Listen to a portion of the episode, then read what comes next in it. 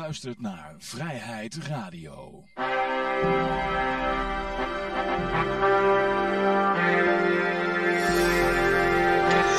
Uh, ja, dames en heren, jongens en meisjes. Dit is weer een aflevering van Vrijheid Radio. Leuk dat je luistert. We zitten hier gezellig in Café Libertaria. Met op dit moment uh, Peter en ik. En mijn naam is Johan. En uh, Yoshi die is even aan het koken. En die komt er zo weer even bij zitten met zijn bordje eten. En Jan-Mark die is nog onderweg. En heel misschien hebben we Klaas ook nog erbij. Die kennen jullie misschien nog wel. Tenminste de mensen die langer dan een paar jaar kijken. We zitten overigens nu in onze tiende jaargang alweer. Dus dat moeten we eigenlijk nog even vieren. Dat zijn we helemaal vergeten. Dus proost uh, Vrijheid Radio. Uh, dat je nog vele jaren door mag gaan. Um, ja, oh ja, we hebben nog natuurlijk de officiële mededelingen nog. nou, hierboven zie je ons Telegram-adres. Dus als je lid wil worden van onze groep. nou ja, dat is hierboven. Het lezen. Dat is voor de podcastluisteraars is dat t.me slash vrijheid. En als je gewoon de livestream wil volgen. En, uh, en ja, misschien je zit niet, ja, dan weet je al sowieso hoe je moet komen. Want je zit nu te kijken. Maar uh, voor mensen die het misschien later terugkijken. Of mensen die niet via YouTube kijken. En die eigenlijk liever via Twitch zullen kijken. Ga naar het helemaal uh, bovenaan dat adres. vrijheidradio.com slash live. En dan kun je nog kiezen welk platform je wil, het liefst wil kijken. Ja. Dus we zijn voor keuzevrijheid. Hartstikke idee. Um, ja, uh, kijk, in een Telegram groep kan je nog uh, zeggen van ja, maar ik wil eigenlijk liever via uh, YouNow kijken of weet ik veel, nog iets anders. Dan kun je dat daar even aangeven. Dan maak ik daar ook wel even een linkje voor. Um, dan hadden we natuurlijk nog de demonstraties. sowieso kun je naar de, altijd de nationale protestagenda volgen op nederlandinverzet.com. Uh, helemaal aan het begin van de uitzending, voordat we begonnen, had ik nog even het lijstje laten zien. Uh, maar ik weet dat in ieder geval aanstaande zondag heb je Vrouwen voor Vrijheid. Maar als man kun je daar ook natuurlijk komen. Dus uh, als je naar vrijheid hunkerende vrouw wil scoren, kun je daar wezen. um, ja, dus misschien als je als dame zit te luisteren, Vrouwen voor Vrijheid. En volgens mij is dat in, uit mijn hoofd in Amsterdam. Ja, check voor de zekerheid gewoon even uh, nederlandinverzet.com en klik even op agenda. Uh, dat is de zondag. Um, natuurlijk kun je nog altijd de donaties doen aan Viruswaarheid. Als je via euro's wil doen, dan kun je natuurlijk naar viruswaarheid.nl gaan en daar wat doneren. Maar als je bang bent dat hun bankrekening weer bevroren wordt, hebben wij natuurlijk ook nog donatieadressen voor crypto. En dat is gewoon op vrijdradio.com heb ik ergens bij de, de, de, de, show van begin deze maand. Bitcoin Birthday Party, daar kan je alle donatieadressen voor, uh, voor Viruswaarheid vinden. En dat maken we dan over naar Viruswaarheid. En even kijken, ja, dan heb ik alles gezegd geloof ik hè. Ja. Nou, dan beginnen we met uh, goud, zilver, bitcoins en de staatsschuldmeter.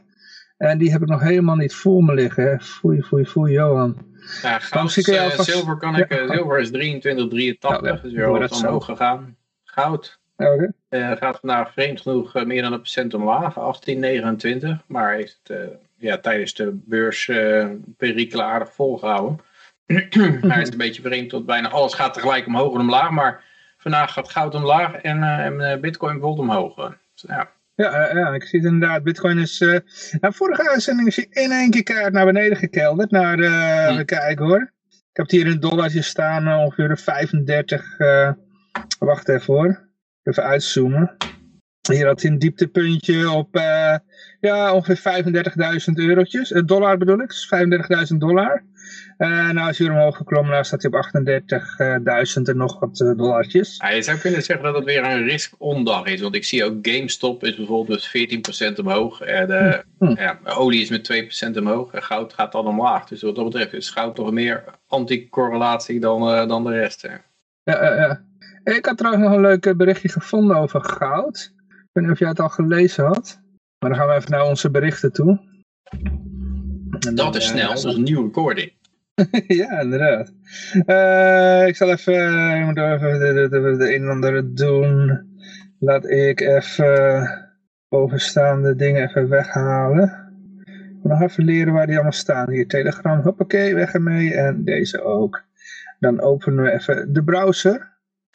Je weet op berichtje. Net inflows into largest gold ETF search amidst falling stocks and crypto prices. Uh, ja, ik heb het idee dat goud best wel eens een beetje een uh, comeback kan gaan maken weer. Uh.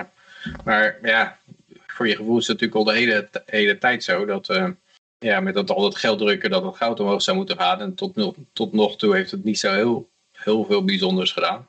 Maar mhm. ja, ik denk ook als, als crypto een correctie gaat maken, dat, dat goud dus weer de show kan steken. Zo.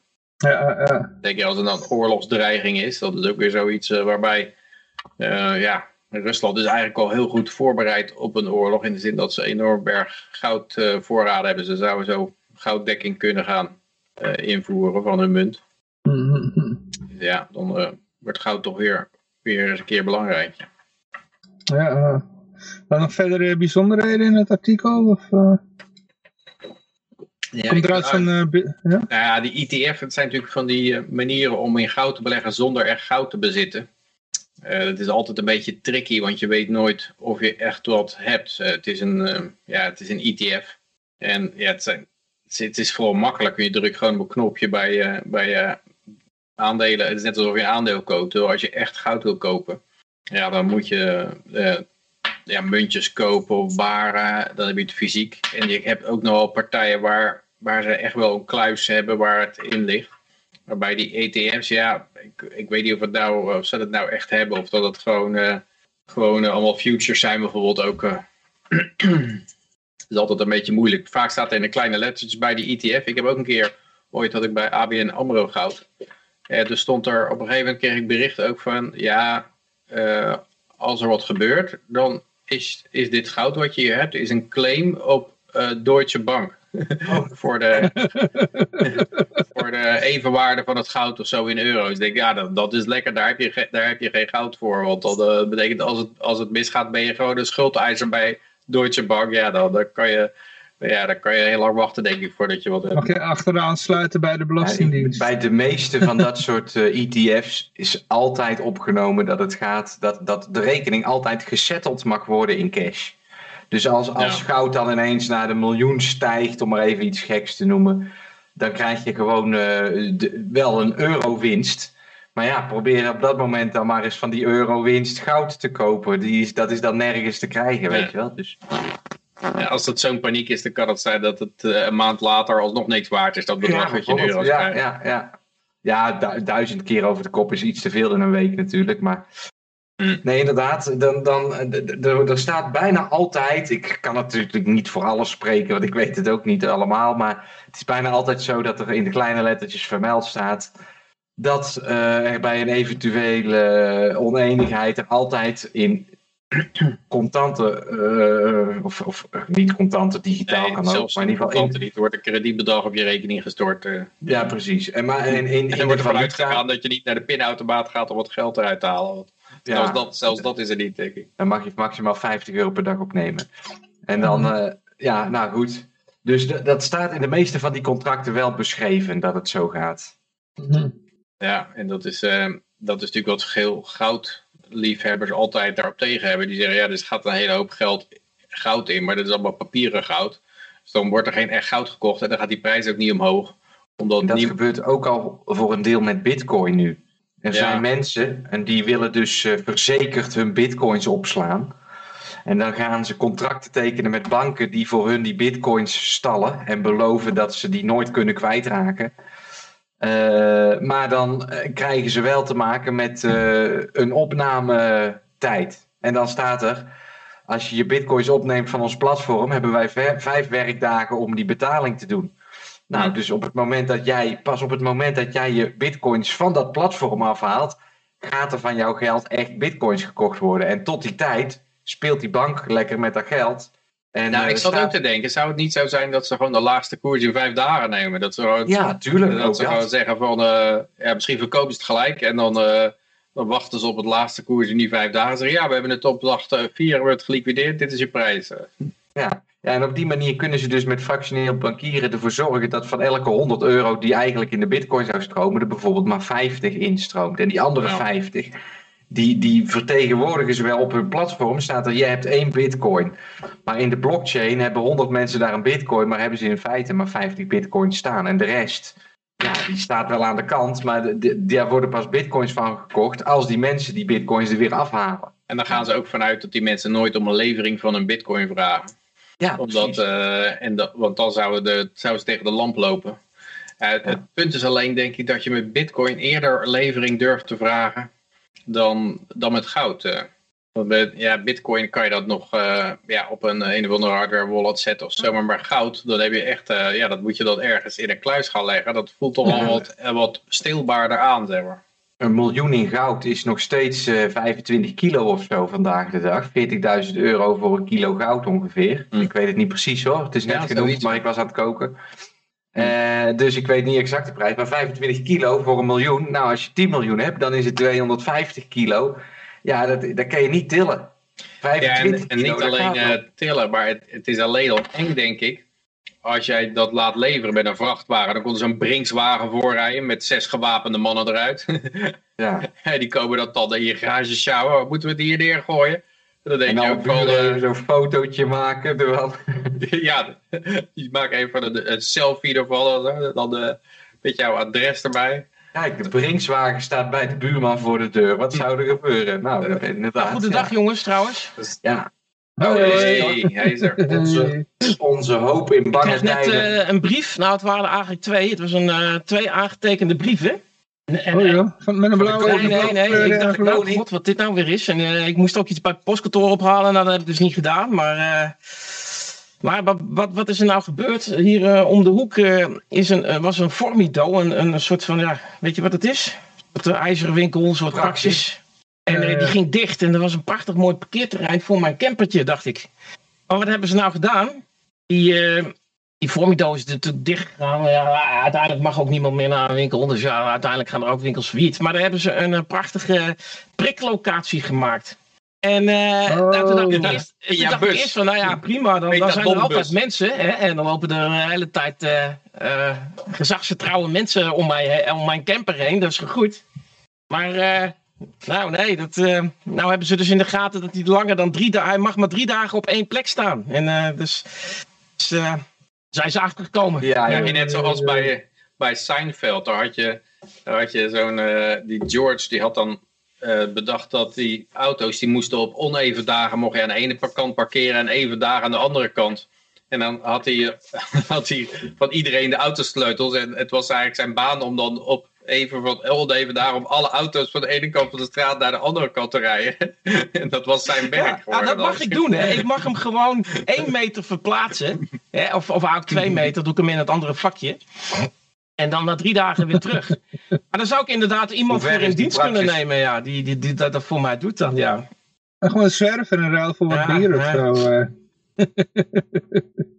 Uh. we hebben bij ons in het winkelcentrum een zwerver die... Uh, ja, van Bedelaar, die zit daar de hele dag. En uh, dan geef je hem een blikje bier en let hij gewoon op je fiets, weet je wel. Oh ja. Kun je hem dan ook een blikje bier geven dat hij voor jou, met jouw identiteit een, een Nou, dat, dat, zo, zo iemand, ja, zo iemand is er geweest en die nam iets, ja, nam minimaal 19 boosters. 11 spuiten of zo. Maar hij heeft niet 19 opgebiecht, dus ik ga ervan uit dat het er 190 waren. Maar, uh, uh, ja, en, maar nu zijn ze wel uh, uit gaan zoeken van, van, voor wie hij dat dan gedaan heeft. Ja, kijk, als je, als je iemand hebt die toch gewoon uh, heroïne nou in zijn mix duwt, die kan er ook nog wel een uh, gentherapie bij. Hier in Servië gaven ze op een gegeven moment 3000 dinar voor een prik. Als je een prik ging halen, kreeg je 3000 dinar, dat is ongeveer 25 euro. Toen duurde het nog geen week en toen was er iemand en die had 10 prikken al laten zetten in één week tijd om elke keer maar 25 euro te krijgen. Die dacht dat dat gewoon, oh ja, natuurlijk. Ah, die, die junk, die junk dus, die, uh, of ja, ik weet niet of het junk was, maar die vroeg iets van 150 euro per prik. en dan, uh, nou, dan hadden dus uh, mensen een vaccinatiebewijs. Ja, goed, hij heeft 19 opgebiecht, dus ik denk, nee maar dat er veel meer zijn. Maar dan biegt hij ook allemaal op wie dat, wie dat, voor wie hij dat gedaan heeft voor 25 euro die verlinkt hij natuurlijk ook weer zo. Van de politie, die, die, die gaat het overbieden. Met belastinggeld. Ja. en we, geven jou, we geven jou het dubbele voor elke persoon die je eraan naait. Ja. Als, je als je ze verlinkt. Ja, Inderdaad, ja. Godverdomme, dat is nog niet eens aan gedacht. Inderdaad. Ja, dan, dan kan het ook zo zijn. Ik, ik te denken dan kan het ook zo zijn natuurlijk dat hij allemaal mensen op gaan noemen die gewoon braaf een prik hebben. De, de, gewoon Ja, ja. dan gaat hij gewoon Hugo iedereen jongen, die die opnoemt, Hugo de Jonge, Mark Rutte. Gele kabinet opnoemen. Ik denk dat eerder dat hij al die mensen langs gaat en zegt van ja, ze vragen me nou om alles op te biechten. Uh, hoeveel betaal je mij om het niet op te biechten? Ja, dan, dan daar kan je inderdaad meer uittrekken dan de politie. Ik, ik weet het bericht er zo niet in mijn hoofd, maar komt dat bericht nog voorbij dat hij, dat hij uh, dat, die op, op, dat ze op camera zagen dat er gedrugsdeeld werd. Uh, oh, oh, ja, ook, ja, ja, ja, ja, ja, ja, Zie je. Oké. Maar uh, goed, we gaan verder met het nieuws. We hebben hier nog wat crypto nieuws. Uh, oh, wacht, ik heb het. Ik kan wel met afstandsbediening doen. Hoef ik toetsenbord niet meer te gebruiken. Hoppakee. Kijk, uh, ja, Thailand, daar wordt cryptocurrency ehm, gereguleerd als een betaalmiddel. Hé, wat is jammer voor Taiwan.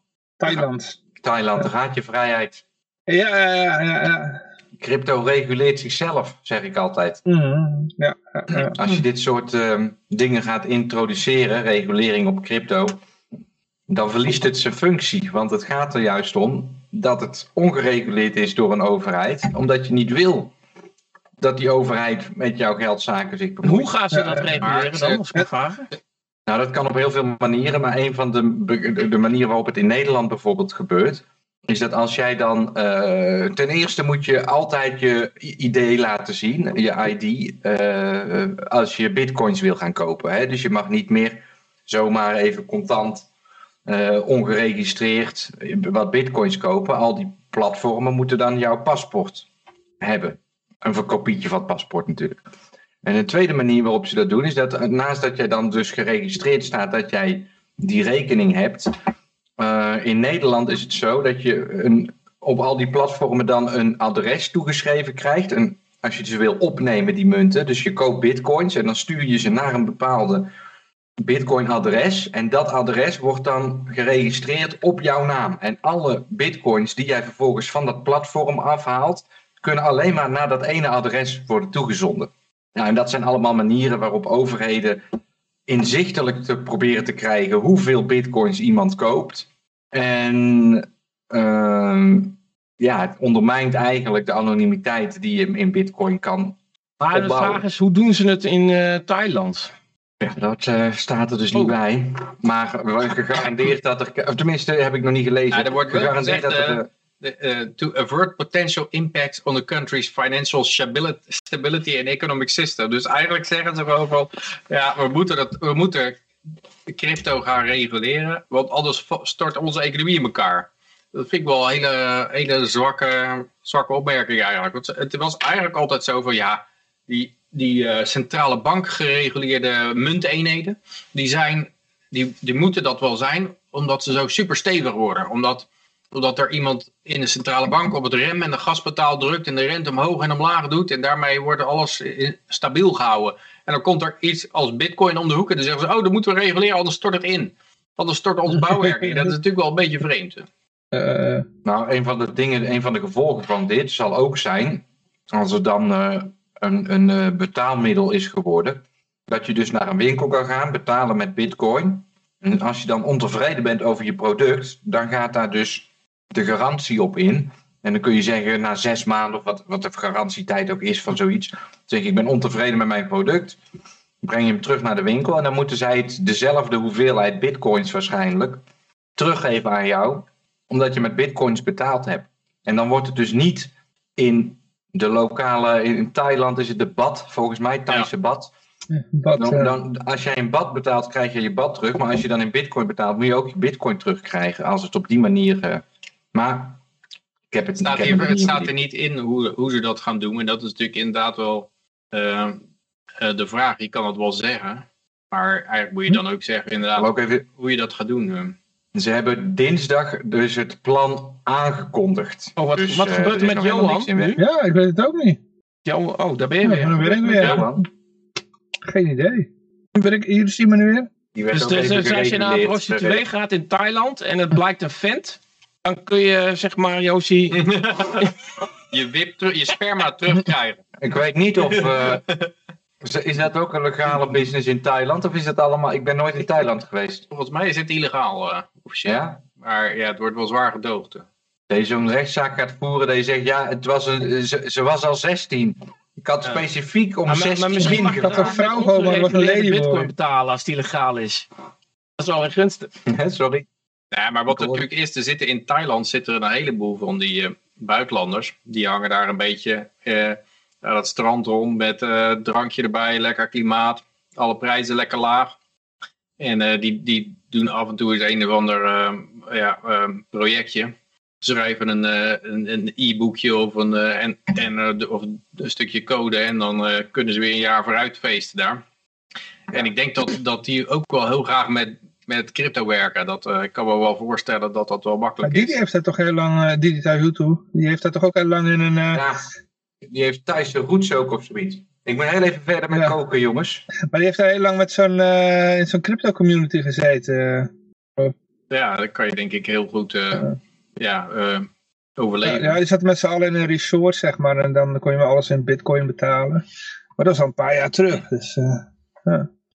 Ja, maar met Thailand was het wel altijd zo dat je, je al die buitenlanders deden daar allemaal van die border runs. Dus je, je mocht er maar drie maanden zitten en dan kon je gewoon nog drie maanden verlengen. Maar dan moest je het land uit en dan vlogen ze naar Singapore toe en gelijk weer terug. En nou, dat jaagt je ook wel op kosten natuurlijk.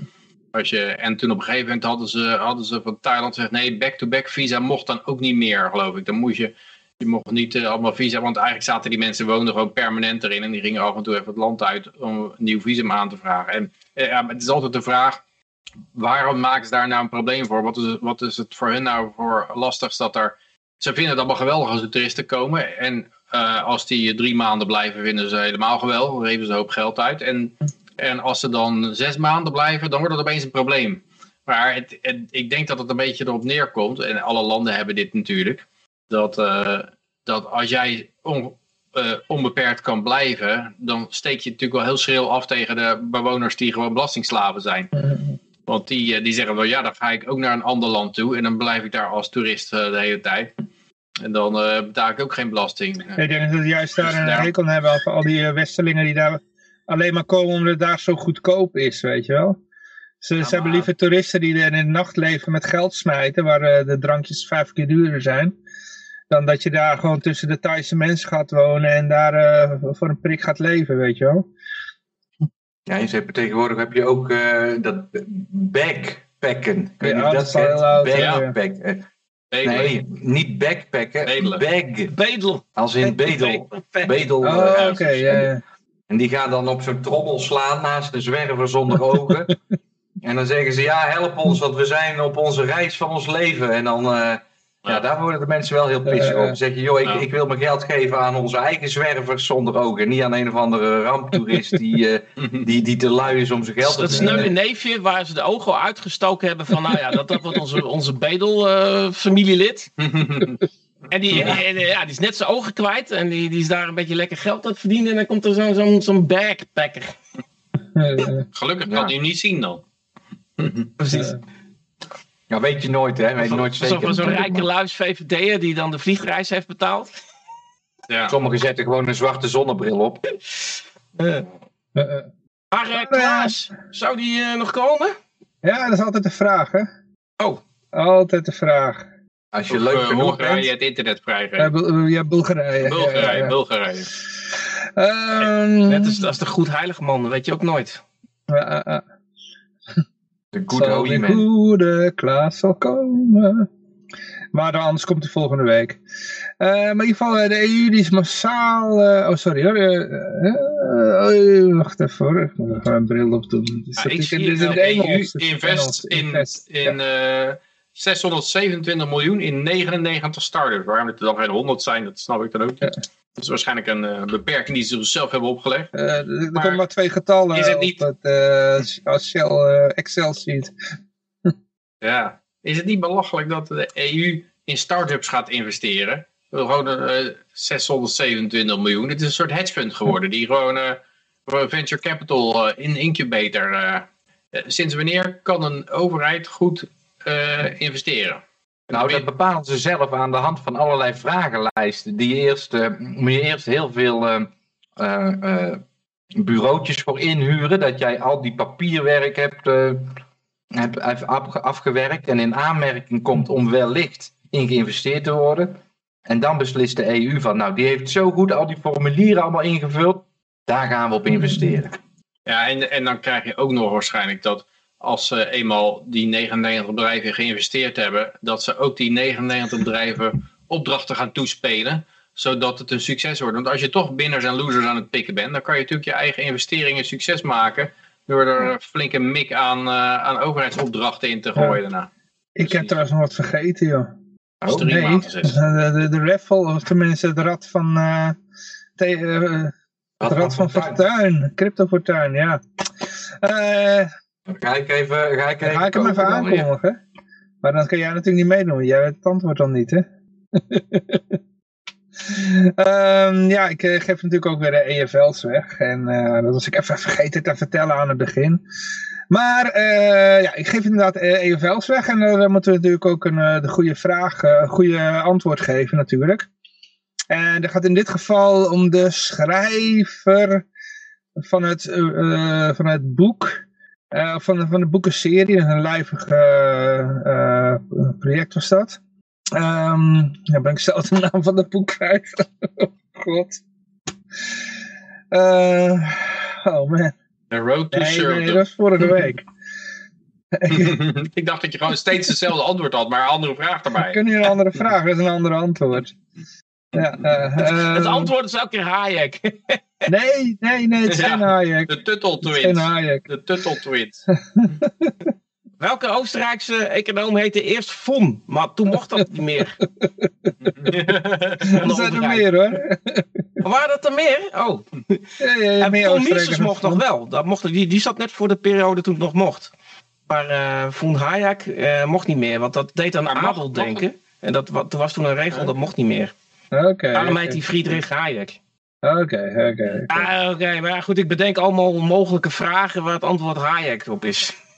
Terwijl we hier nog steeds uh, van hebben. Zo. Ja, uh, uh.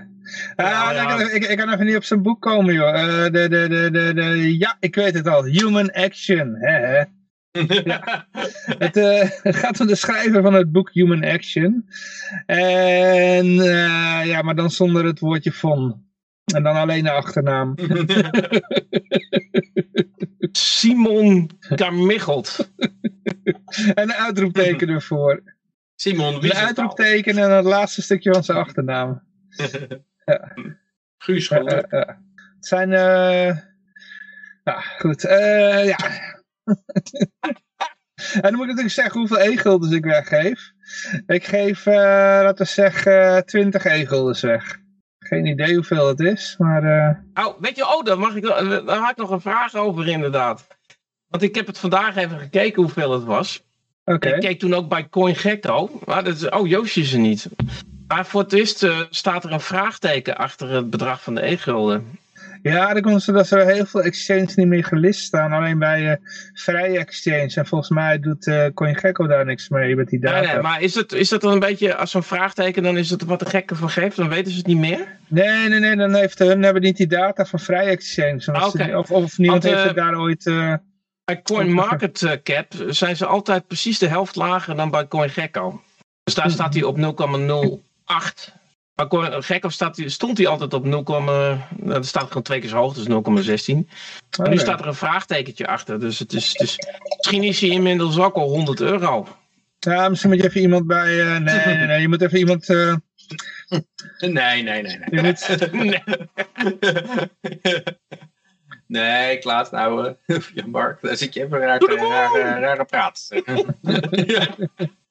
Echte dromen. Ik denk iemand bij die, uh, die E-Gulden Foundation die heeft waarschijnlijk het wachtwoord van dat CoinGecko account en die moet dan dan even aanpassen of zo. Maar jij dat Yoshi? Yoshi, uh, tegenwoordig staat er wat, uh, wat heb je nou weer voor fake nieuws? Als je bij CoinGecko kijkt dan, en je kijkt naar E-Gulden. Dat staat er sinds een dag of zo staat er een, een vraagteken achter. Zo van, ja, we weten niet hoe, hoeveel die waard is. Oh, hij is nu weer terug. Oh, de vraagteken is eraf? Ja, dat heeft te maken, dan, is er, uh, dan, dan, dan pikt hij geen volume op. Oh, oké. Als het volume op een gegeven moment uh, ja, ik weet niet precies wat je gezien hebt, maar ik denk dat hij nu weer terug is. En want kijk, bij CoinMarketCap staat hij altijd precies de, de helft lager. Ja, maar dat komt omdat CoinMarketCap helemaal geen e-gulden markt uh, traced. Die, die hebben helemaal verkeerde info. Mhm. Maar ik heb geen behoefte om CoinMarketCap, uh, dat is hun businessmodel, hè? informatie over cryptomunten weergeven. Dus als zij dat als businessmodel uh, willen hebben, dan mogen ze daar ook wel voor werken. Dus uh, dat is een beetje mijn insteek. Het is voor een miljard of zo van de hand gegaan aan Binance twee jaar geleden, CoinMarketCap. Mm. En sindsdien is het gewoon uh, shit. Oh, Kun je eigenlijk de vraagteken is, als ik hem naar US dollar doe, is inderdaad weg. Het staat op 0,178 uh, US dollar, de e-gulden. Ja, hij is behoorlijk naar beneden gegaan. Hè? Alles, alles in de afgelopen week is behoorlijk naar beneden. Dus uh, perfecte moment om weer wat verse euro's erin te smijten. Maar uh, nog even uh, terug naar uh, het vorige bericht over die, die start-ups. Denk je niet dat er... Het begon net lekker op gang te komen. Oh, okay, ja. nee. Stemmen doe je met je portemonnee. Dus, dus jij zegt dat ik all in moet gaan in... Ja, gulden. Nee, is geen adviseur. Ik zat al, ik zat al huis in. Welke ja, dat is niet. Maar huis verkopen en dan al in de e-gulden gaan. nee, maar goed, de, um, nee, wat ik wilde zeggen. is over, over die start-ups waar we het net over hadden. Is daar nog uh, iets van belangenverstrengeling al ontdekt? Nee, ja. Het zal niet ontdekt zijn, maar zo gaat, bij die dingen gaat het zo, ja.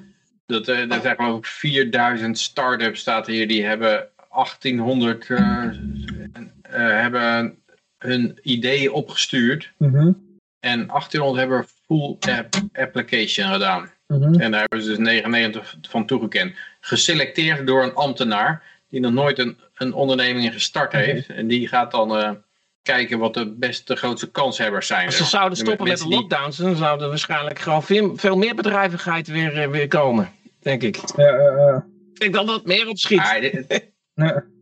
Kijk of uh, Klaus... Ja, dat is ook triest, want voor die EU moet je vaak enorme dikke boeken schrijven om voor een aanmerking te komen. En en eh, wat ik heet, bij TNO hadden we dat ook. Daar ging je ook voor eh, Europese projecten uh, aanvragen. Daar moest je enorme boekwerken voor schrijven. schrijven want in zo'n tender waar ze dan in zeiden van nou, we willen dit en dit en dit en dit hebben. En je moet dat en dat bewijzen dat je dat kan en uh, hoeveel dat kost. En, en dus je gaat het hele project al ongeveer zitten uitvoeren. Mm maar met zes mede-competitors die ook allemaal dat project willen. En die zit, uh, vijf daarvan zitten dus alles voor niks te doen. En die verliezen er een hele hoop geld op eigenlijk. Vaak is het ook nog net als in de, bij, bij de gewone over, die, die is dan Europees, maar bij je lokale overheid is het ook gewoon van wie het beste een ambtenaar kan omkopen. Die, die krijgt de klus toch? Er is zometeen nog een bericht nou, over.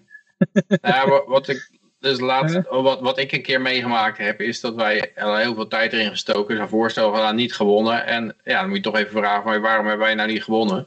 Hij zei, nou ja, want uh, Finland was toen net in de EU gekomen en uh, wij hadden geen Finse partner daarbij. En uh, ze wilden per se iemand hebben met een Finse partner daarbij. Dus zo worden dat soort beslissingen genomen. Het is niet altijd nepotisme, maar het is ook van, uh, ja, er moet, er moet een zwarte in het team zitten. Oh, er zit geen zwarte in het team. Ja, nou, dat, daardoor heb je verloren. Dus dan zit je heel boekwerk te schrijven over hoe jij dat technisch uh, gaat bolwerken, dit project. En hoe jij deze neutronenkanon gaat maken of zo.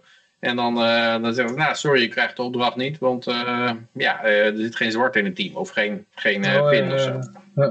Ja, ja, dat is zo gelachelijk dan, Peter. Want jij bent nou met een Oekraïense ja. Dus dan, dan ben je voor toekomstige, toekomstige offertes, maak je op zich, nou op zich misschien wel. Ja, die willen ze graag bij hebben natuurlijk. Ja, ja. Zeg, oh kijk, hij is met een Oekraïense. Uh, ja. Dus wel een Russische Oekraïense, hè? Jullie, jullie, hebben het niet gewonnen, want uh, jullie hebben geen, uh, geen Oekraïner erbij. Ja, maar we hebben iemand die, die, die met een uh, Oekraïense ja, En een transseksueel hebben we ook in de, in, dezelfde persoon.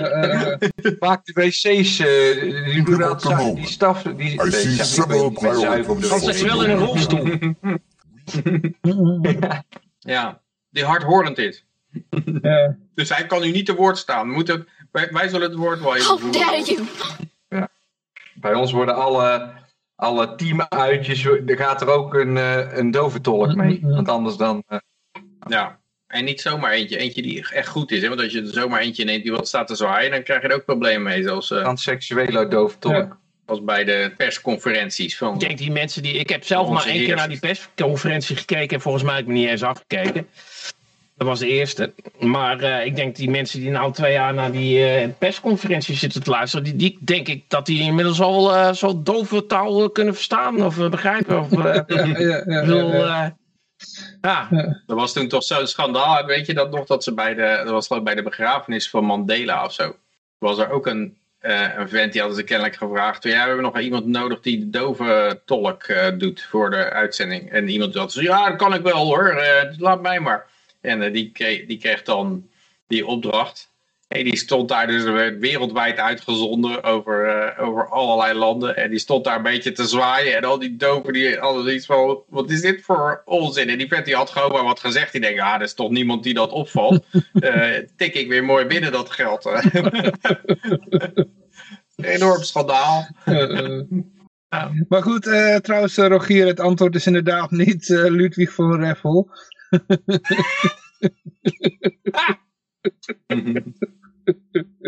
Ik vind ook, maar, uh, hoe kan je er eigenlijk dat nog net naast zitten dan? moet nou Vrijheid Radio e-gulders gaan, gaan betalen voor, voor een fout antwoord. Ik vind dat daar ook een consequentie op moet zijn eigenlijk. Ludwig van uh, Roepman. Uh, volgens mij de volgende keer doen we natuurlijk die mentor van, uh, van het antwoord. van Ludwig. Hoe heet die nou ook weer? Die, uh, die Oostenrijker met die dubbele achternaam. en tot even iets met Engel. Engel bon, bon, bon, bon van Baarwerk. Bon, bon, bon, Dat is de achternaam dan alleen. Hè? Maar goed, uh, even kijken. Dan gaan we even naar het, het volgende Kom, bericht. Uh, dan gaan er niet veel winnen, denk ik, met die achternaam. Uh, oh, er komen weer polsbandjes. Ik krijg net een appje. Er komen weer polsbandjes in Leeuwarden. Oh jee. Ja, dan krijg je een polsbandje en dan, en dan, mag je, dan ben je, dan, ben je bewezen driedubbel volgespoten. En dan mag je gewoon weer een café in. Ja, eh. Waarom nou geen gele ster? Ik snap het niet. Ja. maar nee, bij een gele ster mocht je juist ergens niet in. Ja, ja, ja. Je zwarte ster. Mocht dan op, uiteindelijk mocht je een trein in met die gele ster, gratis. ja. Maar goed, we gaan even verder met de berichten. Even kijken, hartstikke idee hier. Er was een ambtenaar die veroordeeld wordt, want die was iets te veel ambtenaar. Die had het zich het cultuurtje eigen gemaakt. Was ah, nou, ik dit, op zich ben, is dit goed nieuws, want je krijgt vijf maanden voor een beetje, uh, beetje omkoping. Ja, goed, maar die, die lui die door Pfizer zijn omgekocht, die, die hebben natuurlijk wel het, uh, het uh, duizendvoudige gekregen van, van, van, van dat, dit is peanuts. Dus ik denk dat alleen, ja, dan, dan zijn er nog twee opties over. Ik denk of vuurpeloton of ophanging. Want als we het gewoon of je moet die gevangenisstraffen doen zoals in Israël. 900, uh, eh, nog 9999 jaar gevangenisstraf. Of wat was het ook alweer? Zoiets, ja. Ja, ja maar ik bedoel, ja. Dus dit, dit is goed nieuws. Voor ambtenaar bedoel je? Maar dit is natuurlijk weer een kleine jongen, hè? Dit is weer... Ja, het, is wel, het is wel inderdaad... Door wie is hij dan omgekocht? Door stratenmakers. Ja, uh, maar het is wel zo, zoals het gaat, weet je wel. Het is gewoon uh, de norm eigenlijk. Alleen, ja kennelijk liet hij iets te breed hangen of zo, weet je wel. Hij had iets te dure auto, ja. hoor andere ambtenaren jaloers, weet je wel. 68.000 euro aan spullen kreeg. Dus dat, dat is ook niet echt uh, dat je zegt van... Uh... Ja, dit is wat hij opgebiecht heeft, hè?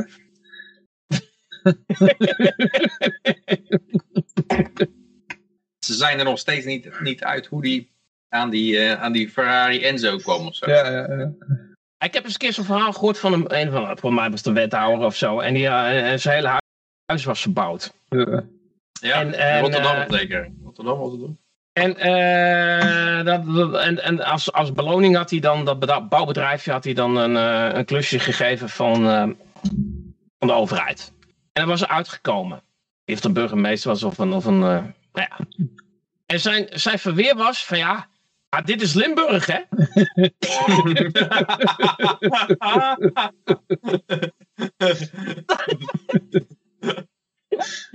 Wel. ja, wat heb je daarop te zeggen? ik heb dat ook een keer gehad in een bus. toeristenbus mm. bus in Mexico. Dat er allemaal Nederlanders in zo'n bus. En die zaten allemaal netjes de wikkeltjes van hun, uh, hun Twix-repen in een bakje te gooien aan de voorkant van de bus.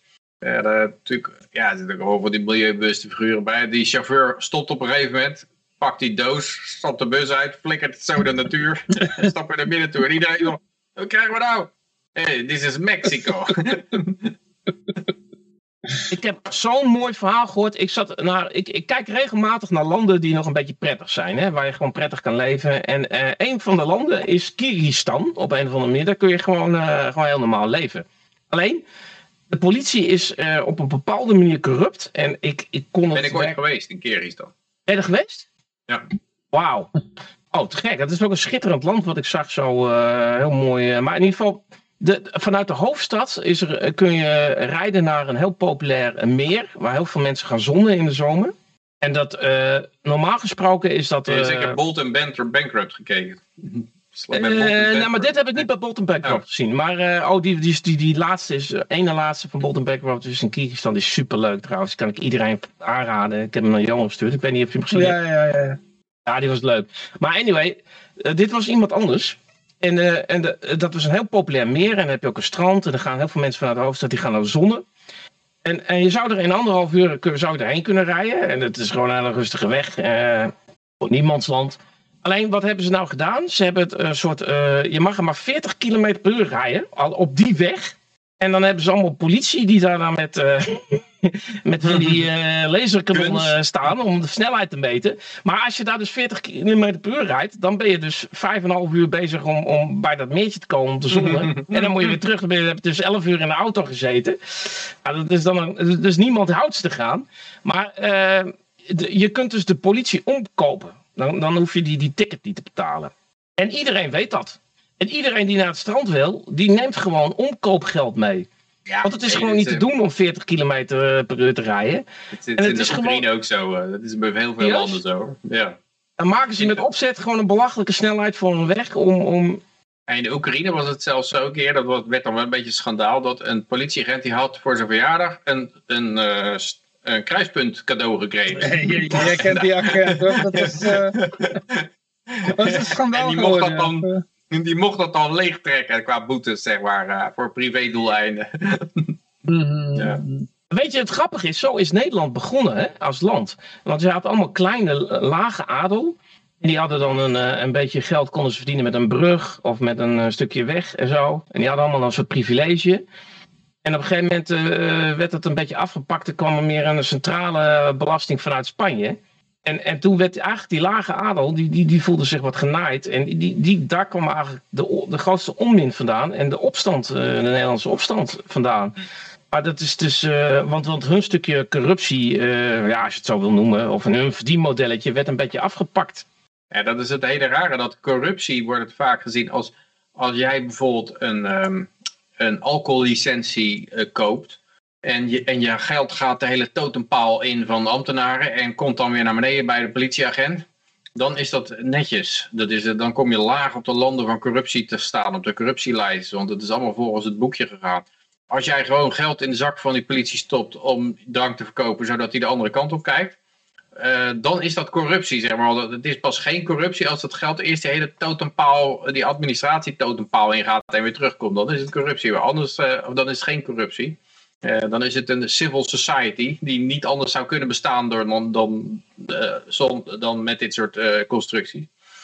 En, en ja, als je, en, en het is natuurlijk altijd veel goedkoper. En in veel van die landen, ik hoorde wel, zelfs in China was het zo dat, ja, alcohollicentie, dus daarna voor onzin. Je betaalt gewoon een lokaal politieman wat geld en je hebt geen problemen ermee. Je kan gewoon alcohol verkopen. En dat is natuurlijk een veel lager bedrag dan dat je je geld die, die, die totempaal in moet jagen naar Mark Rutte. En dat hij het dan weer naar beneden gaat distribueren naar de politie. Uh, je begrijpt wel dat daar nogal wat blijft hangen. Dat daar een hoop overheadkosten in zitten. Deze niet corrupt. Dus, dus, dus corruptie is eigenlijk, eigenlijk altijd een beter, betere optie als, dus, een land corrupt is. Dus, dus zeg maar, de politie in Kyrgyzstan hoeft eigenlijk minder salaris te hebben. En er hoeft dus minder belasting naartoe, omdat ze ja, de corruptie. Dat is eigenlijk een fooi. Hetzelfde wat je hebt met, met obers. Die, die obers die je een fooi en dan, dan hoeft eigenlijk het restaurant hoeft dan die obers niet, niet zoveel loon te geven. Zo, zo, zo moet je het een beetje zien, zeg jij. Ja, veel buitenlanders vinden het eigenlijk nog wel, libertariërs ook, die in de Oekraïne vinden het geweldig systeem. Ik weet dat Peter, die was daar een keer.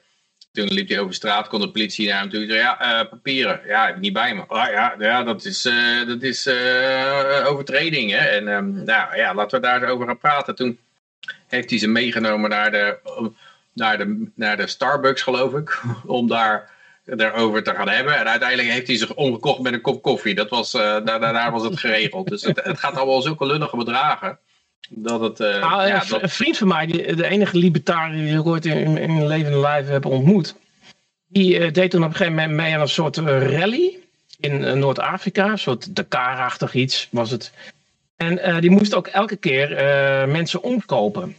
maar op een gegeven moment ja, zat, had hij niet zoveel meer, maar hij zat ook nogal ernstig aan de diarree vanwege het eten daar. En bij de laatste keer dat hij. Ik dacht, misschien is hij te veel door de overheid geneukt, maar dat was het eten. maar op, op, uh, bij, de, de, laatste keer dat hij uh, iemand heeft, een uh, official heeft omgekocht, of een politieagent, toen heeft hij zo'n onderbroek, die hij inmiddels al half volgescheten heeft, heeft hij afgegeven aan die als, om, om door te mogen rijden. ja.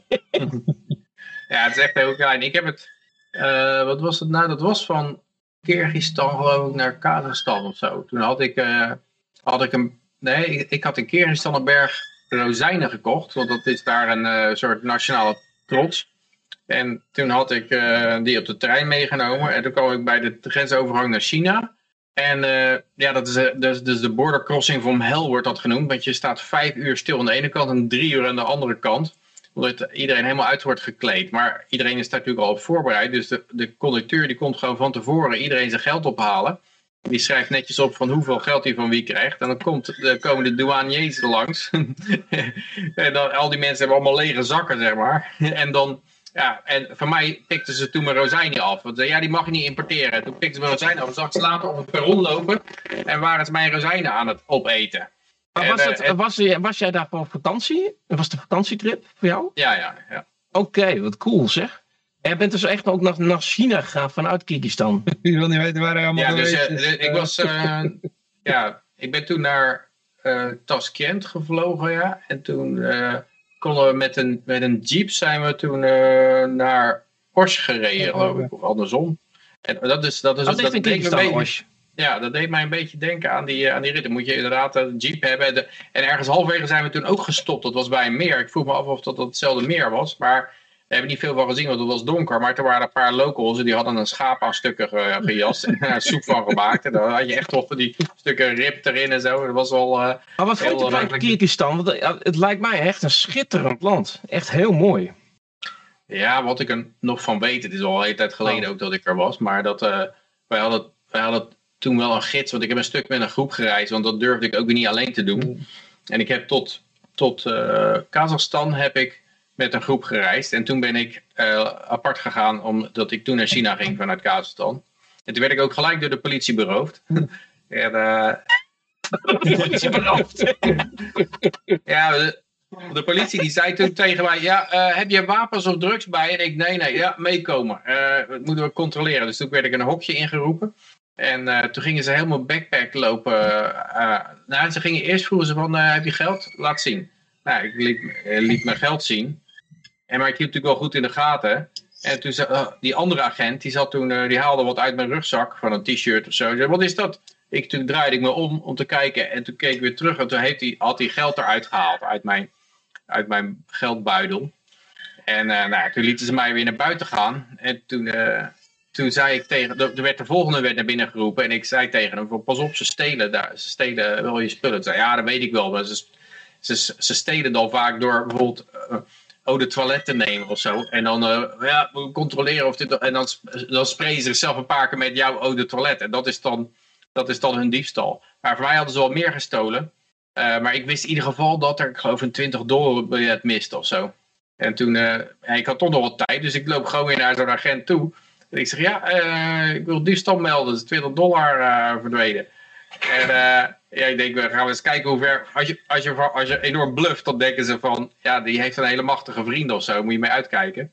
En, toen, dus toen werd ik daar werd ik weer in dat hokje geroepen. En toen kwam die vent, ja, ja, ja, kijk eens onder de bank. Misschien is het onder de bank gevallen. En toen, toen ging ik, ik keek onder de bank en toen keek ik weer naar boven. En toen had hij zo'n boekje waar hij alles genoteerd had voor mij. En dan schudde hij aan. En toen rolde zo dat 20 dollar biljet eruit. En toen gaf hij het terug. En toen ja, uh, kijk maar uit dat je het niet weer verliest. En, uh, en uh, ik, ik stond eigenlijk van te kijken dat ik het terugkreeg. En toen dacht ik, ja, ik, ik ging wel iets... Je vakantie was voorbij, dacht normaal ik. gesproken, van, hij heeft misschien iemand niet eens het lef. Maar het feit dat jij dat lef had, dan dacht ik van, oh wacht eens even, misschien heeft hij uh, op hogere niveau heeft hij... Uh... Ja. heb, ik wel eens meer, heb ik wel eens meer gehad. Eigenlijk, met die krenten ja. Met die krenten zat ik te denken, Peter, dan moet je er gewoon een paar vergiftigen ook de volgende keer als je weer zo'n krent over hebt. Die giftige krenten ertussen. Ja, ja. Dat zo lekker zit, dat die, dan vertrekt die trein weer en die zo dood neervalt. Maar buiten de politie om lijkt het me een heel veilig land, eigenlijk. Ik zou ja, ja zo... ik weet wel dat ik... Bij, bij ieder land is dat zo, toch? ja. Ik weet niet bij Chicago of dat nou zo veilig is zonder... Veiliger wordt zonder politie. Maar ik, ik weet dat in, in Tashkent... Nou, ik denk dat je in uh, Chicago hebben juist een gangsteroorlog. Is de politie tegen de, de ah, andere gangsters. Als jij niet gaat concurreren, als jij, als jij probeert de drugs te verkopen op, op het hoekje waar zij hun drugs verkopen, dan krijg je misschien een probleem. Maar mm. zolang je dat niet gaat doen. Ja, ik weet nog, in Tashkent zat er, hadden, ja, waar toen, uh, er zat iemand van een krant in ons groepje en die wilde graag een, met een local praten. En we hadden een Russisch-talige gids erbij, dus dan hadden, die had een local geregeld en dan gingen we daarmee uh, mee praten. Die, die zat op een gegeven moment zo van, ja, hij was dan een, ja, een moslim. Er zitten er veel moslims. En die zei, ja, kijk, jullie zijn natuurlijk christenen, dat is allemaal oké. Maar atheïsten, You're worse than dogs. en ik zei zo, ja, ik, eh, ik ben atheïst. en uh, ja, was, was weer zo'n momentje van, uh, maar dat was wel grappig. En we zijn toen ook naar zo'n uitvoering van het Zwanenmeer, Tchaikovsky's onleek geweest. Maar er zitten allemaal van die, van die af, uitgerangeerde Russische dansers, die, die, die gewoon, en het is... Ja, het is al een heel mooi gebouw. Want is nog uit de Sovjet-tijd is het zo'n... Ja, dat, dat, was natuurlijk een sprongstukje om daar dan zo'n zo'n uh, theater neer te zetten. Gaat toch wel vanuit aan maar, uh, cultuur. ja, propaganda, ja. En, en, en dat, die voorstelling, dat voorstelling, dat was, was walgelijk ongelijk en heel, was heel amateuristisch. Maar het publiek was ook een, heel boer, zeg maar. In het begin was er een brol waarbij iemand uh, een ander met een biersfles begon te slaan. Wat je niet verwacht in een normale uitvoering van Tchaikovsky. Bij ons, zeg maar. Dus een culturele eye-opener. Maar het is wel, het is wel een ja. ja. Tenminste, wat ik, wat ik er nog... Eigenlijk ben jij ook gewoon een soort bolt en bankrupt. Alleen jij bent niet bolt en je bent ook niet bankrupt. Maar... je hebt het helaas niet gefilmd, want, want echt dit... Dit, dit verslaat Bolt en Bankrupt met, met gemak wat je je nou allemaal vertelt hoor. Echt. Ja, ik heb alleen, uh, ja, toen maakte je alleen nog dia's met film en zo. Want uh, ja, toen had je dat... Uh, als je, denkt dat, als, uh, als je denkt dat uh, Bolton Bankrupt leuk is, dan wacht maar tot je Peter Beukelman hebt gezien op, reis. Of wat dacht je? Ja, maar er zijn een paar van die verhalen. Die, ik ben natuurlijk ook met de Trans-Siberië Express geweest. En toen, heb ik, toen zat ik bij een paar smokkelaars. En er was een heel team met Chinese smokkelaars. En die, waren, die, die, die smokkelden over die trein. gingen acht keer per jaar gingen ze heen en weer. En dan smokkelden ze zeg maar, ja, uh, consumptiegoederen van sportschoenen en zo uh, richting Moskou. Die verkochten ze halverwege. En op de weg terug hadden ze dan weer uh, illegale sigaretten en drank of zo. Die ze in Moskou weer kochten en mee terugnamen. Dus onze coupé zat helemaal vol met illegale sigaretten. dat was wel want ja, die Chinees... Ik zat eerst met de Chinees op op een zo'n kamertje. En, en daarnaast mij zat een Duitser met die andere smokkelaars. Hadden ze denk ik zo geregeld. En uh, toen zei ze, ja, maar wij praten allemaal geen, uh, geen Engels. Dus uh, als jij nou met die Duitser gaat zitten, dan gaat die Chinees bij ons zitten. En waar, toen kwamen we bij de grens in de buurt. Toen zei ze, ja, maar die kwam die vent terug van, ja, maar die coupé is eigenlijk nog wel steeds mijn coupé. Dus ja, je kan blijven zitten of je kan even weggaan. Maar uh, ja, maar we hebben even die coupé nodig. Wij zo, nou, blijf wel zitten. Hij kon met de, met de schroevendraaier, zo bzz, bzz, bzz, werd die hele coupé, al die panelen werden eraf gehaald. En er ging allemaal sigaretten gingen erachter. En ook de, de conducteur, die, die, zat daarin, die zat daarin, want die had die speciale sleutel voor dat dak boven. Dus die maakte dat dak open. En daar flikkerden ze ook allemaal sigaretten in. En dan ging dat dak weer dicht. En toen op een gegeven moment is dat, toen ging die Chinees weg. Zat ik alleen met die Duitser in die coupé vol smokkelwaar. En toen kwam de douane eraan en die ging alles openlopen maken. En, en toen wij zo, oh fuck, dit kan wel eens lastig worden. Uh, ja hoor, dus wat gaan we zeggen? Ja, ik, ik was gewoon een restauratiewagen hoor. Ik heb even mijn coupé uh, verlaten. Ik weet niet wat er gebeurd is. En toen kwam dus die douane en die ging dus inderdaad tegen die, tegen die conducteur zeggen, ja openmaken dat dak. En we dachten, oh shit, nou daar gaat het mis. Hè? Want die maakt het dak open, er zitten bijvoorbeeld sigaretten. En die douanier, douanier die doet zo zijn hand om en die voelt zo. En uh, nee, niks, en dan gaat weer weg. Wat hadden die gasten daar gedaan? Die hadden gewoon die sigaretten met tape hadden ze tegen het plafond aangedaan. Dus het, het plateau was gewoon, uh, ja, was gewoon leeg. Dus die, als je daar gewoon met je hand ging om te voelen of er wat lag, dan lag daar niks. Dat was wel, wel slim gedaan, uh, die gasten. Ja, uh, net de, de, trein Amsterdam-Brussel, hetzelfde verhaal. Daar werkte ik vroeger. En in de catering dan. Dan, uh, ja, dan kom er met zo'n schoonmakertje met allemaal drugs. Of tenminste allemaal pakken zilverfolie. Ik laat ik maar vanuit gaan dat er drugs in zat. Had het ook boter kunnen zijn hoor. Maar in ieder geval, ja, die kwam dan zo en die vroeg of ik ook nog even in mijn keukentje wat wilde doen. Ik zeg, nou ja, ik doe er verder niet aan mee hoor. Maar straks krijg ik ook op mijn flikker. Maar, maar die had gewoon die sleutel en die, die kon overal, die, het plafond maakte die open. Huppa, ging er allemaal drugs in en... Hmm. Ja, dus, maar het is gewoon zo'n vierkant sleutel, die kan je overal halen. Dus je kan ook gewoon een oude deurkruk gebruiken, bij, wijze van spreken. Ja, het is geen uh, heel geavanceerd uh, ding, nee, inderdaad. Ja. Maar goed, ja, we gaan even verder. Hoppa. Ah, het chic idee. De rappende ambtenaar. Ja, oh, is deze? Ja, gewoon helemaal cool, man, ja, die ambtenaren. het is een beetje een soort Gersport-doel. zo ziet hij eruit, zo klinkt zijn muziek ook. De video is gemaakt door CityBoost, een orgaan binnen de gemeente die subsidies geeft aan jongeren met een plan voor Den Bosch. dus je moet gewoon zeggen van wat is jouw plan voor Den Bosch en dan gaan hun het gewoon uitvoeren. Dus kinderen kunnen gewoon zeggen, nou ja waarschijnlijk zal het winnende, winnende deelnemer zal dan gewoon uh, het zoontje van, de, van een wethouder zijn of zo. Maar... Er staat hier gewoon in, je kan met subsidies een hoop verschillende projecten maken. Het kan echt van alles zijn. We hebben vier thema's die voor mij is cultuur. Maar mijn collega's doen ook duurzaamheid, stedelijkheid en sport. We hebben al een culturele tijdreis gemaakt. En we zijn nog bezig met een breakdance battle en een Pokémon online quiz. Dus het kan alle kanten op. Ja, wat, wat het betekent, als met subsidie kun je alles doen. betekent, uh, je hoeft niet naar klanten te kijken die ook daadwerkelijk uh, ja, iets waarderen. Mijn bagger verkoopt niet, maar met subsidie kan ik uh, het blijven maken. En er staat er ook nog bij, je komt erachter dat met een bij, klein beetje hulp en sturing het allemaal best makkelijk gaat. dus je hebt een leuk idee, je gaat naar de overheid en uiteindelijk doe jij wat de overheid voor idee had. Bouw ze dan een beetje om. Een beetje sturing. Ja, een beetje sturing. De jab, COVID jab song. Dus net zoals die heb je dat gezien? Want ik heb al 15 spuiten, maar ik wil er nog één. ja. Want Den Bos is mijn stad. Bla bla bla. Nee. Nou, ja. zo, doen we het hier in Den Bos. ja. Spuit mij maar lekker vol, want ik word ah, helemaal dol.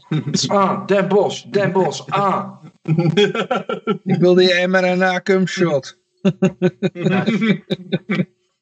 En dan komt, komt Johan eraan, ja, ik heb ook een leuk nummer over ongevaccineerd zaad. En dan denk ik, ja, ik denk toch dat het lastig wordt. Ja. sturing. Het, is een soort uh, ja, rappen. Het hoeft, niet, het hoeft niet echt een melodie in te zitten, zeg maar. Uh, nee. Uh, ja. ja. Rogier Visser, ja, ja, volgens mij, nee, dat is iemand anders.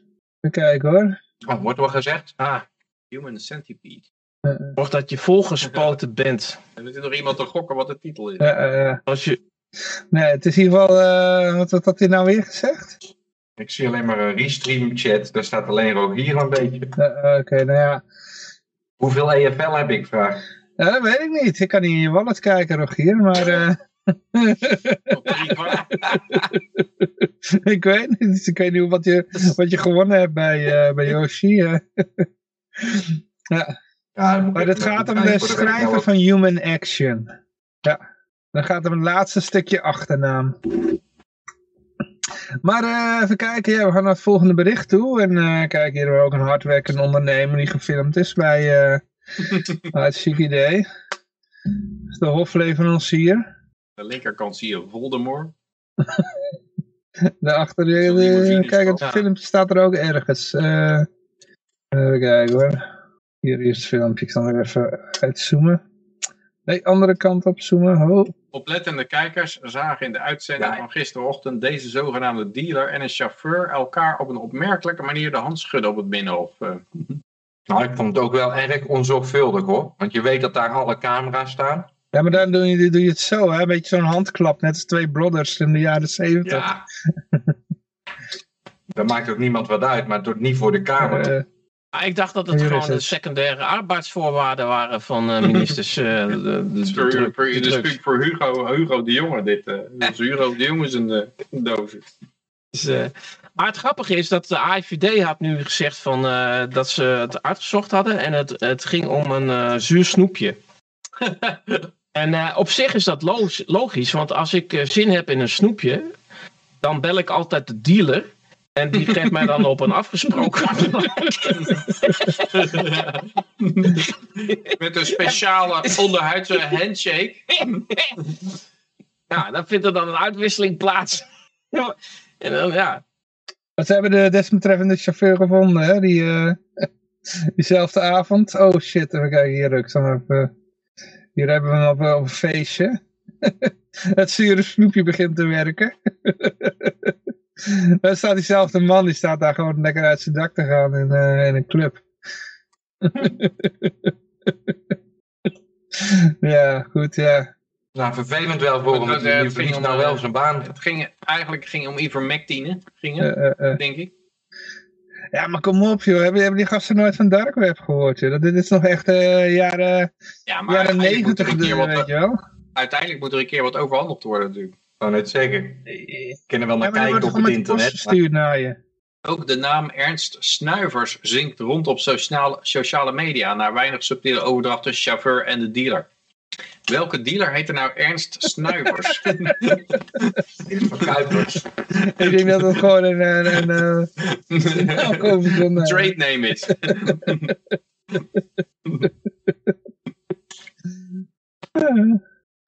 Oh, regie, zegt mijn antwoord was complot.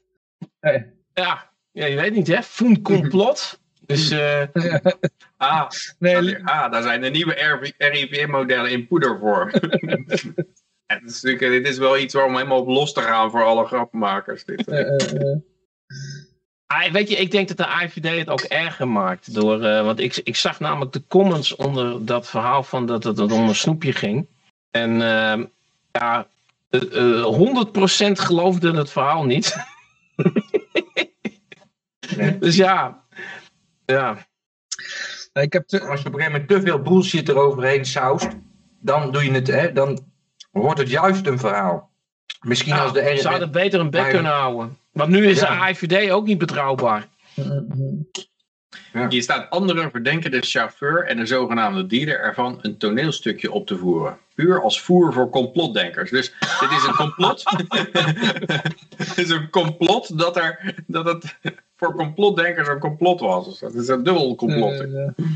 Ze vinden dat de complotdenkers nog te weinig complotten hebben. Ja. Dan, dan, dan doen ze het hele toneelstuk. dat is echt... Complot te voeden. Ik heb, ik heb toen ja, twintig jaar geleden nog bij lokale omroep een keer zo'n... Ook een gast die, uh, die, die uh, wat cocaïne ging dan om, die dat uh, afleverde bij mensen van bepaalde partijen in, in Den Haag, weet je wel, politieke partijen. Dus je had dat connecties met, en dat waren gewoon die, wat de jongeren, jongeren van de gasten van, die daar een beetje stage liepen. Dan sprak je af in een café en er werd daar gewoon een koffertje overhandigd en hoppakee, dat was de deal. Die, die, die ging niet letterlijk naar het binnenhof toe. Dus, uh... Ik vraag me af welke partij zou het meeste snuiven? Welke, zou, welke partij zou, zou degene, degene die voor, nee, degene die voor het verbod is. degene, ja. Ja, ik weet niet. Uh, nou, die... Ik denk D66 en GroenLinks. Maar bijvoorbeeld een... Uh, ja, oké. Okay. Ja, GroenLinks ik sowieso. Ik denk ook D66, omdat die gewoon het meest foute dingen doen. En dat moet, moet allemaal een beetje weggesnoven worden. Maar bijvoorbeeld op, op Urk snuiven ze best wel veel, heb ik altijd gehoord. En juist die hele zwaar christelijke... Ja, met, met de Urk heeft te maken om die, die halen het binnen. Die, die, het gaat via de, die vissers die halen dan binnen. Het wordt dan van, vanaf schepen wordt het dan in zee gegooid. En die, die visserskotters die, die, die, die, pakken dat uit zee en brengen dat dan uh, terug naar... Nooit geweten dat je dus cocaïne vist. Dat is, ja, dus, die, die, die, die, haring dat is bijvangst zeg jij. Ja, ja, ja. ja. Gewoon de, de dekman. ja, ja. Nou, daaronder ligt het, zeg maar. Okay. daarom hebben ze een sleepnet, hè? Dan ruiken, die honden ruiken dat niet, want dan ruiken die die vis en die is zo sterk, die kunnen dan die kook niet meer, uh, dat wat onderin het vaatje ligt. En, en de Hollandse nieuwe, is dat dan de beste kook die, die, die, ze dan ja, hebben? Dat is Colombiaanse nieuwe eh, geheten. Verse, verse kook. ja. Ja, ja. Maar ja, goed, ja, uh, ja, ik weet ja, we willen hier nog wat over zeggen verder. Uh. Ja, Volendam hebben ze ook. Ik, ik had eens een keer een, een, een live stick naar een wedstrijd Volendam-Kambuur. Oké. En uh, toen, uh, dat, dat, was op radio. En die verslaggever die, die zei van dat, uh, nou het was toch, dat, dat op een of andere manier op het veld waren de lijnen minder goed te zien. Ja, die, die, zal, die zouden wel weggesnoven zijn door de plaatselijke jeugd. Dus, uh, dus ja, eigenlijk al die IJsselmeer, uh, alles IJsselmeer dorpen. Ja. Want dus een regeer die gaat lekker te keren in het chat. Uh, wil iemand er nog ja, voorlezen? Maar, hij, hij, geeft geen enkel goed antwoord, heb ik het idee. wat, wat heeft hij nou weer... Te veel gesnoven, denk ik. Die VWS-gasten zijn niet ziek van de drugs, maar van de dreigementen om waanzinnige plannen door te moeten drukken. Ja, ja. Maar dat komt misschien ook een beetje door kook, denk ik. Zeg ah, ja, dat is ook mijn compliment wat ik destijds aan, aan Hugo de Jonge gaf. Want uh, Hugo de Jonge. Die heeft, die, die heeft dan nog een, een, een, heel klein beetje geweten wat hij weg moet snuiven. En dat is iets wat, wat uh, Rutte bijvoorbeeld volgens mij helemaal niet hoeft te doen. Die kan gewoon zonder kook al gewoon uh, daar gewoon gaan staan en liegen en dat gewoon tien jaar doen. Dus ja, en dan vraag ik me ook af, die, die, die kale die er nu is, eh, of, of die dan ook nog dat laatste stukje geweten. Die, die, ik had het niet gezien, maar iedereen zei van ja, hij was nog behoorlijk zenuwachtig op die persconferentie. Dus van, van uh, dat hij er echt aan moest wennen om alles bij elkaar te liegen. En uh, dat het hem nog niet zo makkelijk afging. Uh Dus ja, misschien heeft hij inderdaad ook nog een beetje kook nodig. Ik heb daar voor het eerst... Ja, het is wel raar dat Rutte daar inderdaad helemaal geen probleem mee heeft, geloof ik. Nee, volgens mij helemaal niet, nee. Nee, die slaapt daar volgens mij geen nacht minder om, om, om wat hij uh, iedereen aandoet. Uh, ik heb voor het eerst een stukje gezien en ik dacht echt van, man, man, man, man, man, wat is dit, weet je wel. Ze, ze lopen echt met cijfers, zelf met cijfers te goochelen, dat ik denk van, nou, volgens mij moet je niet eens goed zijn in rekenen om door te kunnen hebben dat dit gewoon allemaal bullshit is wat er verteld wordt. en er is eindelijk een journalist in de zaal die dan een toch ja, een redelijk goed antwoord komt. En dat is een rekensommetje. Die zegt van, nou, die had uitgerekend van, nou, volgens mij is er maar één opname per dag. Want als je dit uh, deelt door zoveel, dan krijg je dat. Dus, uh, en uh, is het antwoord dat hij vervolgens krijgt, is van, ja, maar goed, ja, dat, uh, er wordt ook gegoocheld met cijfers. Dat, dat, dat zegt ze dan tegen die journalist die gewoon letterlijk een 1 op 1 plus 1 is 1 rekensommetje doet, weet je wel. Daar, daar spreken ze nog de waarheid in, dat, dat er gegoocheld ja, wordt met cijfers. Dus dat, tegen, zijn ze even heel eerlijk. Dat zeg je tegen dat rekensommetje van die journalist. Dat gewoon heel ja, duidelijk na kan rekenen dat het klopt. Ja, er wordt wel gegoocheld met cijfers, maar dan ja, van, van één kant. En ook één bepaalde kant op. Ja, altijd. ja dat, oh, nee, dat noemen we in de psychologie noemen dat projectie. Uh. Ja, laatst zag ik ook zo'n eh, berichtje van iemand die zei, ja, al die uh, ongevaccineerden die doodgaan, die, die, dat zijn voornamelijk mensen die een prik gehad hebben en binnen 14 dagen overlijden. Of in, de, ja, in het ziekenhuis komen. Dus dat zijn, die gelden dan als ongevaccineerd, maar, maar dat is dus duidelijk inderdaad, is dat gesjoemel met cijfers eigenlijk. Dus formeel spreek je de waarheid, want de definitie van gevaccineerd is pas als je twee weken na je vaccinatie, dus als iedereen omvalt na zijn vaccinatie, dan zijn het allemaal ongevaccineerden. maar het gaat niet, niet alleen om sterven, hè? die bijwerkingen die ze krijgen, die krijgen ze vooral in de eerste twee dagen. Ja. De meeste mensen hebben last van de bijwerkingen in de eerste paar dagen. Ja. Hm. Maar dan zijn ze officieel ongevaccineerd. dus, dus ja, dan zijn het gewoon, uh, ja. Bijwerkingen en, dan, en dan staat er in de krant, en dan staat er ook in de krant, ja, hadden ze die vaccinatie nou maar eerder genomen? Want dat is ook wat ze schreven toen uh, in, in het begin. Uh, toen kwamen er nog wel eens wat, wat berichten op vrijdagmiddag. Die kwamen dan binnen. En dan was de redacteur al weg. En dan, en dan ging zo'n journalist ging gewoon de waarheid opschrijven. Het is gewoon helemaal niet de bedoeling. En die schreef dan zoiets als dat er een verzorgingstehuis er was 60% doodgegaan na de prik. En zo'n bericht wordt dan later bijgesteld. En, en wat ze, zeggen ze dan? Ja, die, ze zijn allemaal doodgegaan aan corona. En want je bent pas na 14 dagen weer gevaccineerd. En uh, ja, toch jammer dat ze, de, dat ze de vaccins niet eerder hadden gekregen. oh man. Ja. Uh, uh, Ongelooflijk. En dat is gewoon 60% wat doodgaat binnen. binnen het is echt ongelooflijk, meer dan de helft, hè? Ja, Zo'n zo verzorgingstehuis. Ja, klopt, klopt. Ja, die gingen dan aan corona dood, anders ze de prik te laat hadden gekregen. Ja. Ja, dat is dan het hergeschreven bericht. Ja, zo komen ze uiteindelijk uit bij die vijfjarige inenten. Je moet eigenlijk steeds vroeger doen. nog vroeger, nog vroeger. Blijf maar ongevaccineerd doodgaan. Dus je moet ze eigenlijk al met vijf jaar moet je die, moet je die kinderen al prik gaan geven. Nou ja, die vijfjarigen die gaan zelf niet dood. Maar die, die maken hun opa en oma dood. Dat is een uh, propaganda, hè? Nou, die opa en oma die gaan dan dood omdat ze dan die prik hebben gehad. Maar dan, dan heet het nog steeds ongevaccineerd. En dan, uh, dus er gaan heel veel opa's en oma's dood nu in Nederland.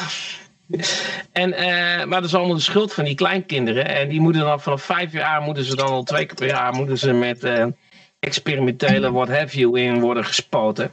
Om te voorkomen dat opa en oma doodgaan. Dat is dan het verhaal. En er zijn mensen die dat, ja, die nemen dat serieus. Maar ja, goed, weet je wel, dat is hey, weet je wat ik nou lees hier? dat komt voorbij rollen, de headlines. Ziekenhuizen kwetsbaar voor cyberaanval. Wachten tot het misgaat. Ik verwacht dat de volgende golf van doden in de, in de ziekenhuizen en de bejaardenhuizen van een cyberaanval komt. Ja.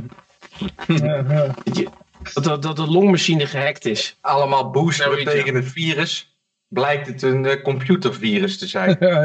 Die Bill Gates had wat verkeerde dingen, had hij een computervirus losgelaten. Oh, Rogier schrijft uh, dat de meest voorkomende bijwerking van de spuit is corona. maar er komt dan weer een, uh, we moeten trouwens alweer bang zijn voor iets nieuws. Hè? Ik heb hier nog een, een berichtje. Kijk hoor. Oh, ja, daar is hij. Hier even het filmpje gelijk even afspelen. Het gaat om deze vrouw. Die had een... Uh, kijk hoor. Ja, het is een vrachtwagenongeluk in Pennsylvania. Er werden uh, test, uh, vervoerd. Kijk, hier heb je zo'n labaapje. Hierboven bedoel ik. En ja, die, die hadden allemaal, waren allemaal ingespoten met een of ander zeldzaam virus. Wat in een lab getest werd of zo. En, ja, waar CDC-aapjes waren. Ja, CDC-aapjes, ja. Maar er waren een paar ontsnapt. En in ieder geval, dit vrouw, die, die vrouw is ook een heel raar verhaal. Die gaat dan met, met haar hand in zo'n kooi zitten. Dus er ligt zo'n kooi op de grond en denkt, ah. En dan werd volgens mij tegen haar gezegd, niet doen. En dan denkt ze, oh nee, ik steek, steek mijn hand erin, weet je wel. Ja, want de chauffeur die had gezegd dat het katten waren. Oh, waren oh, kitty, kitty, kitty, kat. En uh, toen waren het opeens uh, aapjes. en nou heeft ze, heeft ze verschijnselen. Heeft ze. Dit is echt, dit, uh, iemand zei ook van, dit is echt het intro van elke zombie-movie ongeveer. ze, ze, hebben die vleermuizen toestand al gehad. En uh, ja, de trappen ze niet nog een keer in. We doen nou iets anders. Ja. Was dat uh, ja, verschijnsel van Hans Dolan? Het is de film Outbreak ongeveer. Even kijken, die, die, die rabbies. dit is echt zo'n hele goedkope zombiefilm. Het is gewoon zo'n hele slechte. Ja. Gewoon. Die is heel laag budget. ja. Dit is waar de ambtenaar op kon komen die het eh, plan bedacht. Het is inderdaad, uh, ja, die gaat dan de hand in zijn kooi steken. En uh, die heeft nou ziekteverschijnselen. Dit, dit, het is denk ik scriptschrijvers van Fighter zit hier bijna achter zou je zeggen. Dat is, uh... Die heeft in de jaren zeventig ooit een zombiefilm gezien en dacht, hé, hey, laten we dat doen. Ja, laten we dat doen. Dat, dit dit uh, sluit aan met de mensen. Die kun, dit kan een nieuwe variant ja, tevoorschijn brengen. Maar soort dan met de wat was het, rabies medication, dat is ons dolheid. Ja, ja. Uh, ja, ik ken iemand die heeft dat ons dolheid vaccin gehad. Dat is nog geen kattenpis ook. Uh, die heeft daar maanden allerlei zenuwontstekingen en shit van gehad. Ja, je kunt ook zelfs, dat had ik bij viruswaarheid gehoord, van zo'n zo'n uh. Nee, een tetanusprik, dat is anders, sorry. Nee, nee, maar dat, nou, tetanusprik is tegen hondsdolheid, toch? Als je door een hond wordt gebeten, nee. en dan, ja, nee, is wel... Maar daar kan, daar kan je hetzelfde uh, probleempje mee hebben dat, dat het zeg maar via uh, de bloedbaan bij je hartspier terechtkomt. Oh ja. Hm. Daar, dus eigenlijk zo'n zo myocarditis, dat is een, eigenlijk een... een um... Bekend verschijnsel. Maar het is dus, dus eigenlijk gewoon bij heel veel prikjes is dat gewoon een, een risicootje. Hmm. Dus je moet uh, zeker niet uh, prikjes voor de lol gaan doen. Of uh, het moet echt... nee, maar net serieus. euro voor je volgende Dus het kan dus ook met een tetanus. Kijk, maar zo'n tetanusprik, ja, die, die moet je dan misschien wel pakken. Want je wil geen onzolheid, dus je moet hem dan wel pakken. Ja, ik had wel begrepen van die, van die myocarditis dat het kwam door dat spijkproteïne, dat dat zich hecht aan de spieren en zo. Maar ja, in die andere vaccins zit niet allemaal een spijkproteïne. Maar er zit natuurlijk wel overal een adjuvant in. En dat is volgens mij een beetje tricky. Want die geeft je immuunsysteem op kalapaat. Ah, het, idee is wel, het, het, idee is wel dat je natuurlijk een... Ja, ik weet niet of dat bij een tetanusprik is trouwens. Maar bij een normaal traditioneel vaccin is het natuurlijk wel zo dat je een lichte ontsteking krijgt. En ze douwen hem in je schouder. omdat je schouder, uh, ja, dan, krijg je, dan heb je hem bij je schouder en bij je schouderspier. Die, en die, dat komt alweer goed die, die rust wel weer. Maar als het in je bloedbaan komt en je komt bij je hartspier, ja, die heeft natuurlijk geen rust. Die kan moeilijk herstellen. Mhm. En dan, uh, en, ja, omdat dan jonge mensen, jonge mannen, die hebben dan uh, veel meer bloeden spieren. En uh, ja, misschien ook wel als sporten en zo. Die hebben dan een hoger risicootje dat ze. En dat is natuurlijk ook wie, wie duwt hem in, in erin, hè? Dat iemand die een verstand van zaken heeft, of is het gewoon uh, zo'n amateur? Ik, ik had ook inmiddels al bij de priklocaties kunnen werken, want ze hebben, de, ze hebben zoveel ja, ook al gevraagd. Ja, en uh, ja, ik, ik, ben natuurlijk geen professionele prikker, dus ik had, ik had hem misschien er ook wel naast geprikt en dan was hij misschien ook wel in een ader terechtgekomen. Ja, en vraag van tevoren even, wat stem jij? D66. Oh, Oké, okay. dan uh, die. ja, nou ja, goed, dat, ja. Ja. Maar en wat, wat ook wel vreemd is, dat de CDC die rijdt gewoon met een vrachtwagen met apen. Die zitten ongeveer verpakt zoals, uh, ja, zoals ik mijn kerstcadeautjes verpak. ja, en dan is kennelijk ook chauffeurs die gewoon tegen een dumptruck aanrijden en kantelen dan. Dat is, uh, je, je, zou verwachten dat ze met dat soort ladingen wel wat voorzichtiger omspringen, maar... En wat je vroeger had je van die ladingen met kernafval, weet je nog wel, of plutonium. en dan gingen mensen protesteren, want er kon iets mis mee gaan.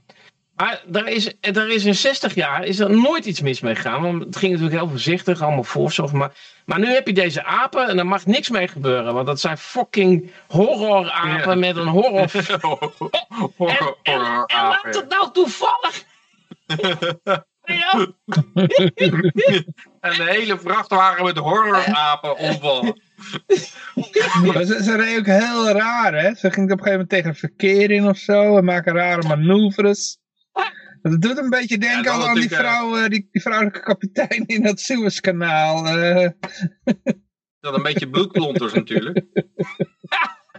Maar die, die, ging, die gingen slingeren met de schip in het Suezkanaal. Zo'n soort verhaal, weet je wel. Maar dan met de nou, vrachtapen. Vrachtauto met de Er was toen zelfs bij dat schip in het Suezkanaal, die Evergreen, was het verhaal dat, dat ze een grote dik uh, figuur had gevaren. Voordat ja, in een kanaal waar je niet eens een draai kan maken, zo smal is het. Nee, niet in het kanaal, daarvoor, bij de, in de Middellandse Zee. Oh, oké, oké, oké.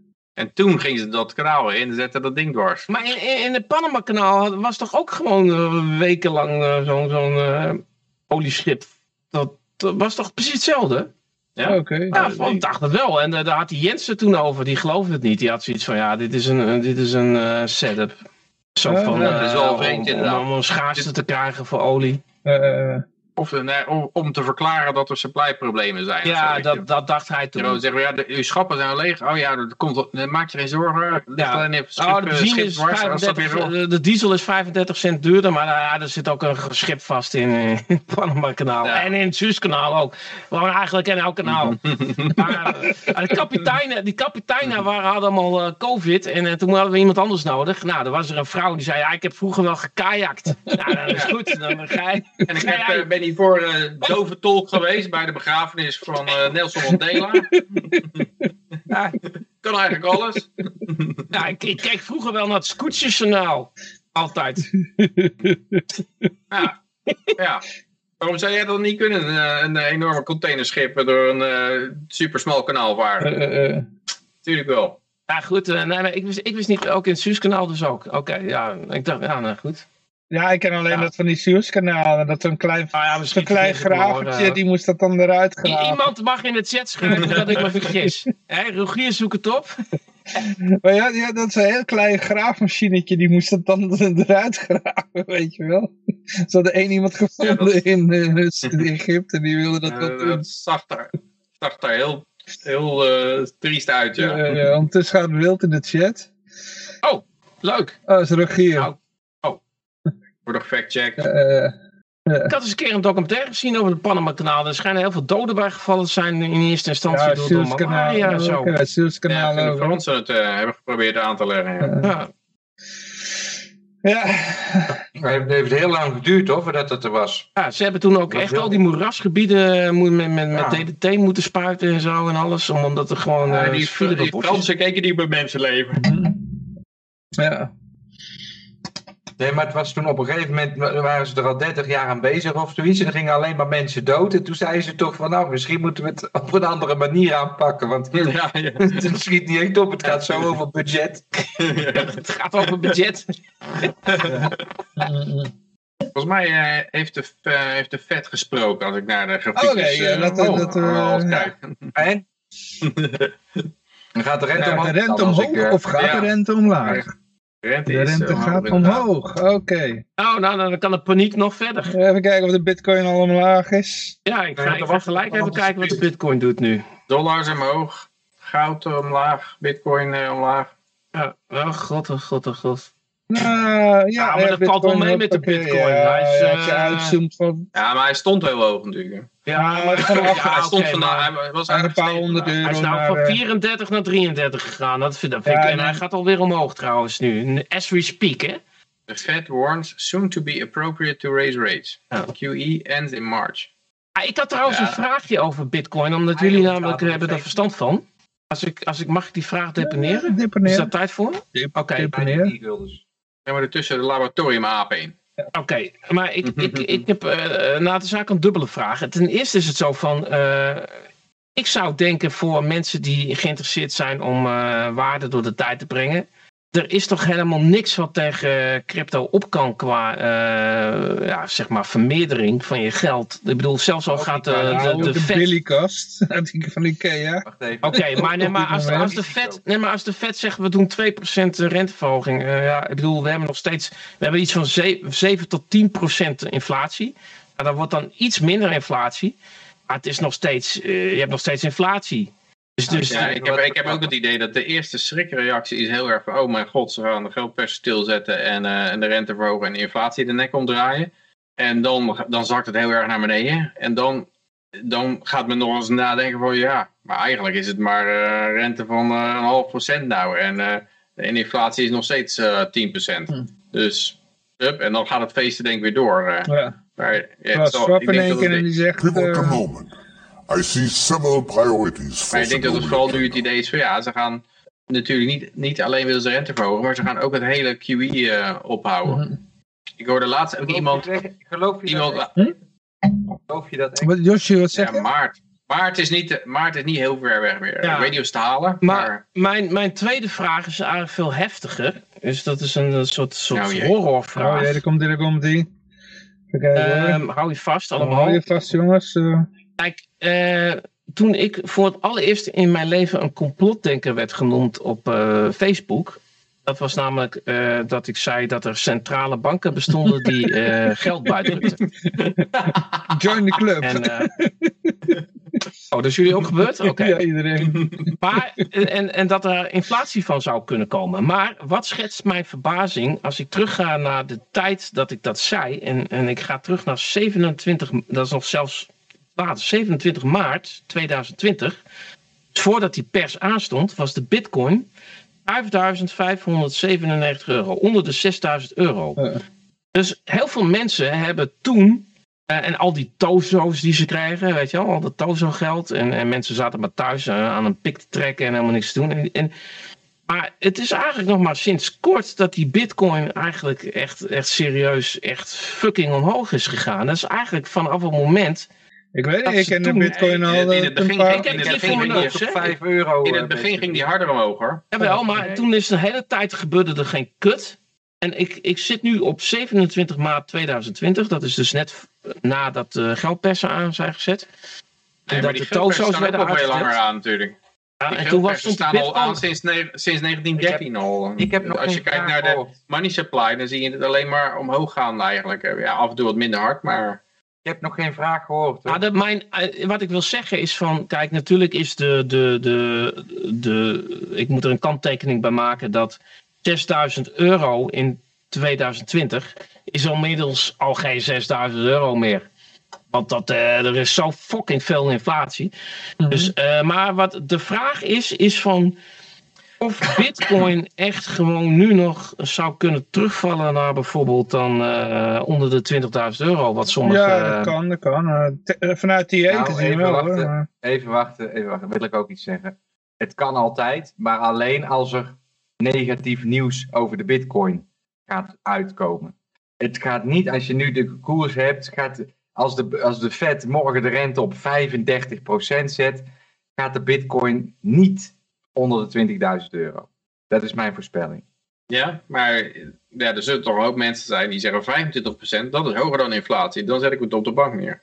Ja, maar er zijn, er zijn maar 21 miljoen euro uh, bitcoins. En, en ja, maar met 25%, maar 25 rente, dan gaat het aantal dollars afnemen gewoon. Je kunt het ook nog laten terugkopen, hè Joosje? Je kunt het naar nee, dollars dus zetten, je kunt het naar dollars zetten. En als jij denkt dat het op een gegeven moment maar zakte, zakte, zakte, zakt.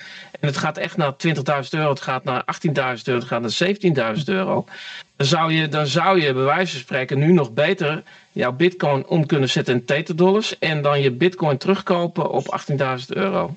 Ja. Ik zeg je weet het, maar je weet nooit zeker. De verwachting is dat de Fed ergens capituleert.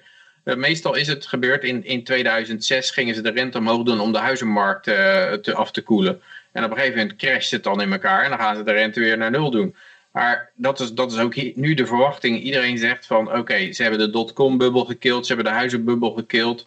Uiteindelijk gaan ze de rente omhoog doen totdat geld uh, terugstroomt de centrale bank in. En dan is het te weinig geld om de prijzen omhoog te houden. En dan crasht, uh, crasht het. En dan zetten ze er opnieuw de geldpers aan. Maar de vraag is een beetje, waar ligt dat punt? Waar, waarbij de centrale bank capituleert. Dat, dat is het. Uh, ah, nee, eh, maar kijk, Johan zegt het zou kunnen dat, uh, ja, ja, dat Bitcoin vrij logisch. Vrij logisch. Kijk, dat hele verhaal. Kijk, ik, mag ik, kijk, mag ik een verhaal even doen? Oké, sorry. Kijk, dat hele verhaal dat Bitcoin naar de 100.000 zou, zou uh, gaan, dat komt allemaal van die Moonboys. En die wilden zeggen van, ah, het gaat naar 100.000, 200.000, 300.000. En die hopen dan dat mensen dat gaan kopen. Maar als je gaat uitrekenen van hoeveel geld in Bitcoin moet stromen om dat te kunnen bereiken, dat is belachelijk veel.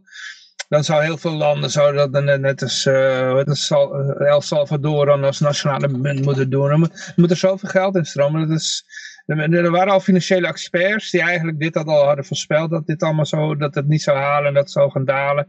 En die zeiden dat al, dat is niet logisch. En, en daarnaast, als je dit, de, de toppen die je nu hebt gezien als een blowtop gaat zien, wat het eigenlijk ook is, want het ging kaas recht omhoog en dan weer omlaag. Uh, dan is het nu heel logisch eigenlijk dat er nu een berenmarkt komt en dan is de 20.000 best wel een reële bodem. Dus ja. Nou, ik ga er helemaal anders, ik sta er helemaal anders uh-huh. in, want we komen in die hyperinflatie. Er is sinds het begin van corona is er net zoveel geld bijgedrukt als er tot aan 2020, tot corona bestond. Dus de geldhoeveelheid is gewoon verdubbeld. Iedereen leeft in een droomwereld waarin ze denken dat dit papieren goud is. Uh-huh. En het is geen papieren goud, want het is gewoon papier. Mhm. En als mensen daar eenmaal achter gaan komen, dan schiet die bitcoin gewoon weer door. Ja, maar goed, als je naar 20.000 gaat, is de inflatie van de bitcoin dus hoger voor mensen die... Uh, maar ik dan heb een vraag aan Johan. Uh, ik denk dat er nu heel veel mensen zijn die bitcoin hebben gekocht op... Uh, 33.000, 34.000, 38.000, 45.000. Ik denk dat dat mensen zijn die hun reservegeld, waar ze toch geen kut mee deden, ze anders in een matras hadden zitten, dat hebben ze dus in die bitcoin gezet. Ik denk dat die mensen, al zet je een pistool op een hasses, die bitcoin niet gaan verkopen. Nou, niet als ja, het maar, Wacht even, dan wil ik erop inhaken. want daarom hebben we nu corona en kan er niemand geld verdienen. Want wat jij nu beschrijft, Jan-Mark, is al gebeurd in 2017. Toen alle media één maand lang de grootste promotiecampagne voor Bitcoin aan het houden waren. Namelijk in december, toen de prijs op zijn all-time high stond. Dus die mensen hebben allemaal al hun reserves erin gezet in 2017. Toen hebben ze in 2020 te horen gekregen dat ze hun crypto moeten verkopen om wc-papier van te kopen. Dus toen is er met een hoop angst, hebben die mensen in de bodem van de markt hebben ze het gemanipuleerd dat die mensen met angst verkopen. En sinds dat moment dat corona nu begonnen is, leven we dus in de realiteit dat mensen geen geld meer kunnen verdienen. In ieder geval niet zo eenvoudig als waarmee ze dat voor de corona deden. En dus daarom duurt die tijd zo als dat die nu duurt. Want iedereen die nu op een leveraged positie, zeg maar, met de gedachte van, oh, ik heb een goed lopend bedrijf en ik verdien elke maand 10.000 euro, dus ik kan wel 100.000 in de bitcoin jassen. Ja, die 100.000, die moet hij nu dus langzaam aan gaan spreken om zijn kosten te blijven betalen. En zo wordt dus van iedereen zijn bezittingen langzaam steeds minder gemaakt, omdat ja, mensen willen het volhouden, want ja, mijn bedrijf komt wel weer een keer goed, maar ik moet iedere maand huur betalen. Nou, en dan gaan ze dus inleveren op hun bitcoins. En ik ben het dus niet eens dat die mensen dat voor eeuwig vast blijven houden, want ze moeten ook eten. Ja, ja, ja. En als je geen geld kan verdienen. Maar de meeste mensen die gewoon uh, wat bitcoin hebben gekocht, die kopen dat met het geld wat ze een tijdje weg kunnen zetten. Wat ze drie, vier jaar lang kunnen weg kunnen zetten. Maar waar komt dat geld vandaan? Van hun baan. En als zij zich niet laten vaccineren, dan hebben ze geen baan meer. En dan moeten ze die ah, bitcoins Oké, ja, nou goed, dat zou kunnen. Maar ook even, ik wil even iets zeggen over die 100.000 euro. Ik denk dat die 100.000 euro wel uh, bereikt wordt. Gewoon om, puur om het feit, over vijf jaar mm is 100.000 euro helemaal geen 100.000 euro meer. Ja, ja, maar het ging over ja, 100.000, al, het ging even, mag ik even coachen? Het ging om een top van 100.000 euro in uh, eh, 2021, hè? Oh, zo, ja. ja. Het, het, zou best wel kunnen, want die ene financiële expert die ik citeerde, die zei wel, in 2022 is het al iets reëler. Mhm. Dus, mhm. Eh, maar dit is een gewone mening. En ik heb ook nog mijn eigen mening erover. Ik, ik citeer nu even een scenario. Hè. Dus ik zeg niet dat, het, uh, dat een beermarkt komt. Dat niemand, niemand weet dat. Hè. Het is allemaal maar speculeren. jij denkt toch wel, Johan, dat we nu binnen nu en vijf jaar die top van 100.000 euro Ik denk dat die van 2022 zou het misschien wel reëel zijn. Nou ja, kijk, wat, wat ik persoonlijk denk is, dat is mijn, hoe dat, koffiedik kijken. Uh, dat je nu zo'n, eh, dat hij weer dat hij even gaat stuiteren. Dat hij gewoon weer een beetje naar die oude hoogte kwam waar hij eerst zat en dan weer naar beneden. En dan dat, dat, dat, dat je dan eigenlijk een, een, eh, een, een niet een descending ja, triangle, maar een omhoog gerichtende triangle. Ja, maar de oude hoogte, wat ik nu net voorlees, van uh, maart, 27 maart uh, 2020, mhm. was fucking onder de 6000 euro, Johan. Hè? Ja, ja. Niet zo lang geleden, hè? Nee, ik, ik heb nog meegemaakt dat hij onder uh, eh, 1000 euro was. Dat die... Ja, maar ik heb nog meegemaakt zeg maar heel kort geleden. Ja, tien jaar geleden, heb, toen, toen ik het kocht, voor het eerst, toen, uh, toen was het nog minder dan een tientje. Oh. Ja, ik heb het zou jou dus niet verbazen als hij nu gewoon bij deze, dat hij nu straks nog, want we hebben dan, dan nu ja. een fake-out, denk je, denk, eh, dat, dat hij nog onder de 20.000 euro komt. Dat, dat zou jij niet verbazen. Ja, nou wat ik denk is wat je nu ziet. Je hebt die, die, die hele cultbeweging van de Moonboys. Die allemaal geloven dat het naar de 100.000 gaat. Dus die probeert allemaal omhoog te kopen. En je hebt natuurlijk de beers.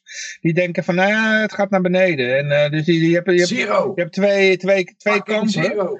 Dus uh, meestal wat je dan ziet is dat dit dan zijwaarts gaat. Dus uh, ik denk dat die even... Dat je die, die, die, die heb je twee toppen gehad, dat je nog zo'n top krijgt. En daarna komt de beslissing van wie van de twee gewonnen heeft.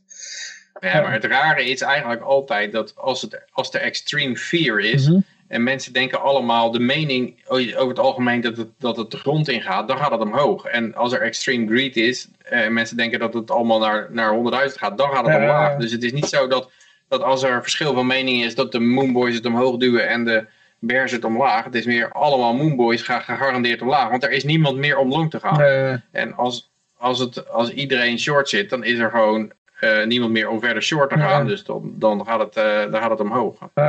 maar ja, ik heb zelf ook het idee, ik vind die, uh, die vergelijking van, van ehm, Benjamin Cohen, hebben een plaatje van in de, in de Skype-chat mhm. gegooid. En die heeft die verschillende. Ehm, dat de cyclus, de cyclussen steeds langer duren. ja, en dat ze ook minder hoog komen. Dus de eerste die ging, ging met een enorm multiple omhoog. die tweede al wat minder. Die derde nog wat minder en duurde langer. En deze die zal nog wat langer duren en nog wat minder multiple geven.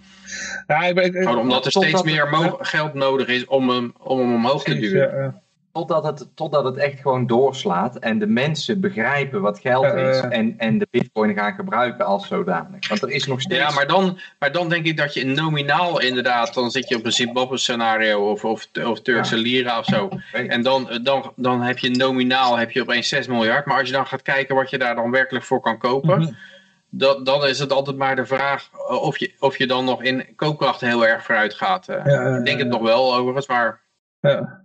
Maar bijvoorbeeld Turkije... ik denk dat de piek, in de piek in koopkracht kan ergens anders liggen dan de piek in, in euro's of in dollars. Ja. Het, het, het, kan best zijn dat er aan het eind, ja, dat er aan het eind inderdaad de prijs heel erg omhoog gaat, maar gewoon alleen omdat je munten instort. En nou, ja, als je dan kijkt van wat voor huis kan ik ervan kopen, ja, nee, kan het nog steeds uh, groter zijn dan, uh, dan daarvoor. Maar... maar... in Turkije hebben bijvoorbeeld, dat, dat doen ze eigenlijk helemaal niks aan de hyperinflatie, uh, omdat dat gewoon, ja, moet met, de, ze, ze, hebben een ander systeem zoals bij ons met centrale bank. Hè. Dus ze hebben daar ook een centrale bank.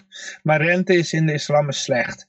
Dus, uh, dus ja, dat is ze, ze gebruiken ook geen rente om dan, uh, om dan dat te sturen, weet je wel. Dus, uh, hebben, er, ze hebben daar wel een oplossing voor, een soort rente through the bank. Ja, ja maar... het gaat daar, door, door hun systeem gaat het zeg maar anders.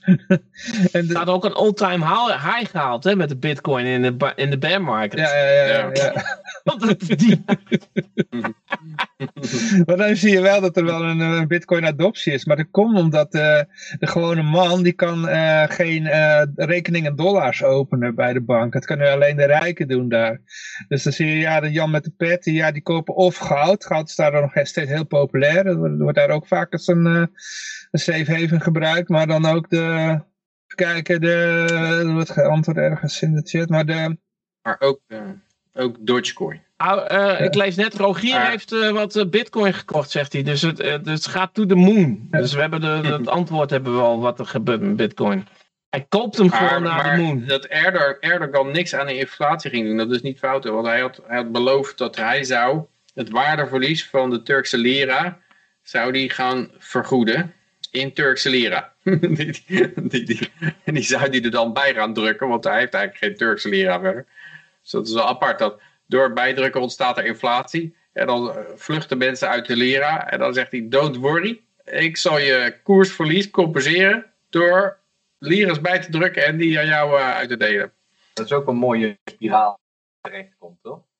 Ja, dan, uh, dan denk ik inderdaad dat die mensen heel snel van die lira's af willen. Op het moment dat jij ze die compensatie geeft, verliest die lira weer zo maar. Ja, je, moet, je moet hem gelijk omzetten in iets anders dan.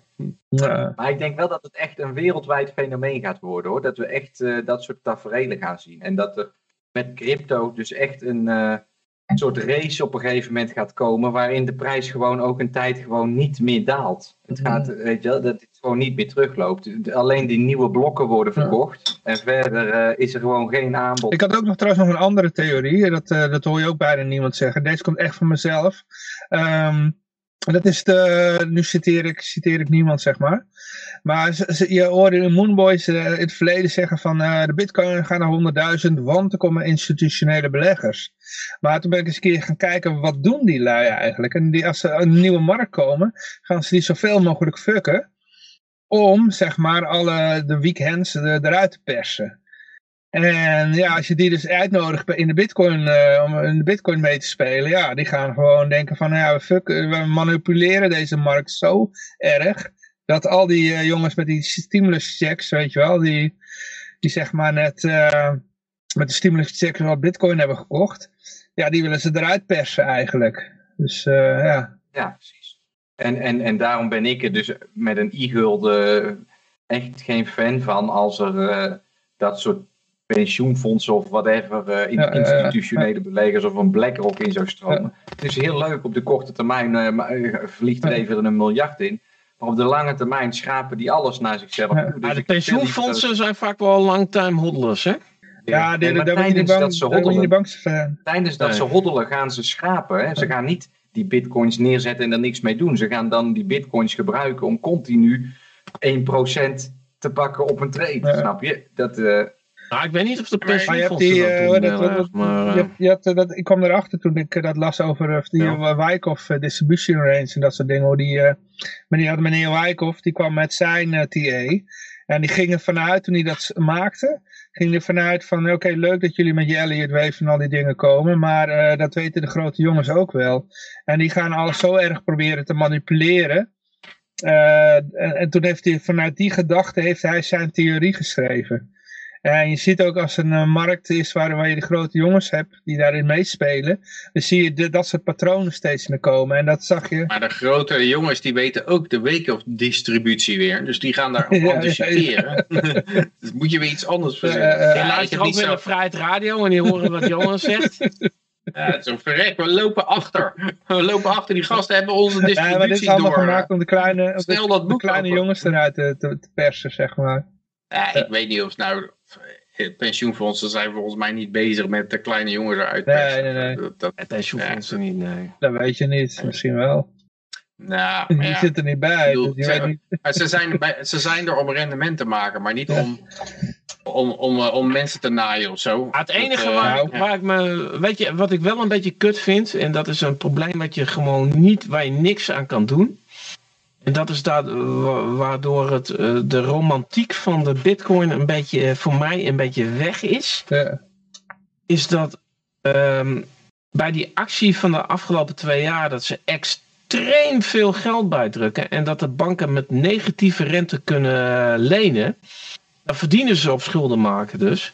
Dan, dan, dan ben je gek als je geen schulden maakt. Want, want je verdient erop. Want je hebt negatieve rente. Dan kun je gewoon die fucking, gewoon el, die, elke fucking crypto die je wil, alles kun je gewoon kopen met dat nepgeld. Ja. Ja, en daar fuck je het mee, want, want op een gegeven moment trek je het weer uit. Dan stort de hele fucking kortzooi even weer in. Maar, maar dan heb jij alweer, uh, dan hebben bepaalde banken of bepaalde instituties hebben al hun winst weer gepakt met dat nepgeld gewoon. Ja, maar volgens mij werkt dat, werkt dat ook niet. Dat, want als jij, als jij een hele hoop geld uh, krediet creëert bijvoorbeeld en je koopt daar van alles mee omhoog. Dat is net zoiets als een of ander pump-and-dump stokje. Je kan een heel klein aandeeltje, kan je dat zelf ook doen.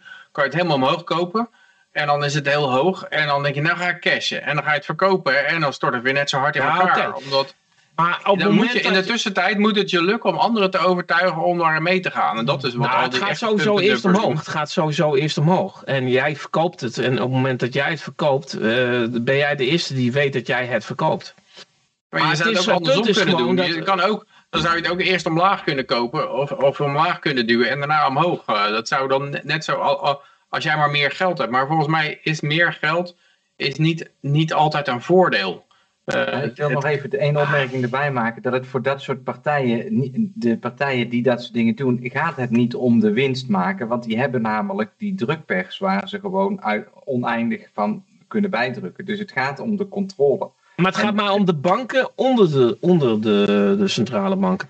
Dus die banken, dus als, als, jij bijvoorbeeld, als die bank 100 euro kan krijgen en hij hoeft 99 euro uh, terug te geven, dan moet die bank dus wel gaan lenen en uit gaan geven, want anders, anders is die bank knettergek.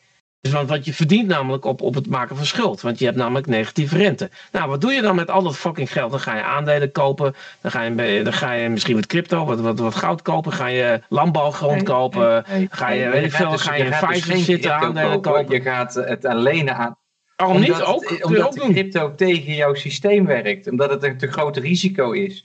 Er is geen centrale bank die, die, die crypto... Uh, maar wat is... Niet, niet is de, dat is de bank onder de centrale bank. Die bank onder... Of de instituut, het instituut onder de centrale bank. Die leent van de centrale bank met negatieve rente.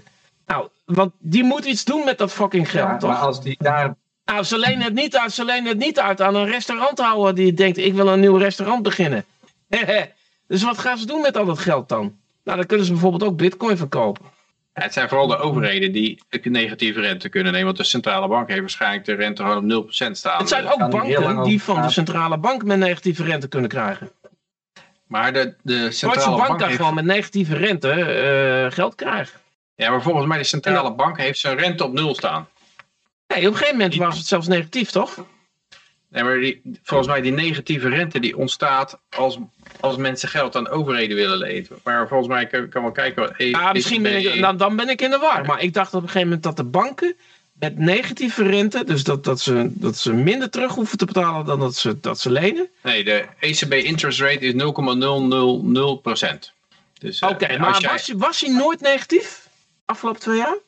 Ik, ik dacht dat niet. De rente is wel negatief geweest, maar, maar dat is de sta, rente met de rente op Nederlandse staatsobligatie bijvoorbeeld, een Duitse staatsobligatie, die is nog steeds negatief. Uh, ik wil even kijken wat... Uh, Oké, nou, maar dan, dan neem ik alles terug wat ik gezegd heb. Dan zet je het voor tien jaar vast bij de Nederlandse staat. En dan zeggen ze, ja, voor tien jaar lang krijg je een negatieve rente. Even kijken, wat, wat is de tienjaars rente? Kan ik dat ergens vinden toevallig? Ja, dat uh, lukt natuurlijk weer niet zo snel. Maar dat is volgens mij rentes hier. Rentes.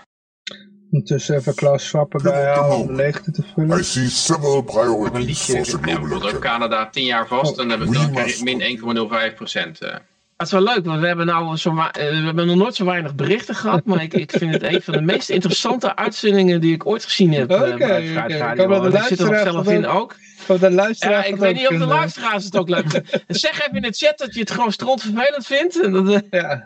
door moeten gaan met de berichten. Ja, Nederland, als je in Nederland eh, staat twee jaar geld leent, is het min 0,6 procent. Nederland drie jaar geld lenen, min 0,46 procent. Nederland tien jaar geld lenen, dan is het bijna nul, dat is 0,055 procent. Nederland staat 30 jaar geld lenen, krijg je 0,37 procent rente. Dus moet eens nagaan dat je dan dan leen je Nederland voor 30 jaar lang uit, krijg je 0,37% rente. Terwijl je ja, bijna zeker weet dat over 30 jaar die, over, die euro helemaal niks bewaard Peter, eigenlijk is dat negatieve rente. Want als de inflatie bijna 10% is, dan is het negatieve rente. Reële dus rente. Dus, dus, dus eigenlijk klopt mijn verhaal toch. Het is negatieve rente, want je hebt gewoon inflatie. reële rente, ja. Reële rente, klopt. Ergens. Ja, goed. Uh, maar ik, ik zat nog even vragen aan, aan, de luisteraars wat ze ervan vinden. Dus, uh... Beste luisteraar, uh, ja, geef gewoon even in de chat uh, wat je ervan vindt. Uh, moeten we gewoon een bericht doen of moeten we maar gewoon Als je maar gewoon een, een kut-uitzending vindt, zeg gewoon een, gewoon een kut-uitzending. Gewoon, Vakantieervaringen delen. De laagste rente die ik in het lijstje zie staan is min 0,75%. Zwitserland twee jaar.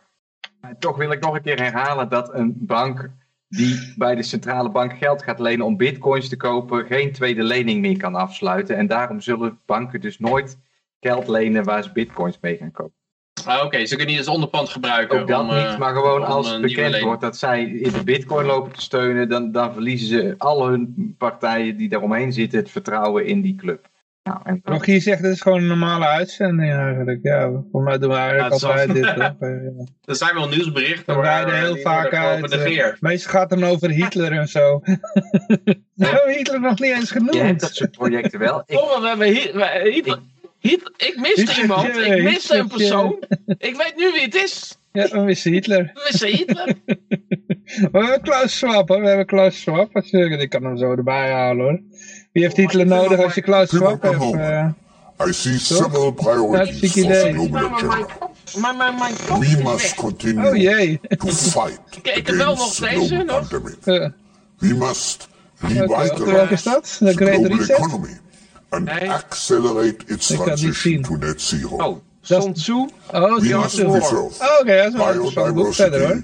Als je goed leest, zegt hij eigenlijk van je moet eigenlijk geen oorlog voeren, want het is te duur. must narrow ja, gap ja, hij somt eigenlijk alleen maar dingen, argumenten op waar je me geen oorlog moet voeren. Maar ja, als je dan toch zo gek bent om het te doen, doe het dan zo. Ik gebruik heel vaak die uitdrukking van hem uh, als het gaat om uh, vaccins. Van, uh, if, if you wait by the river long enough, the bodies of your enemies will float by. een beetje cru, maar... ik vond het geweldig best wel een goed boek eigenlijk. Ik heb het uh, een paar keer gelezen, ja. Dus, uh, ja. Niet in het Chinees echt, maar... Ja. Ah, het is, een hele, het is een, echt een inspiratiebron geweest voor, voor generaties daarna ook. Maar uh, even kijken hoor, we hebben nog, nog veel meer berichten. we gaan gewoon nog even verder. Dan kunnen we daarna weer uitweiden als we dat willen. Um, de, de automatische snelheidsbegrenzer uh, komt eraan. Is wat? Ja. Ja, nou ja, gelukkig. Ik heb alleen maar auto's uit vorige eeuw. Ook, wat, wat, wat? Ik hoor een stereo. Blackbox ook nog, hè? Oké. Oh, er wordt een blackbox ingezet. Ja, het, ik denk uiteindelijk willen ze naar volledig uh, dat je wil own nothing and you will be happy. Dus je stapt in je corporate-owned Uber, self-driving Uber car. En dan moet je voordat je instapt, uh, moet je wel even je QR-pas laten zien. En uh, anders dan, als die niet goed in groen is, dan zegt hij niet. Dan weten zeker dat jij niet toch stiekem naar de supermarkt gaat als dat niet geoorloofd is. En uh, ja, daar heb je ook geen gevangenis meer nodig, want je kan gewoon iedereen opsluiten. Niemand heeft toch een eigen auto om rond te rijden. Het is allemaal self-driving car met uh, remote disable. Allemaal. Nou, ik denk dat, dat Peter zegt daar zo wat, want je had uh, een aantal jaren geleden had je ook, ik weet niet of die auto's nog bestaan, maar daar had je dan, um, voordat je kon starten, moest je een soort blaastestje doen. Als je dronken was, dan, kon, dan startte de auto slot, niet. Ja. En, en als, je nu, als je nu zeg maar naar de supermarkt moet, dan dat weet die, weet die auto ook al. Waar je, waar je geld uitgeeft, dat is ook al bepaald hè, met je digitale je moet, je moet je bestemming opgeven aan de supermarkt. En dan, en dan, en dan, en dan, doe je, en dan, dan, bla, dan doe je een soort blaastest. En dan, eh, nee, u heeft covid, u mag die hele fucking supermarkt niet in. Eh, bestel maar online. Dan rijdt die hele auto niet. Ja, zeker. Ja. Maar ik denk dat die oude auto's dan steeds waardevoller worden. Dus als jij nog zo'n oude bak dat hebt. Dat is echt waar. Ik zag een Australiër die zei dat, dat die, uh, die had die, die, uh, Michael invests and tries to make money. Die kijk ik heel vaak. Even het over de aandelenbeurzen. Ik, ik zet af en toe wat op Wappieland. Maar maakt niet uit. Die had het over. Uh, de Great Reset is al, al, bezig. En die had het over inderdaad over die auto's. En ehm, ja, die, die, uh, die zei dat de, de, de, de prijzen van de uh, oude auto's omhoog gaan. Mensen, dus, mensen willen gewoon een oude auto, omdat ze al gewoon, uh, daar hebben ze al helemaal geen zin in.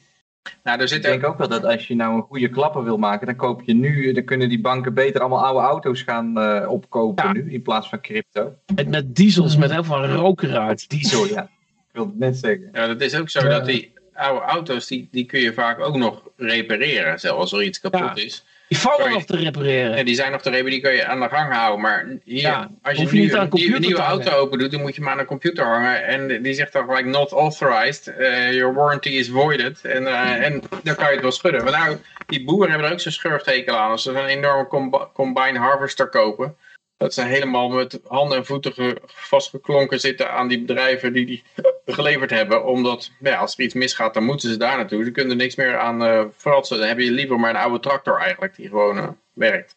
Ja. Ah, ik heb, bij mijn camper is mijn, mijn laatst mijn, mijn, uh, mijn, uh, mijn hendeltje om het raam open te, te draaien is kapot gegaan.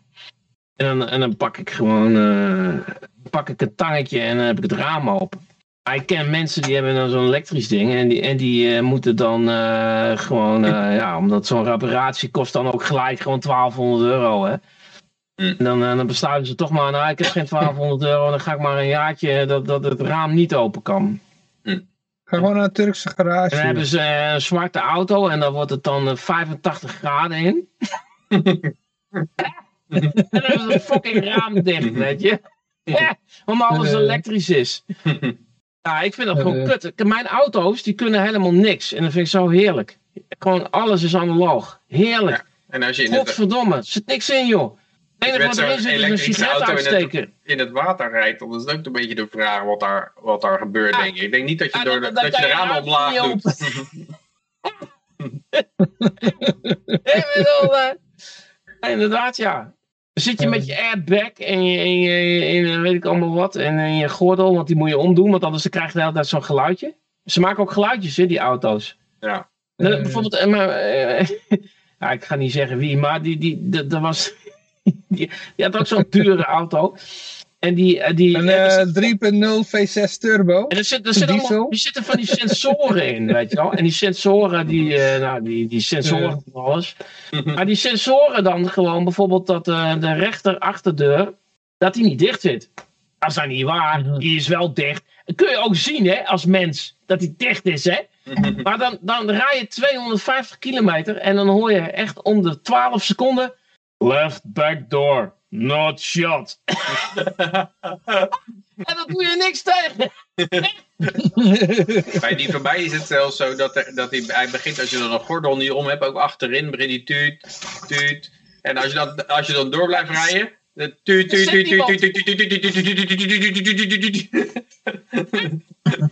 Ja, die auto terroriseert je gewoon. En dan rij je gewoon spontaan tegen een boom aan. Zo, zo gestrest word je daarvan. En dat maakt je ook niet meer uit dan. Nee. Ik kom nou de hele tijd vergeten was een greenscreen achter me te zetten, maar... Hoppa, zo. Het leek net een, een, een, um, hoe heet het, een uitzending zonder technische problemen. Uh, uh. Ik nog in de check uh, dit, even kijken. Uh, Rogier schept op over zijn auto. Hij zegt ook, zouden de wereldregeringen ooit bekennen dat ze zich vergast hebben? Vergast? Ja, dat zegt hij. En dan zegt hij, daarna zegt hij 3.0 V6 turbo diesel hier. Ik laat niks over voor de Great Reset. nou, die heeft gesnoven, anders ga je niet op zijn lopen scheppen over je auto. Ja, dat doet hij niet. Dat doet hij niet. Wat een geintje hoor. Wat, wat drink je, uh, Rogier? Uh, zeg het maar in de chat.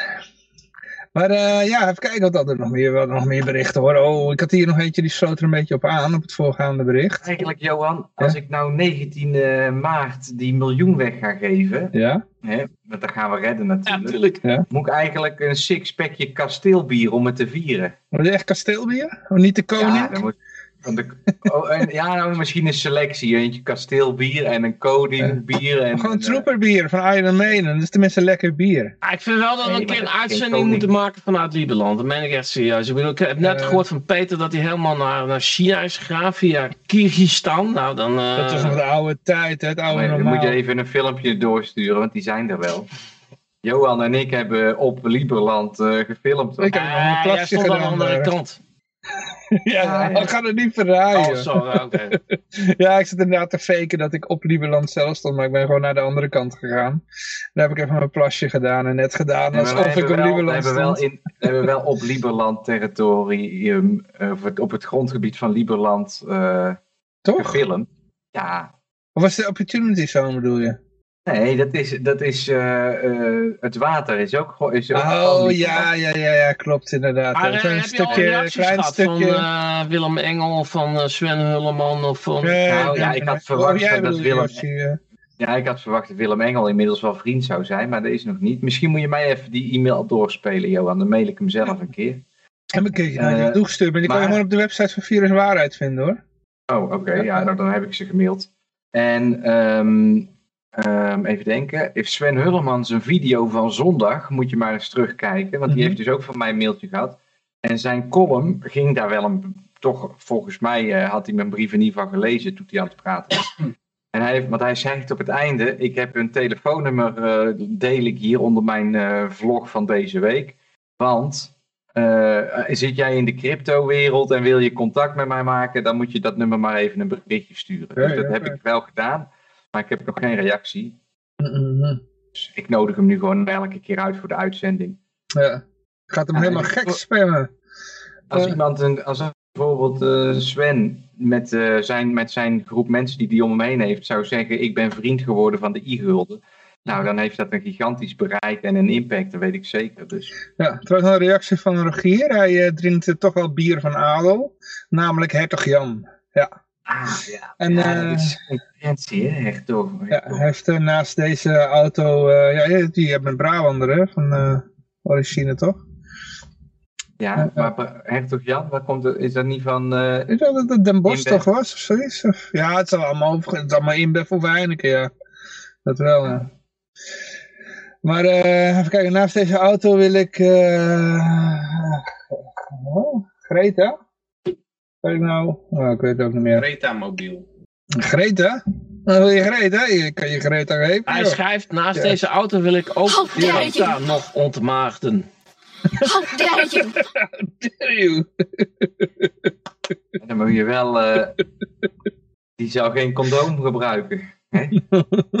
ja, alleen maar een, uh, ja, ja, inderdaad, ja. Denk je, is lid van ja, kun je, alleen anaal, kun je alleen anaal nemen, die Greta, want ze wil geen kinderen en ze gebruikt geen condooms, dus het is alleen maar anale seks met Greta.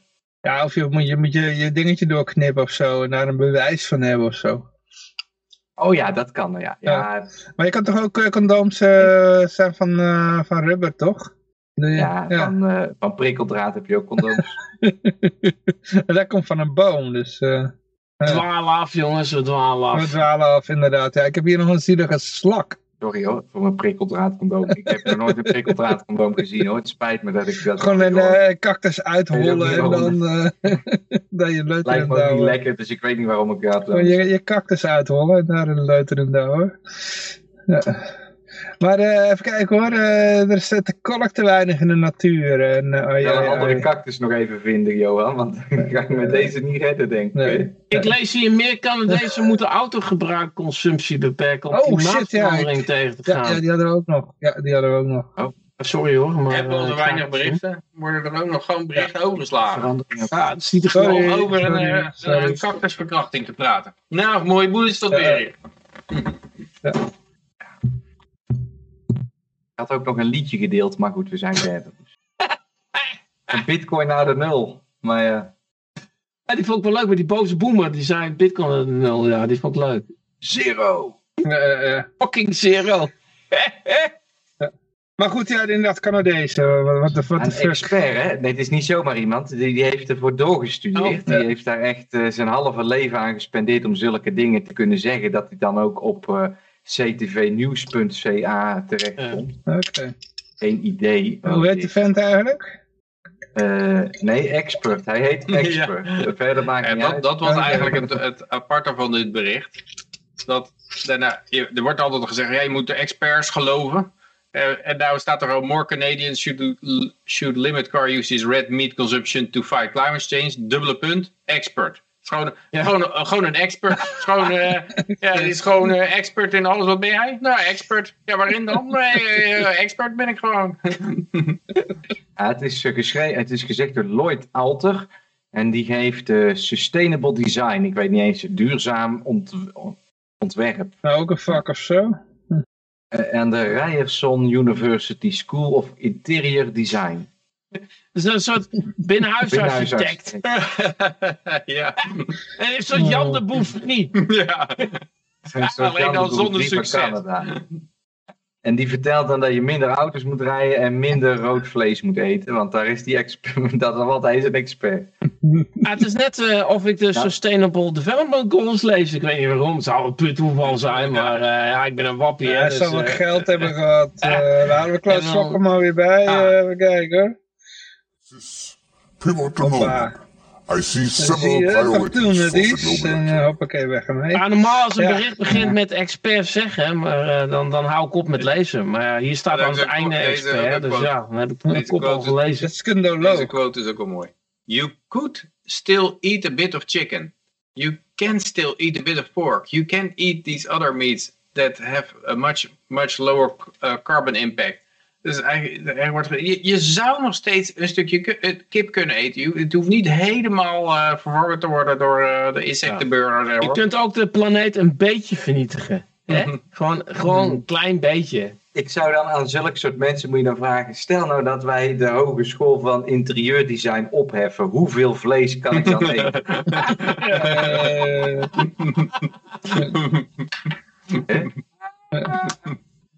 Ja, kijken wat hij zegt. Ah, maar wijn, wijn bevat veel tannine, dus daar moet gewoon rood vlees bij. Ik vraag me af wat Sorry, hij dan van die truckers, er zijn 50.000 truckers naar Ottawa gegaan. Ik, ik, vraag me af hoe die dat dan vindt met uh, dat terugdringen van het autorijden. Uh, Hey, uh, dat vind ik dan wel mooi, want dat is echt. Ik, toen had ik echt het idee. Ik heb al die beelden gezien en die foto's en uh, filmpjes. Maar ik dacht, hier wordt echt geschiedenis geschreven. 50.000 truckers die naar, naar de hoofdstad van Canada gaan om daar gewoon. Ze blijven daar net zo lang totdat die uh, vaccinatiemandates zijn afgeschaft. Uh, ja, dat is mooi. En, en dat, is echt, dat is echt iets, dat lijkt me echt iets voor de geschiedenisboeken, zoiets.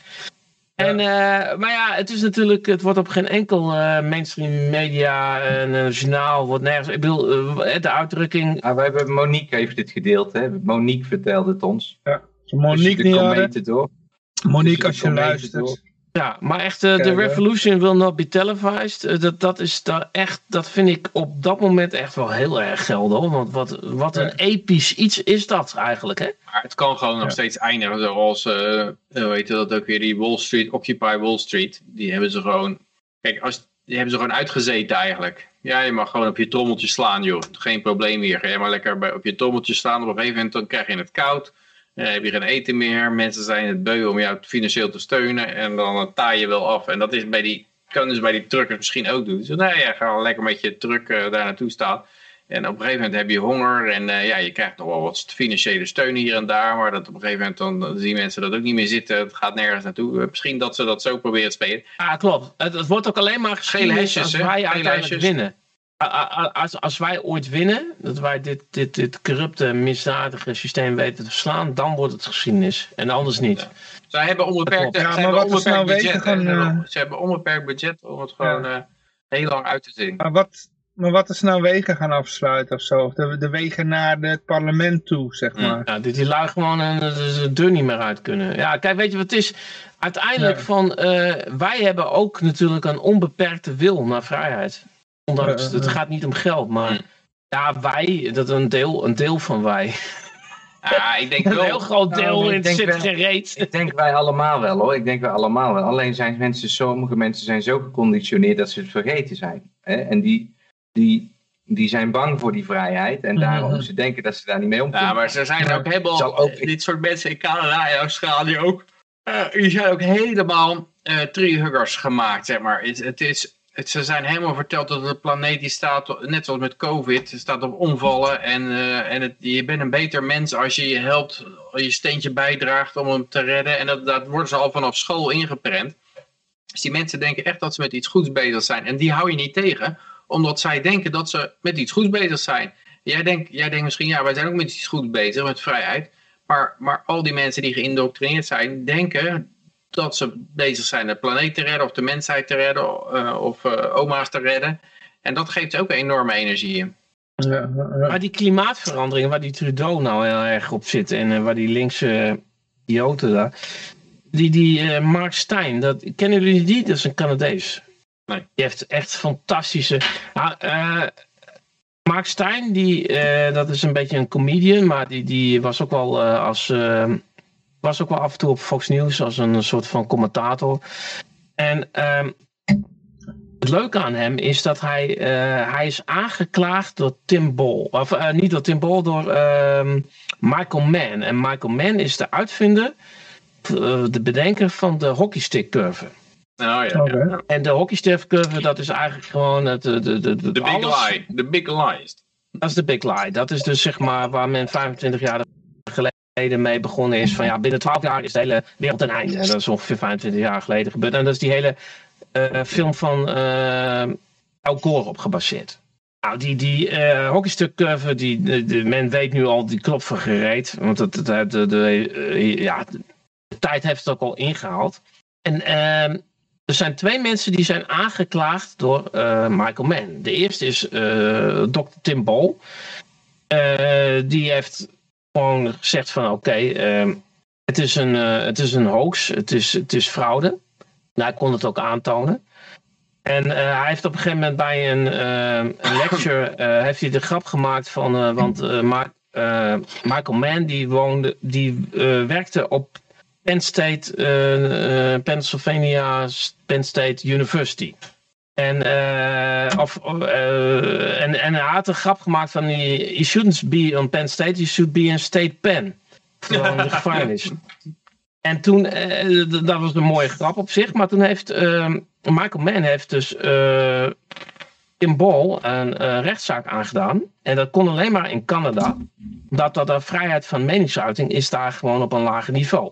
Je kan mensen makkelijker gewoon proberen aan te klagen op, op een mening. Anyway, die Tim Ball die was al gepensioneerd. Dus die Michael Mann die dacht, nou ja, dit kan ik wel rekken. Die man is hartstikke oud. Die heeft het negen jaar geprobeerd te rekken. Um, omdat uh, Tim Ball heeft elke keer gezegd van... Nou, uh, kom dan maar met de cijfers van jouw hockeystukcurve. Kom maar gewoon, laat maar zien waar jij dat op gebaseerd hebt. Nou, dat wou hij acht jaar niet doen.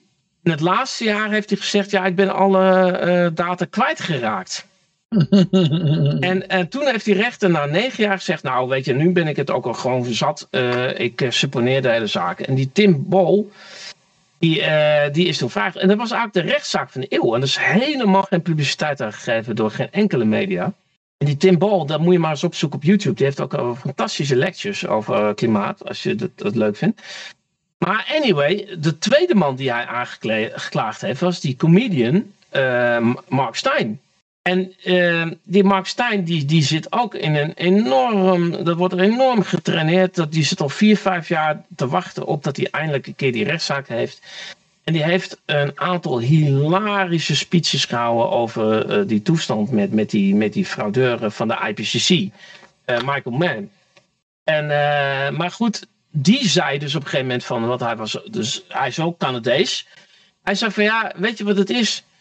Alle Canadezen die wonen ongeveer 20 kilometer van de Amerikaanse grens af. En waarom is dat? Omdat ze anders doodvriezen. dus hoe kunnen wij ons nou in Canada nou druk maken over een eventuele opwarming van de aarde van 0,2 uh, Celsius in, in 30 jaar? Want, want, want niemand woont verder dan 20, 30 kilometer van de Amerikaanse grens, omdat het gewoon te koud is. Dus wat is dit voor hype, weet je wel? Dus ja, ik vraag me ook af hoeveel Canadezen er inderdaad uh, echt mee kunnen gaan in dat hele idiote woke gedoe van die, uh, en dat klimaatgedoe van die uh, Trudeau. Zeker nu ze helemaal geterroriseerd worden door die Trudeau. Ja, het, dat, ik weet niet hoe populair die nog is. even kijken hoor. Oh ja. Ja, goed. Ik, Kijk, ja. Ja, we hebben er eentje van de Ja, nee, er is wat aan de hand met Skype. Doet, de NDI doet weer moeilijk. Uh, heb jij je NDI trouwens uitstaan, uh, Yoshi? Ja, ja, ja, dat heeft inderdaad wel invloed op de... Op de, de, de want mensen zien dan nu alleen maar Skype-logootjes. dus, uh, ja, ik ga hem even met even een seconde hoor. Ik moet even klikken. Dan gaan we daarna even naar het... En dan gaan we de prijswinners, oh, ja, gaan, gaan we de prijswinners bekendmaken. Zullen we dat maar even doen voordat alles crasht? Stond er. Oh, oké, okay, mooi. Ja, Peter die, Oh, Gier zegt Peter zegt Ja, Peter die... Uh, maar wacht, is, is Peter nog in beeld? Of is Peter er überhaupt nog? Ja, ik zie hem. Ah, ik zie Peter niet in beeld in de Twitch. Ja, ik had even op mute gezet en ik zat wat te typen. Oh, oké. Oh. Ja. Kijk, want uh, bij mij doet Ja, het ging ook wel erg. Ja, ja, ja er moet wel een keertje een fout komen, hè? Nou ja, je mag even de aandacht uh, opeisen, Johan. Geen punt. Geen punt. Dan zal ik alvast uh, fabeltjes Ja, ja, we moeten even, wacht even, moet even een jingle komen dan. Uh, Oké. Uh, ik, ik heb ook geen idee waarom dit, uh, dit, dit, nou zo is. Maar... Ik wil Peter terug in beeld. Oh, nu ben je ja, ja, ja, nu ben je, uh, oh, mijn god. Ik kan er niks aan doen. Maar ik kan wel even de, de oh, fabeltjeskrant jingle erbij halen. Hartstikke idee. Allemaal in de krant van Fabeltjes Ja, nee, ga maar hoor. ja. Ja, we hebben er eentje van nu.nl. Uh, eh, om te huilen zo erg, het nijpende kalktekort in de Nederlandse natuur. Een heel artikel gewijd aan alle schadelijke gevolgen hmm. van stikstof. Uh, er is te weinig kalk in de Nederlandse natuur en daarom gaan alle bomen en hmm. planten dood. Alleen uh, brandnetels en gras overleven het. Er wordt, er wordt ook gezegd om te huilen zo erg. Het nijpend kalktekort in de Nederlandse natuur. Dus het wordt weer heel erg dramatisch neergezet. Er is weer ergens uh, te veel stikstof, te weinig kalk. Het is altijd, uh, altijd hebben ze weer iets om, om in te grijpen in de natuur. Nou denk ik zelf dat... De, nou, dat is weer een heel ander verhaal eigenlijk. Want ze hebben het hier voornamelijk over bos maar ik ben altijd, want het, uh, het viel net al eventjes, als je zo'n hele grote, uh, van die nieuwe landbouwapparatuur koopt, dan, uh, en, en van die hele intensieve tuinbouw gaat doen, dan is mijn opvatting daarover dat je met die, met die GMO-zaden die zo geoptimaliseerd zijn, die grond uitput. En dat dat dus helemaal niet rendabel is, omdat het, na een jaar of dertig is die grond gewoon mhm. op. Ik heb eens een keer zo'n bijdrage gezien op de Nederlandse televisie van een boer die zei van ja, ik ben nou al 30 jaar boer, maar ik moest op een gegeven moment het echt anders gaan doen, want mijn grond die werd gewoon helemaal uh, waardeloos, gewoon woestijngrond. Er zat geen uh, mineralen, er zat mhm. niks meer zat er meer in.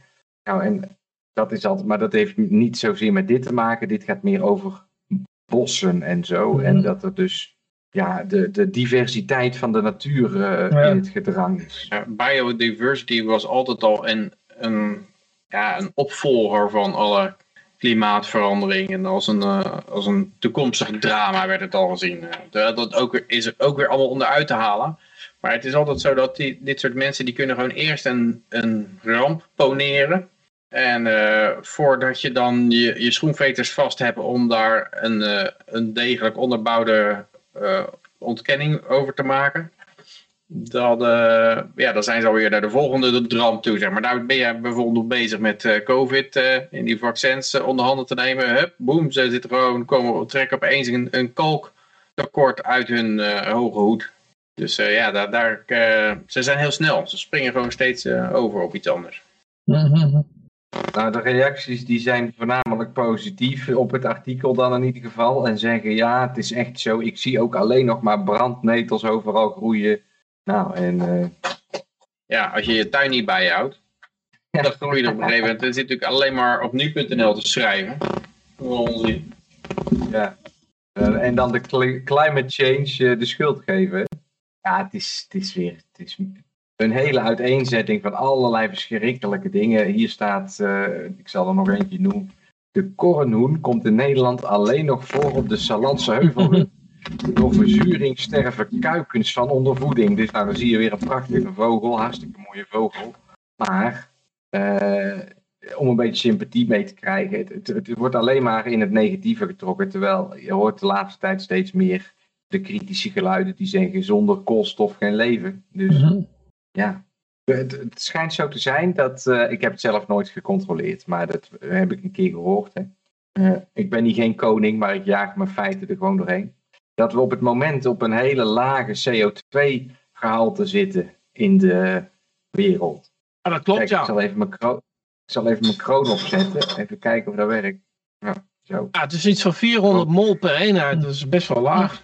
Daarom spuiten ze bijna 2000 mol per eenheid ook in die kassen om die eh, planten een beetje te laten groeien. Ah, Peter die heeft ook weer iemand even erbij gehaald die ook weer een... Uh... Ik vind het zo'n schaatje.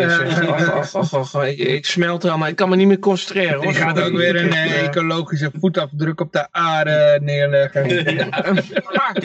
weer een potentiële planeetvernietiger. CO2 uitstoten.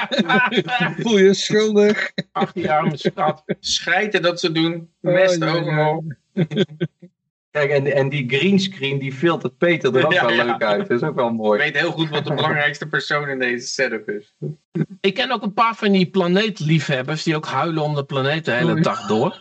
En die hebben dan geen kinderen. En dan denk ik, ja, maar aan, aan wie willen jullie de planeet nou eigenlijk overlaten? Ja, ja. Een neussoort. Een neussoort. Ja, nou, ik ben er dus ook zo eentje. Ik heb ook wel gehaald om de oh, planeet oh, in het oh, je bent zwaar mee. In de zekere zin. ja, hier raak je een gevoelig punt nou hè, van mij.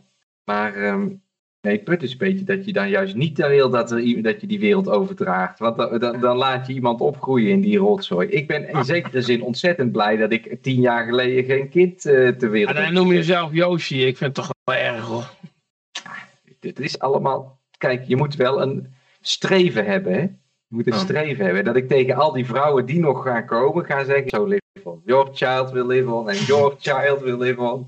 En your child, your child will inherit the earth. dat is nog allemaal voor de toekomst. Ik vind het altijd zo'n onzin, maar weet je, ik, ik, ik hoor dat al mijn hele leven lang. Van, nou, ik zou in deze tijd geen kinderen willen. En dan was het eerst de Koude Oorlog, weet je wel. Of zure regen of zo. En dan, uh, nou, ik zou in deze tijd geen kinderen willen doen. En dan denk ik van, ja, je zou maar in de middeleeuwen hebben gewoond. nou, en, en dan ben je horige. Nee, maar dan heb je toch een, wacht even, dat is toch een veel mooier leven. Dan had je wel biodiversiteit, hè? Ja, dat is toch een veel mooier leven als dat je nu je kind met mondkapje op naar school moet sturen. Omdat je zelf uh, zo'n torenhoge hypotheek hebt dat je naar je werk moet. Ik bedoel, dan, heb je, dan, laat, dan zie je je kinderen opgroeien en die neem je mee naar het land. En dan ga je samen aardappels verbouwen en die eet je samen s'avonds op. En op een gegeven moment ga je dood aan de griep. Nou, dan heb je een prachtig leven gehad. om, om, om, om in deze maatschappij, in Nederland in ieder geval, hè, want het is niet overal zoals in Nederland, dat, dat, dat weten veel Nederlanders niet, maar de wereld is een heel stuk groter dan Nederland. En uh, om ze dan in zo'n systeem mee te moeten laten draaien en te zeggen van nou, ik zie je vanavond wel weer bij het eten. Hè? Dan gaan we naar boven uh, je huiswerk maken en dan kun je even een half uurtje met ons eten en dan... Uh, dat is gewoon. En mijn kinderen hoeven niet naar school. Ik zeg ze gewoon, uh, je gaat gewoon zonder mondkapje erin, want dat is alleen maar voor de gang, hè. Dan alleen maar voor, uh, bij die conciërge, want zodra ze voorbij de conciërge zijn, uh, ja, Leeuwarden, als ze zodra ze voorbij de conciërge zijn, dan uh, heeft, geen, heeft niemand meer die, die, die, die mondkap op. En in, in, in, schoolklas is het natuurlijk niet zo. Je hebt in, in principe heb je die mond, dat mondkapje helemaal niet op. Ik zeg gewoon van luister, ik vind het prima als jij gewoon zegt van ik doe dat mondkapje helemaal niet op, geen één seconde. En dat ze jou naar huis sturen. En dat je dan, nou oké, okay, dan kun je de school niet in. En, uh, maar dat willen ze niet. En ik ga ze ook niet dwingen. Hè. Zo, zo is het ook nog een keer. Maar voor mij hoeven ze niet in de school hoor. Ik wil. Uh, ik, heb, ik heb ze ook verteld hoe ik erover denk. Nou, dat weten ze ook. Ik vind een steltje fucking nazi's. En ik moet de hele dag moet ik gewoon uitleggen dat alles wat ze leren dan gewoon niet waar is. En dus ik heb een dubbele taak. Dus ik vind gewoon. weet je, ze weten mijn, mijn mening over dat onderwijs. Maar ja, als ze dat willen, dan willen ze dat. Doe ze er maar.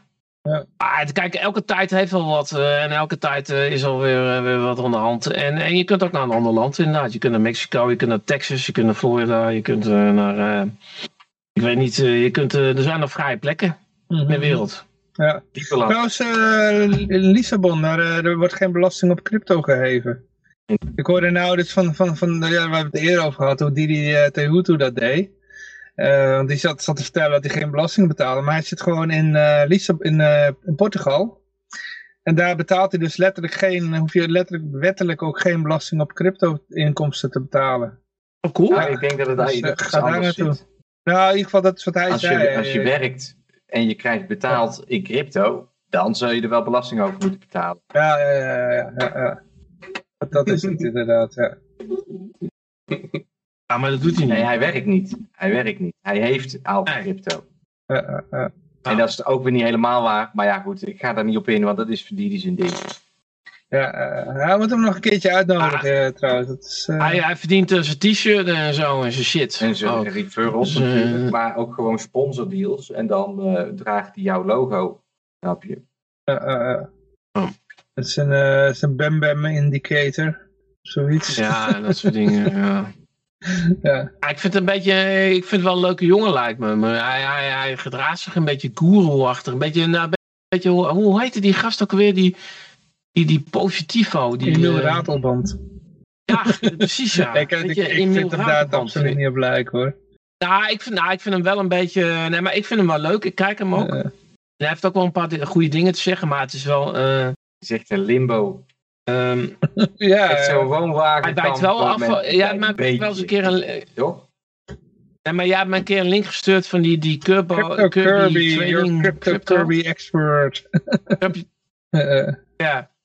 Go from, from, from, wat is het? Van, van average Joe to savage Joe. Ja, maar dat crypto. En, uh, nee, nee, is die is niet negatief. Maar die, als, als, de Moonboys positief zijn, ah, hij denkt als de Moonboys positief zijn, dan zijn negatief. Elke, elke, als, als het omhoog gaat, is het altijd een Ja, maar je volgt gewoon in net. En hij, gaat altijd wel een beetje tegen de stroom in. Dus uh, ja. Ja, maar dat vind ik ook leuk. Ik vind dat leuk. Ik vind, nee. Maar dat is Didi niet. Zegt die gewoon... Die, het gaat altijd eh, omhoog. Uh, Bitcoin is altijd bullish. Ook als hij bearish is, is hij bullish. Want over 20 jaar staat hij toch hoger dan nu. Dus ook al gaat hij gewoon uh, eh, 12 jaar uh, richting nul. Ja, dan is hij nog steeds bullish. Want uiteindelijk komt hij toch op 100.000. Dus ja, dan... Dus, dus, dat, is, dat is Didi. En dat vind ik ook ja. leuk. Het maakt me niet uit. Hij heeft ook wel zinnige dingen te vertellen. Maar hij is wel een beetje... Je snapt toch wel een beetje wat ik bedoel, of niet? Deze gast, ja, Kirby, Kirby is heel realistisch op het moment zelf zegt hij eens, kijk gewoon hoe het zit. En dan kijkt hij gewoon, nou ja, als, als, als de beercase veel uh, realistischer is, is hij bearish. En als de bullcase realistischer is, dan is hij uh, bullish. Hij denkt ook gewoon wat er nu, dat, dat nu bijvoorbeeld... Eh, hij ja, maar de beercase is veel overtuigender dan de bullcase. Hij zegt gewoon, dat is een trap. Hij zegt gewoon, hij gaat gewoon, huppakee, Into the crypto beneden, Straks komt die trap en dan gaat hij naar ja, to the abyss en dan gaat hij naar 20.000 of nog langer. Case. Als de vet echt de teugels gaat aanhalen en ze blijven nou een beetje voet bij stuk houden wel, uh, ook vandaag weer, dan denk ik dat het toch wel even moeilijk wordt, ja. Maar ja, uiteindelijk is de rente nog steeds veel lager dan de inflatie. En dan zou je zeggen, ja, dan, dan is lenen nog een, nog een zekere winstpakker. Dus blijven mensen dat doen. Weet je wat ik een hele interessante these vond? Dat was van die Australië, die vind ik zelf wel leuk, van Michael Invest. Die heb ik op Watpilant uh, gezet. Die zei van, die, die beurzen die crashen.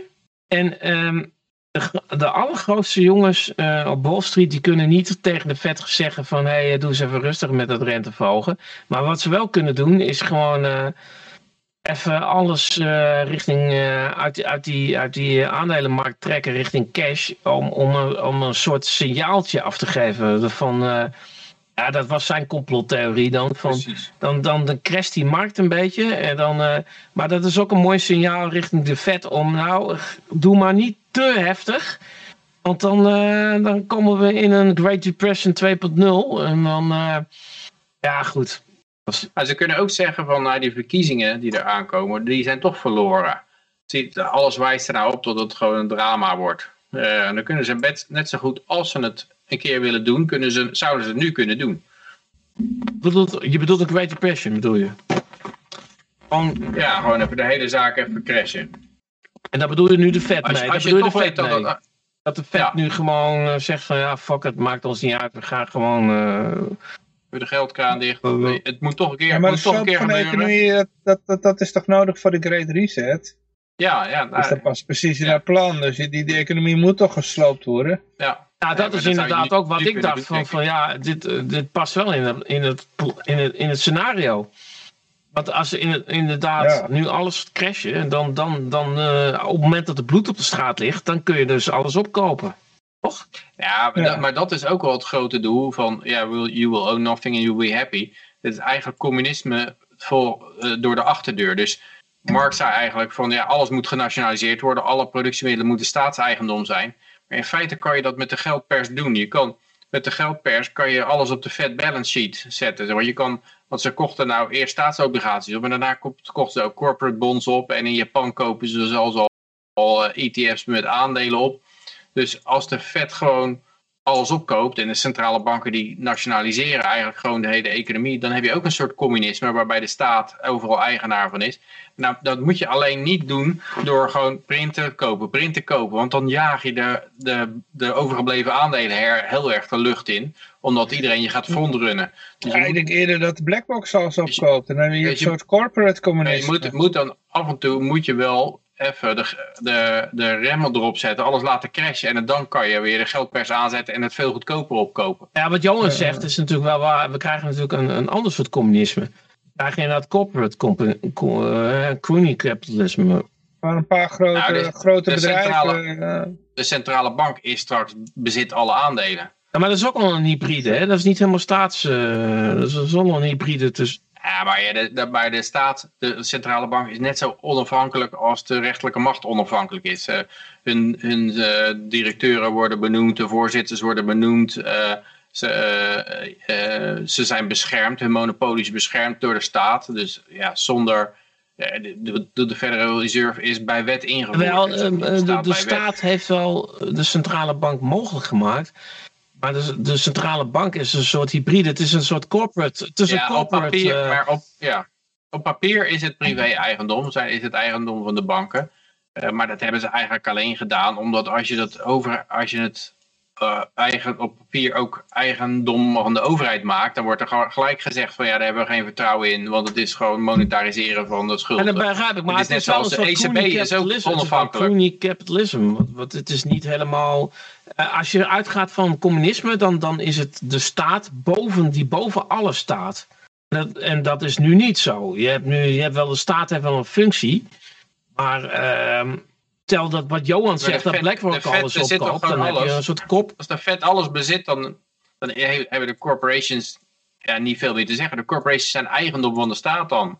Of van de Federal Maar wat is de Reserve, staat dan? De, de staat is eigendom van de corporations. Gaat heen en weer mensen die in... Die Nee, nee, ja, ik denk dat... Kijk, corporations die kunnen de staat een beetje belobbyen. Maar ah, de corporations betalen belasting aan de staat. Dat betekent dus dat degene die belasting betaalt is de onderdaan. En degene die belasting int is de Maar de, mensen, de machthebbers, die worden wel... De machthebbers, die zitten daar niet toevallig. Die, dat zijn uh, vriendjes van de, van, de, van de big corporates. En dat zijn wel mensen die die daar neergezet zijn ja, maar ik denk door dat, de corporations. Ja, maar ik denk dat heel veel corporates aan het begin van zo'n cyclus het idee hebben van ah, het werkt best uh, die totalitaire macht van de staat. Want wij, wij kopen gewoon politici en dan krijgen we wat we willen hebben en dan doen we ons voordeel mee. Maar op een gegeven moment dan is dat geld gewoon niet meer nodig, dat, dat, dat lobbygeld. En dan, eh, dan denk ik dat de de corporate sponsors van de, en de lobbyisten gaan ontdekken dat ze eigenlijk niks meer te vertellen hebben. Ze hebben toch zelfs zo'n uh, helemaal Young Leaders uh, organisatie die gewoon wereldleiders aan het opleiden is en zo, en politici. Ja. Dat vinden ze. Maar ja, ja, het is gewoon hoe je de staat definieert. De staat ja, dat is, een beetje het punt. Want dat is de staat is, is, degene, die de, degene die de, die de orders geeft aan de soldaten en de politie. Zeg maar. Dat is eigenlijk de, dat is de staat. En ja, als dat... De staat zelf is al hybride geworden. Wees. Nou ja, het is gewoon iedereen die die machine bestuurt. Die daar invloed op heeft. En dat wisselt natuurlijk wel een beetje. Want uh, ja... Uh, je hebt inderdaad een verschil tussen macht en de staat. Macht is al iets... Ik denk dat, ik denk dat degene die de, die de bevolking narrative kunnen sturen, zeg maar. Degene die de hele bevolking uh, in COVID kunnen laten geloven, die hebben de macht eigenlijk. En die, dat is dat macht. Ja, en die kunnen, maar die... En dat gaat voorbij de staat. Ja, maar die kunnen uiteindelijk ook alle legers sturen, alle wetten maken. Iedereen die de publieke opinie kan besturen, die daar het knopje van heeft van de publieke opinie, dat is eigenlijk de echte machthebber. Ja, maar de macht hebben kan ook een verschuivend, dat kan ook een vloeibaar iets zijn. Ja, ja. Dat, kan ook een, een beetje... Vroeger was de kerk denk ik heel erg, en de, en de pauze en zo, die was heel erg uh, ja, van invloed op de staatsmacht. En, en nu niet meer, denk ik. narratief maar weet te bepalen, ben je de baas. Als, jij de, als jij de leidende realiteit weet te dicteren aan de mensen zoals we ah, ik denk dat, dat dag de dag kunnen. Ja. Ik denk dat de kerk, dat je dat nu kunt vergelijken met de experts. De wetenschap.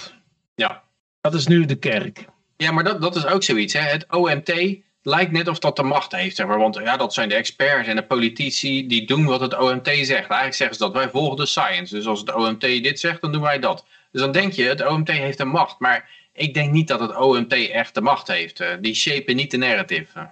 Ik zie de OMT meer als de kerk. En dan, ehm, net als de, vroeger de koning, die werd ook eigenlijk door, door God neergezet. Nou, en, en wie weet nou wat God wil en wat God niet wil, dat is de kerk. Maar dat is het samenspel. De experts, die weten eigenlijk hoe het zit. En de politici volgen dan die experts. Ja, de experts, weten, wat de, weten wat de science is en we moeten allemaal de science volgen. Dat is eigenlijk het verhaal. Maar goed, de, de experts die willen gewoon precies wat het, wat het beleid al moet zijn. Ja, Want, dus ik denk dat, de experts heel weinig... De experts worden natuurlijk wel betaald door de, door de overheid. Uh, dus ja, of, of, maar ook wel door Big Pharma zelf. Door, door, eh, of door klimaat, de, de klimaatlobby van bovenaf. Dus een beetje... Ik kan me voorstellen bijvoorbeeld dat, dat bijvoorbeeld zo'n Gerrit Hiemstra... dat hij misschien straks een hele leuke baan krijgt bij het IPCC. door, door wie wordt hij dan eigenlijk betaald? Door, door die klimaathouders uh, uit ja, als je, hij wordt aan de ene kant dat... betaald doordat het feit dat hij voor de publieke omroep werkt, dus dat hij dus letterlijk betaald wordt door de staat. Dus letterlijk door belastinggeld. Maar misschien krijgt hij straks wel een vette baan bij het IPCC via uh, de United Nations. En waar komt dat geld dan vandaan? Snap je wat ik bedoel? Nou, als je kijkt naar die, wat, wat je uit die Robert Kennedy uh, boek van over Fauci. Dan Fauci die heeft een budget van 6 miljard. En daar terroriseert hij echt mee. Dus als jij een wetenschapper bent die er anders over denkt dan, uh, dan zijn mannetje. Dan zorgt hij niet alleen dat jij geen geld krijgt. Maar hij zorgt ook dat als jij op een conferentie wil spreken, dat al zijn mannetjes teruggetrokken worden als, als zij jou laten spreken op die conferentie. Dus die conferentie krijgt gewoon een telefoontje van ja, als je, als je die figuur neemt of laat spreken, dan, uh, dan trekken wij al onze mensen terug. Waardoor die figuur dan eigenlijk zijn hele wetenschappelijke carrière getorpedeerd wordt. En dat vond ik wel, ja, dat, dat kan je dus doen met een budget van 6 miljard. Uh. En er zijn een heleboel van die agencies, maar hij schijnt ze eigenlijk allemaal indirect uh, onder controle te hebben. Uh, ja, en, en, en hij, hij verdient natuurlijk aan Big Pharma ook, omdat hij, hij natuurlijk die patenten royalties krijgt. En hij keurt er één goed en hij keurt een ander af. En daar wordt hij dik voor beloond. Ja, het is echt ongekend eigenlijk. Als je het zo allemaal neerzet, dan is het toch wel absurd dat men het al twee jaar laat gebeuren zo in hun face. En dat het al vanaf mijn hey, Het is weer gelukt. Johan is weer te zien. Ja, ja, ja. Dat, het dan vanaf mijn geboorte af gewoon uh, bezig is. Ja, en toch denk ik dat ook zo'n World Economic Forum, dat die een beetje te veel in de kijker lopen. Toen niemand ervan gehoord had, uh, en konden ze alles mooi bedisselen en uh, ja, hun, nieuwe leaders uh, naar schuiven. Een hele grote game change. Maar ik denk dat als het nu het wat meer in de kijker komt, dat dat dat slecht voor hen is. De echte macht moet je toch een beetje achter de schermen uitoefenen. Want als jij slechte dingen zit te doen, en, en je moet eigenlijk, dat, dat Mark Rutte bijvoorbeeld jouw poppetje is die het uitvoert, en die, die kan je ook zo weer dumpen en vervangen voor een andere. Maar zodra het duidelijk wordt dat jij die poppetjes zit te vervangen, dan komt de schijnwerper op jou te staan en dan is het, dan is het met jou afgelopen. Dat is net als een immuunsysteem van de samenleving, die maakt gewoon korte metten met je dan. Heb je dat filmpje nog gezien dat die politieagenten allemaal die Great Reset posters aan het wegkrabben waren? Nee. nee. Oh, ja, Willem, Willem kopen poster. Ja, boa's, ja.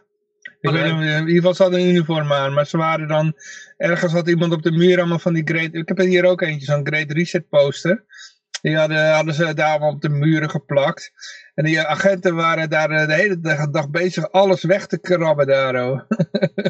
Het is zo leuk, een, een kennis van mij, die zei een jaar geleden nog van... Uh, ja, mijn zus, die gelooft in uh, complottheorieën. Oh, uh, kun, kun, je een voorbeeld noemen? Oh, ze gelooft dat... Centrale banken. Ze gelooft dat, uh, dat, in, in, het, in het World Economic Forum, ze gelooft dat dat staat. Ik zei van, uh, god heb je Google, want anders kun je namelijk kun je gewoon intypen. dat had hij nog niet gedaan. Maar, maar nu... Uh, Was hij nog niet aan toegekomen? nee. maar uh, nu heb je dus verhalen van... Ja, ja, uh, World Economic Forum, uh, dat bestaat gewoon. En de Great Reset ook. Uh, alleen wat complot dus een keer denken, dat, ja, dat het gewoon niet zo leuk is. Maar het is wel heel leuk. Het is, reuze leuk wordt het. het is wel leuk. En dan zijn er dus mensen die gaan, dat, nothing. die gaan dat delen. En dan, en dan ik, ja goed, een vriend van me had het erover. En die zei van, ja, ja, waar moet ik daar dan op reageren? Nou ja, ik zei van, ja, Weet je, het is natuurlijk ook een smaakkwestie, hè? You own nothing. En, en dan, uh, ja, voor de ene betekent dat, ja, god, uh, ik heb niks meer. Uh, dat, dat is niet leuk. Maar ja, you be happy. Als ze dat punt, als ze dat meenemen en, en het is voor hun waar, ja, dan, dan is het voor hun heel leuk, inderdaad. Gewoon. En dat, voor de complotdenker is het, is het niet leuk om niks meer te hebben. Dat, dat is dan het verschilletje. Maar het is nu dus al verschoven in de mainstream media is, is, is de Great Reset is dus nu gewoon een feit. Dus ja.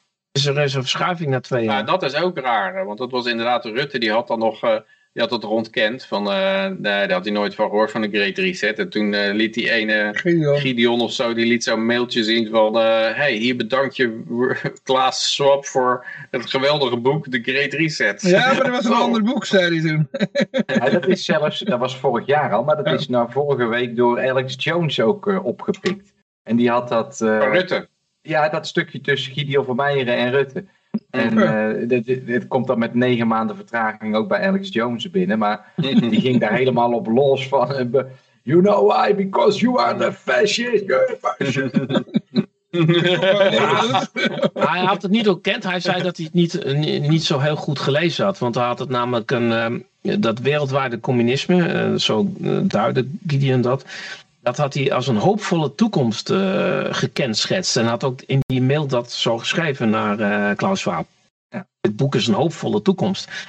Toen zei hij van ja, ja, maar ik, ik heb het uh, niet van kaft tot kaft goed gelezen. Het was meer om, om een beetje beleefd te zijn tegen Klaus Schwab. En dat, maar dat, zei dat alleen al is, is, een, is een zepert natuurlijk. Hè? Als je zegt, ik had eigenlijk niet gelezen, ik, ik lul maar wat. Ja, maar daarna zei hij, eh, dat is dan nog grappiger, want hij, eh, hij had het dus niet zo goed gelezen. Maar hij zei van, ja, het was niet zijn beste boek. Nou, dat, dat kun je dus alleen maar weten. ze allemaal gelezen. Ja, had ze dus allemaal gelezen. En, en, dus, en dus hij had deze dus ook gelezen, anders weet je niet dat het zijn beste boek was. maar hij zei dus, zijn, zijn vorige boek was beter. En zijn vorige boek was The Fourth Industrial eh, Revolution. Oh, en als we het over echte wappie uh, shit hebben, nou dat is dat dus, hè, dat we getransmaniseerd worden. Dat we half robot zijn en een chips in onze brein hebben. Dat was volgens Rutte een nog een beter boek. maar sinds, sinds dat gebeurd is, is oh. Rutte meermaals op het Binnenhof te zien geweest met een tasje van het World Economic Forum. Waar hij zijn documenten in loopt. Dus in plaats van een aktentasje heeft hij een of ander goedkoop in China geproduceerd sporttasje waar een heel groot World Economic Forum op staat. En er is niemand die daar uh, een probleem mee lijkt te hebben. Nee, want ja, dit is de manier waarop wij politiek bedrijven. Dus uh, dat is de internationale. Uh, hoe noemt de koning het ook alweer op de derde dinsdag? nou, ik had het woord, precieze woorden vergeten. Nou, ik zie het nog gebeuren op Prinsjesdag. ontzettende schoot, schoothond die Rutte. Ja, maar ik zie het nog gebeuren op Prinsjesdag dat in plaats van het koffertje van uh, derde dinsdag in september, dat er dan gewoon World Economic Forum op staat. Ja. Ja. ja en, en, ik zie me dus voor me dat er geen één persbureau op dat moment zegt van, goh Rutte, waar denk je eigenlijk mee bezig te zijn met je World Economic Forum? Is dat wel eens een nou, keer... wie dien je eigenlijk? ja, wie dien jij hier eigenlijk? En, en dat is volgens mij nog veel erger. En daarom heeft het zover kunnen komen, omdat dat dus al twintig jaar of in ieder geval zolang ik het me kan heugen, op die manier eh, geregeld wordt. Hij had ook gezegd maar, het gebeurt, maar het gebeurt allemaal achter de schermen inderdaad. Zij, zij benoemen wereldleiders en bepalen de agenda. En, en de, de menigte heeft is zich gericht op die, op die nationale leiders. Maar die eigenlijk niks te zeggen hebben. Want als die, als die verdwijnen, komt er zo weer een ander poppetje van uh, wat gewoon het, uh, hetzelfde doet. Ja. Uh, en ik denk dat dat nou wel een beetje begint uh, duidelijk te worden. Maar, maar dus Rogier gaat helemaal, uh, jongens, Rogier gaat nog helemaal okay. los in de chat. Ik weet niet of iemand er nog naar wil kijken. Ja, ik weet wel. Of ga verder, hij, hij, hij, hij toch Jan, hè? Dus, ja. Oh, ja, ja, dat weet ik Maar, um, maar in datzelfde stukje met Gideon van Meijer hè, had hij ook gezegd van, uh, het ging over Klaus Schwab, van, uh, dat Rutte had gezegd van, dat, dat Klaus Schwab alle debatten volgt in Nederland. Hmm. Dat zit in hetzelfde stukje.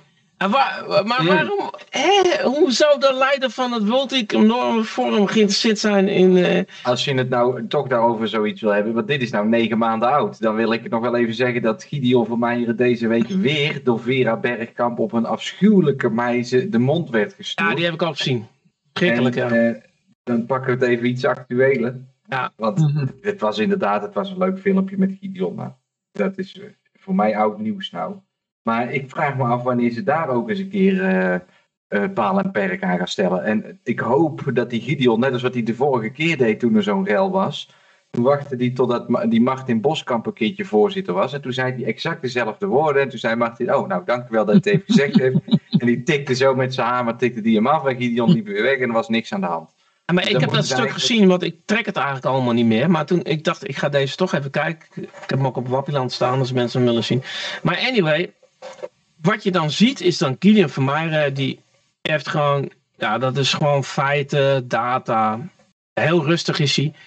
En, en, en ik weet niet waar al die wijven vandaan komen hoor. Maar je hebt wijven van GroenLinks, je hebt wijven van. PvdA, je hebt wijven van de ChristenUnie. Het zijn allemaal wijven en uh, het argument wat ze tegenbrengen is van, nou ik vind het heel erg dat je dit zegt. En ik vind het ook heel erg dat iemand dit mag zeggen in, in, in de ja, Tweede Kamer. Altijd, hè? En, en, uh, en, en, daar gaat het alleen maar om. Het is, ze willen gewoon dat, dat er ingegrepen wordt door de voorzitter van dat Gideon dit niet mag zeggen. En ik, en ik, ik voel me, ik, ik ben echt heel erg gekwetst dat dit allemaal wordt gezegd. En het is allemaal van dat gejank en gejammer. Het is verschrikkelijk. Je weet toch wat Hans Theo heeft gezegd? Uh, linkse vrouwen houden van rechtse praatjes. Praatjes, ja. Neukt Dat is... ik, vind het, ik vind het zo bijzonder dat er dus dan wordt geprobeerd echt om de mond te snoeien. En dan van die dingen van, ja, dus, dus dit komen we nu overeen. Hè? Wat ik nu hier ga zeggen, dat, uh, daar zijn we het nu allemaal over eens. En daarom gaan we het er nu niet meer over hebben. Zo, en nu heeft u het woord weer. En dan doet hij het altijd zo mooi. Zegt hij, ja, maar... Uh, en dan begint hij toch weer gewoon helemaal voor, vooraf aan. Want hij laat zich er gewoon niet inlullen. En dat vind ik wel een goeie. Want Precies. ze proberen hem gewoon steeds weer... Uh, van iedereen die daar zit... Is dat echt degene die het meest in de buurt komt van hoe dat ik erover denk? En dat kunnen ze allemaal heel erg vervelend vinden, die andere 149. Maar het is precies zoals het gaat. Je wordt continu de mond gesnoerd. Ik roep al vanaf Bitcoin van 50 euro af dat iedereen zijn huis moet verkopen en dat, dat, dat er hyperinflatie op komst is. nou is het 50.000 euro en nou zeg ik niet meer dat je huis moet verkopen, maar dat was toen. Hè. En, en, en het wordt gewoon een struisvogeltechniek. Mensen die willen het niet horen. Nee hoor, want het is allemaal complot, wappie, gezeik. En mensen hebben totaal geen feiten. Ze, het, ze, ze lullen gewoon maar uh, een hoop. En ze zeggen alleen maar, ja, dat is een complottheorie. Ja, daarbij zijn Inderdaad. En het is echt, uh, daarom ben ik nu met die actie begonnen van 1 miljoen EFL's weggeven. Want als het nou niet gebeurt, dan uh, zie ik het gewoon echt niet meer gebeuren. Want als ze het nou nog niet in de gaten hebben, het, het is al zo lang aan de gang. En nou na heel dit corona gebeuren, als je het nou nog niet in de gaten hebt. ja. Nou, wat, wat, ik leuk vind aan Gideon is dat hij zegt gewoon, uh, ja, ja, van... Uh, en, en daar wordt hij ook toe gedwongen van, ja, jullie hebben, ja, jullie, uh, Gideon, jij noemt ons misdadigers. Want dat wij, dat, dat wij allemaal met opzet doen en dat het misdaad is. En, en, en waarom doe je dan geen aangifte? Nou, dan gaat hij dat keurig uitleggen. Zegt van ja, ja, het is ook misdaad. Wij vinden dat bij de FVD en wel hierom. Dan legt hij het allemaal uit.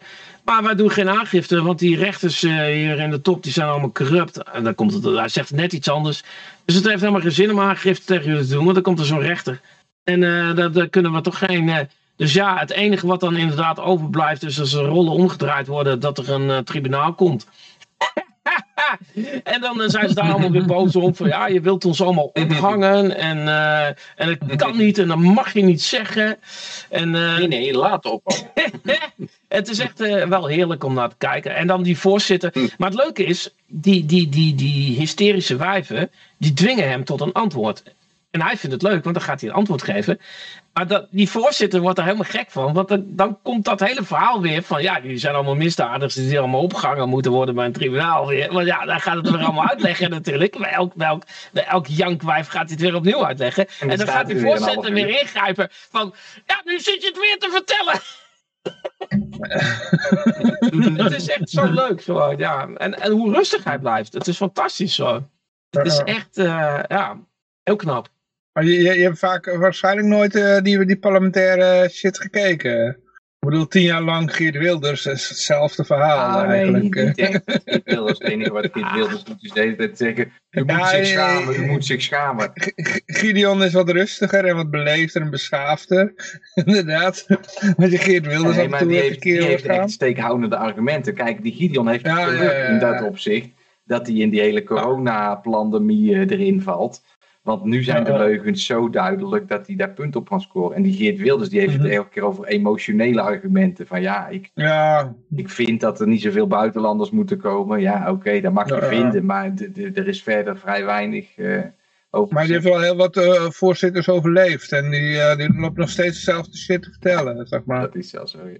en dan zie je al iedereen weer. Maar kijk, die mensen pakken ook hun moment. Hè? Want kijk nou, maar laten we even Geert Wilders nemen. Die prikt voor zijn achterban. Ja. En daar worden stukjes highlights uitgeknipt. En dat wordt dan gepost. En iedereen die zegt, ja, ben ik mee eens. En, maar dan heb je ook bijvoorbeeld een, uh, dat konijn van uh, GroenLinks. Uh, die, die met die krullen.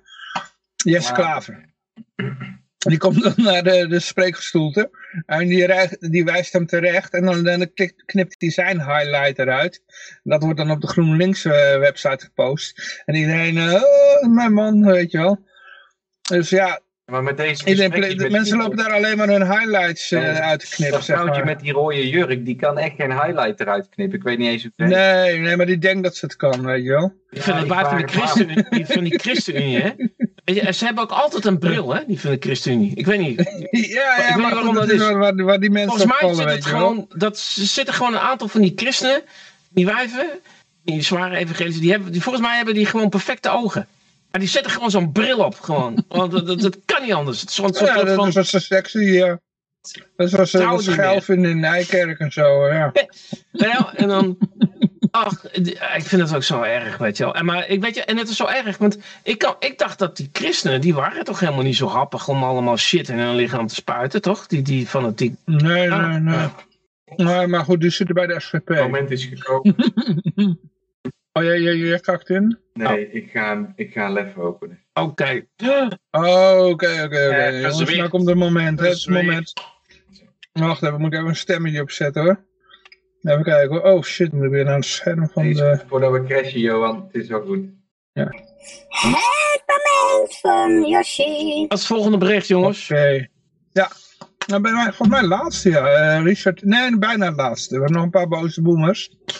Uh, die bewaar ik voor het laatste. Maar uh, Richard Attenborough, talking about the boomer. En die, ja, ja die, die, die, die, die, zat ook te huilen om de planeet. Maar die viel niks te, huilen, te huilen. Dus die dacht, fake it till you make it. Wij scoren wel, wel even een paar dode walrussen die liggen te slapen of zo. Die waren zogenaamd van de cliff afgeflikkerd. Ik snap, snap wat, het fipt, fipt woord niet. Fipt? Ja. Oké, waar staat dat? Attenborough fipped about hundreds of dead walrus because he wanted what the WEF World Economic Forum was. Spot. Volgens mij is dat fake it. Ja, er staat fipped. Bespotten. Hm. Nee? Weet ja, niet, hij volgens mij. Ik zal even kijken. Ik ga gewoon to be fipped. Nou, ik heb, ik heb het gewoon toen vertaald, dus ik heb het even kijken. Ik heb, uh, ik heb de, de vertaling hier staan. Oh ja, toch fake ja. Maar trivial en harmless. Ja, dit is een, een, stukje van Susan Crock en dat is volgens mij de... Van Fabel. Susan Crock is de wetenschapper uh, die uh, heeft ontdekt dat er zes keer zoveel ijsberen zijn. Mm. Die heeft toen uh, dat gerapporteerd en die is nou nergens meer welkom op geen enkele universiteit, want dat was altijd gastspreker. Het zal wel net zo zijn gegaan als met, uh, met uh, de tegenstanders van Fauci, denk ik. Dus uh, ja, die had gewoon niet het, die kwam niet met het nieuws wat de Doom is money mensen wouden horen. En, mhm. maar ik heb ook al eens, de eerste keer dat ik iets hoorde over Sir Attenborough, dat hij nogal ja, een beetje fout bezig was. Dat was van de oprichter van Greenpeace. Patrick Moore. Ja, precies. En die vertelde mij dat verhaal dat hij uh, Attenborough hoorde huilen in een natuurfilm. Namaak huilen. Van, uh, over die albatrossen die dan ehm, plastic aan het voeren waren aan hun kuikens. En als je dan die, die kuikens open, als je dan een dood kuiken vond, dan zat er plastic in. En, dat, en die zat dan te huilen, omdat het was dan zogenaamd zo dat die albatrossen die verwarden dat met voedsel. En, uh, maar goed, de, de kritiek van uh, Patrick Moore was van hij weet gewoon donders goed wat er echt aan de hand is. Hij doet dit voor de BBC en uh, voor wie, wie nog anders. Maar het ging er dan om dat wat albatrossen die geven steentjes of harde stukjes of stukjes plastic aan kuikens. Want dat, dan kunnen ze hun eten vermalen. En volgens die Patrick Moore is het zo van dat die Sir Attenborough dat echt wel moest weten en, en zat. En, en die zat gewoon te faken. En, en dat verhaal te vertellen, wat gewoon een leugen was, en er gewoon bij te huilen in een natuurfilm. Dus uh, ja, en, en dit is nou het verhaal van uh, met die uh, walrussen die, die zich van de klif af laten storten. En dat is dan ook weer zogenaamd te wijten aan klimaatverandering. Daar gaat die Susan Crock, die gaat daar eventjes op, dit is eigenlijk al de, de tweede keer dat ik uh, Sir Attenborough uh, in een uh, verkeerd daglicht zie als het gaat om... in, het, in het correcte daglicht bedoel je? Of ja, in het correcte daglicht, ja. Inderdaad. Ja, dat is een enorme vervelende sentimentele, sentimentele scientist. Een sentimental scientist. Ja, maar het is echt wel iemand van, van. Want ik vind natuurfilms dan wel leuk, want dat is het enige wat dan wel leuk is. En ik kijk er ook Ik vind gewoon natuurfilms wel leuk. En uh, ja, die Attenborough. Maar ik, ik, ik schrok er zelf ook wel van. Want, want Attenborough is toch zo'n beetje zo'n lieve vader. Die, hmm. die eigenlijk alles wel, hè, die het goed met ons meent. Zo, zo, voelt, zo komt hij toch op je over. En ja, maar als je bij de BBC werkt, daarom, daarom wordt, daar is hij waargenomen natuurlijk. Ja, nee, maar dat geeft aan hoe fucking naïef ik ben, Peter. Ik ben ook gewoon zo'n naïveling dus. Als er, gewoon... als er Sir voor zijn naam staat, dan uh, moet je het al weten. Ja. Als ik Johan... Sir Paul McCartney. Ja. Als ik Johan mag citeren, volgens mij heb jij dat een keer gezegd. Als er koninklijk ervoor staat, dan is het sowieso kut. Volgens mij had jij dat gezegd een keer. Ja, ja, ja, Oeps, Alles wat begint met koninklijke... Dat ging toen om Koninklijke Horeca Nederland.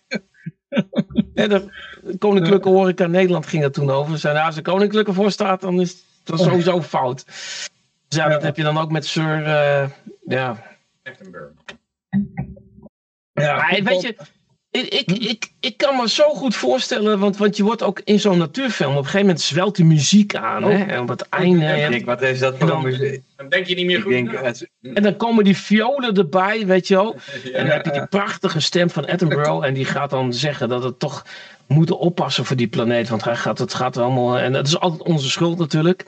Uh, en dan weet je dat er een fout bericht aan komt. En dan uh, met, die, met die prachtige muziek eronder. En, en ja, uh, als, je violen eronder hoort, dan weet je dat je een bericht krijgt, te horen krijgt waar eigenlijk bullshit is. Maar door die violen komt het pas overtuigend nodig. We hebben die violen nodig, anders, anders ja. was het niet overtuigend. ik kijk ook wel eens naar films, maar dan zwelt er meestal wat anders aan. Hè? het menselijke soort. Die was wel heel makkelijk hoor. soort dat zich. Die, die, maar, die zit de van, van, van, begint te werken. ook onder uh, Josie. Hij smaakt goed inderdaad, Peter. Hij is smakelijk. Uh, beter als dat een spul van je buurvrouw. Dat is gevaarlijk, joh. Oh. ik, ze verkopen hier moonshine. Moon, ja, dat, dat, maken ze zelf. Een soort ja.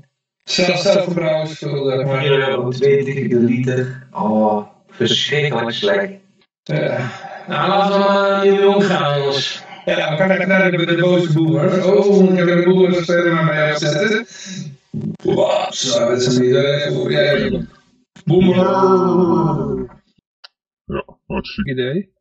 Um, Wat staat dit? Ja, jullie horen het niet, maar dat horen ze op de uitzending wel. Een geluidseffectje. Uh, even kijken. Ja, de boze boemer. Kijk hoor. De boemer van de week. Hoppa. we hebben er twee eigenlijk. Eh, ik laat hem even aan jullie over, jongens. oh, nou, we zijn bijna aan het einde, Peter. Ja. Het kan, nog zeker een uur, kan nog zeker een uur duren. Ja. Nou goed, uh, de bo boomer. Oei, oei.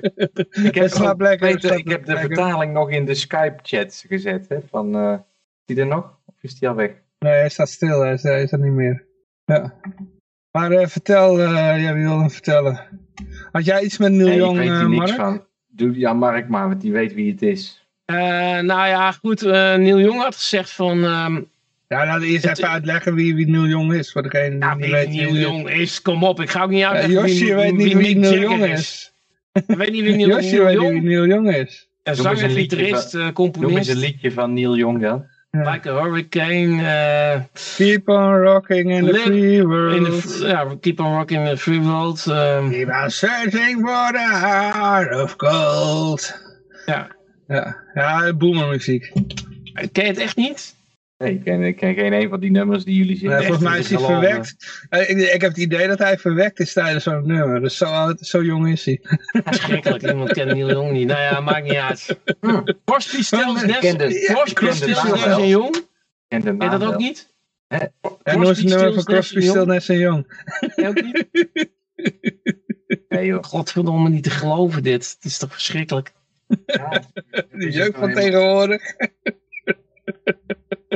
Nou ja, maakt niet uit. Uh, ik ken hem en ik vond er ook geen fuck aan, maar uh, goed, uh, ja, verder. Het doet er niet toe. Neil Young, nou ja, in ieder geval een... ik heb altijd een zeikende ouwerd gevonden. Ja, ja anyway. Grote, grote artiest. maar anyway. Hij zegt van mijn muziek moet van Spotify af als Joe Rogan op Spotify nog te horen is. Ja. Want Joe Rogan die verspreidt misinformatie over vaccins. De rebel. En, uh, maar goed, het is wel grappig, want uh, uh, Joe Rogan, wat die, hij is de interviewer. En hij interviewt dan bijvoorbeeld die Malone, zo heet hij toch? Die ja, uitvinder van het mRNA-vaccin. die zichzelf geen uitvinder mag noemen. Nou ja, hij is een van de bedenkers van, een van de ja, ja, ja, bedenkers van, van de mRNA-techniek. En die, die is een beetje kritisch over het verplicht vaccineren.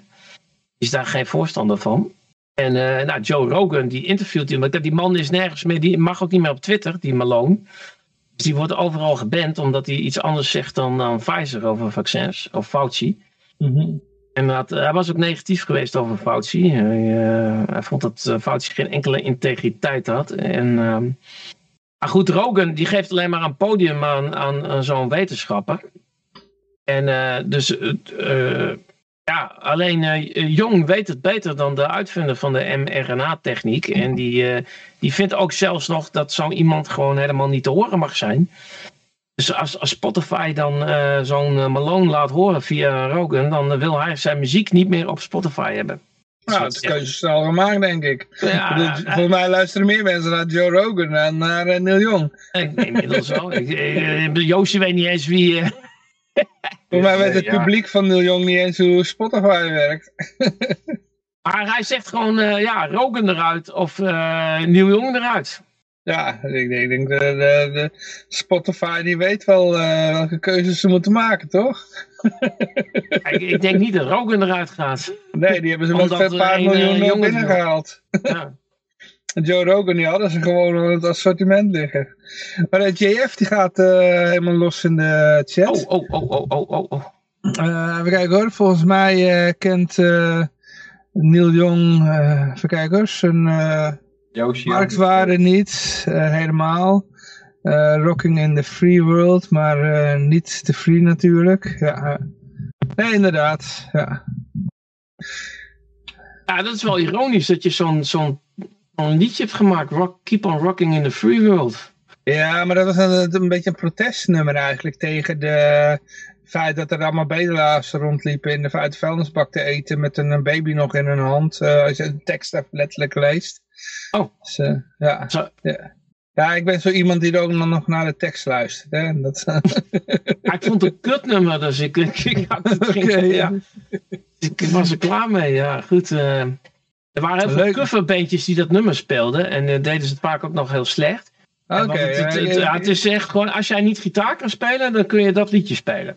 Oh, oh god. Zo'n nummer is het. En uh, nou, dan, dan heb je allemaal van die uh, boeren. En er zit altijd één hele goede muzikant in, hè? Maar, maar dat komt dan. En die mag de solo doen. Die, nee, maar je moet je voorstellen, zo'n, dan kom je ergens en dan speelt er een bandje in jouw voorprogramma. En dan en dat bandje, dat, dat, de, nou, de zanger die komt uit, uh, uit, uh, uit, uit Giekerk. Uh, de gitarist komt uit Onkerk. de drummer die komt uit uh, Tietjerk. En dan, maar ze, want je hebt niet in één dorp heb je gewoon vijf mensen die, die muziek kunnen maken. Oké. Nou, en maar, dan, maar dan kan het gewoon rustig zo zijn dat gewoon één van de jongens die is waanzinnig goed. Ja, ja. Maar, maar de rest die kan, die kan niks. Dus dan, waar kom je dan bij uit? Dan kom je bij Rocking in the Free World uit van Neil Young. Want dat Zo is toch uh, Neil Young en Crazy Horse ook in elkaar? Ik bedoel, Neil Young was de enige die weet, wist hoe hij een microfoon moest vasthouden. De rest uh, was een beetje van het niveau uh, net uit de studio, weet je wel, uit de oefenruimte. Ja. ja, ah, ja dat was dan Crazy Horse. Maar, dan, maar het punt is dat ik denk dat ik Rocking in the Free World, ik denk dat ik dat ongeveer uh, 3.500 keer gehoord heb door, uh, door 900 verschillende bandjes, weet je wel. En, uh, ja, je moet het, het chat lezen. oh, ik kan die chat niet wat, wat, wat moet ik de chat lezen? Want ik zie ja, alleen maar de chat. In, in de Skype heb ik ergens een link gegooid in de chat. Maar, uh, even kijken, Flabbergast, uh, die zegt, die, die kent uh, Joe Rogan ook niet wel, Joe Rogan. Maar ja, een soort van Willie Nelson. ja, ja, ja, ja. en Rogier die reageert op wat jij zei. Ja, dat waren wij. Heerlijk, toch? Iemand zegt nog, oh, leuk man, die six. Ja. Ik ken wel uh, Brushy One String, kennen jullie die? Ja, ja, ja, natuurlijk. Ja, die is al een oude, joh. Ik ken hem nog voordat hij Rastas had. Uh, toen hij nog kort haar was. Die, die is al uh, een hele oude. Ja, dat is een legende. Ja. Nee, maar, maar ik, trouwens, Yoshi, jij nou, jij nou hier toch zit. En we moeten trouwens nog even naar het Rad van Fortuin toe. Want uh, oké, mensen, want ik, zie, ik heb nou het idee dat er nieuwe mensen bijgekomen zijn die net uh, niet gereageerd hebben in de chat. we geven nog steeds EFL weg. En de vraag is, wie is de schrijver van uh, het boek of de boekenreeks uh, Human Action? En dan willen we het laatste stukje van zijn achternaam hebben, dus zonder von. Ja, en dat is uitroepteken en dat is het laatste stukje van zijn achternaam. Hij geeft het antwoord bijna, dat is toch wel niet... Ja, ja, maar goed, Rogier heeft het nog steeds niet... Ja. Uh... Zeg dan zonder voorzetsel, dan kan het nog van der zijn. Of, of, of, ja, ja, ja. De.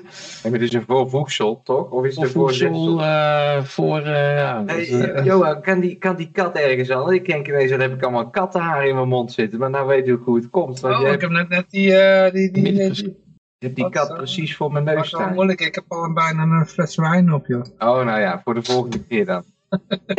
nou zit ik volgens mij met mijn neus in die cactus. ik ga wel even kijken of ik kan verplaatsen, ik zie gelijk twee antwoorden erbij. Uh, ik vind wel lul. Ze hebben de, die, die JF en die Flabbergast, die hebben de hele uitzending hebben ze gemist. En nu komen ze in één keer met, met in de chat. Geef ze het goede antwoord. Terwijl, dit was de beste uitzending volgens mij tot nu toe. Waar en die EFL's die verkopen ze meteen hoor, die EFL's. Gaan ze meteen op de markt dumpen. Zo hè. Nou wil ik er echt geld voor, zeggen ze dan allemaal. Zulke ja. types zijn dat. ja, maar wacht maar tot ze dat jij de uitzending terug hoort. Uh, en uh, er, is ook een, uh, er is ook een nieuwe, nieuwe serie Koning Wappie. Heb je daar al reclame voor ja, gemaakt? Ja, weet maar, maar nog maar even. op Twitch doet Yoshi, die je naast me ziet met die kroon op. Die ja, gekke ogen, die doet de Koning Wappie show. Nodig je vrienden uit, ik zal verklappen, ik heb al meer maar volgens mij zit, uh, zit iedereen die in de chat zit, die zit er al in jouw ja, maar, maar, dan, dan hoor je echt een complottheorie, hè? Niet, niet, niet, niet, niet van dat je de centrale banken, dat die bestaan, hè? Waar, waar, ik dan nee, van... is je man dan nog niks bij. Dan, dan, gaat echt over Maya-kalenders en over uh, reptilians en uh, nou ja... Ja, Yoshi gaat daar e-gelden mee groot maken met dat soort. ja, dus die heeft daar een hele theorie bij, denk ik, of niet? Maar even nog nou, je laatste die, kans. Dat moeten al die mensen doen die die e-mail dus gaan ontvangen. Hè?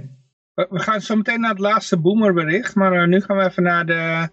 Raffle. Uh, de, ja, even naar de, de raffle toe. En het antwoord is niet Ludwig voor raffle, uh, Rogier. Dus nu nog je laatste, kant, laatste kans om de, de achternaam van uh, Ludwig... Wat was er nog hier dat? Ik doe ook weer mee. Ik doe ook weer mee. Oh, oké. Okay. Oh ja, jij was de winnaar. Ja, ja, ja. Ik had vorige week gewonnen, dus ja, maar nog maar een keer. Nu, ga je hem weer, nu ga je hem weer winnen. Alright, kan ik ze morgen weer weggeven aan jou. Hè? Ja, ja, Hoeveel ja. gulden gaat het om, uh, Johan? Uh, 20. Ja. Mozart. hey, het is zonder Foem, hè? Als je vindt dat het Mozart is. Ook niet van Beethoven, nee. Het is ook niet Ludwig van Beethoven.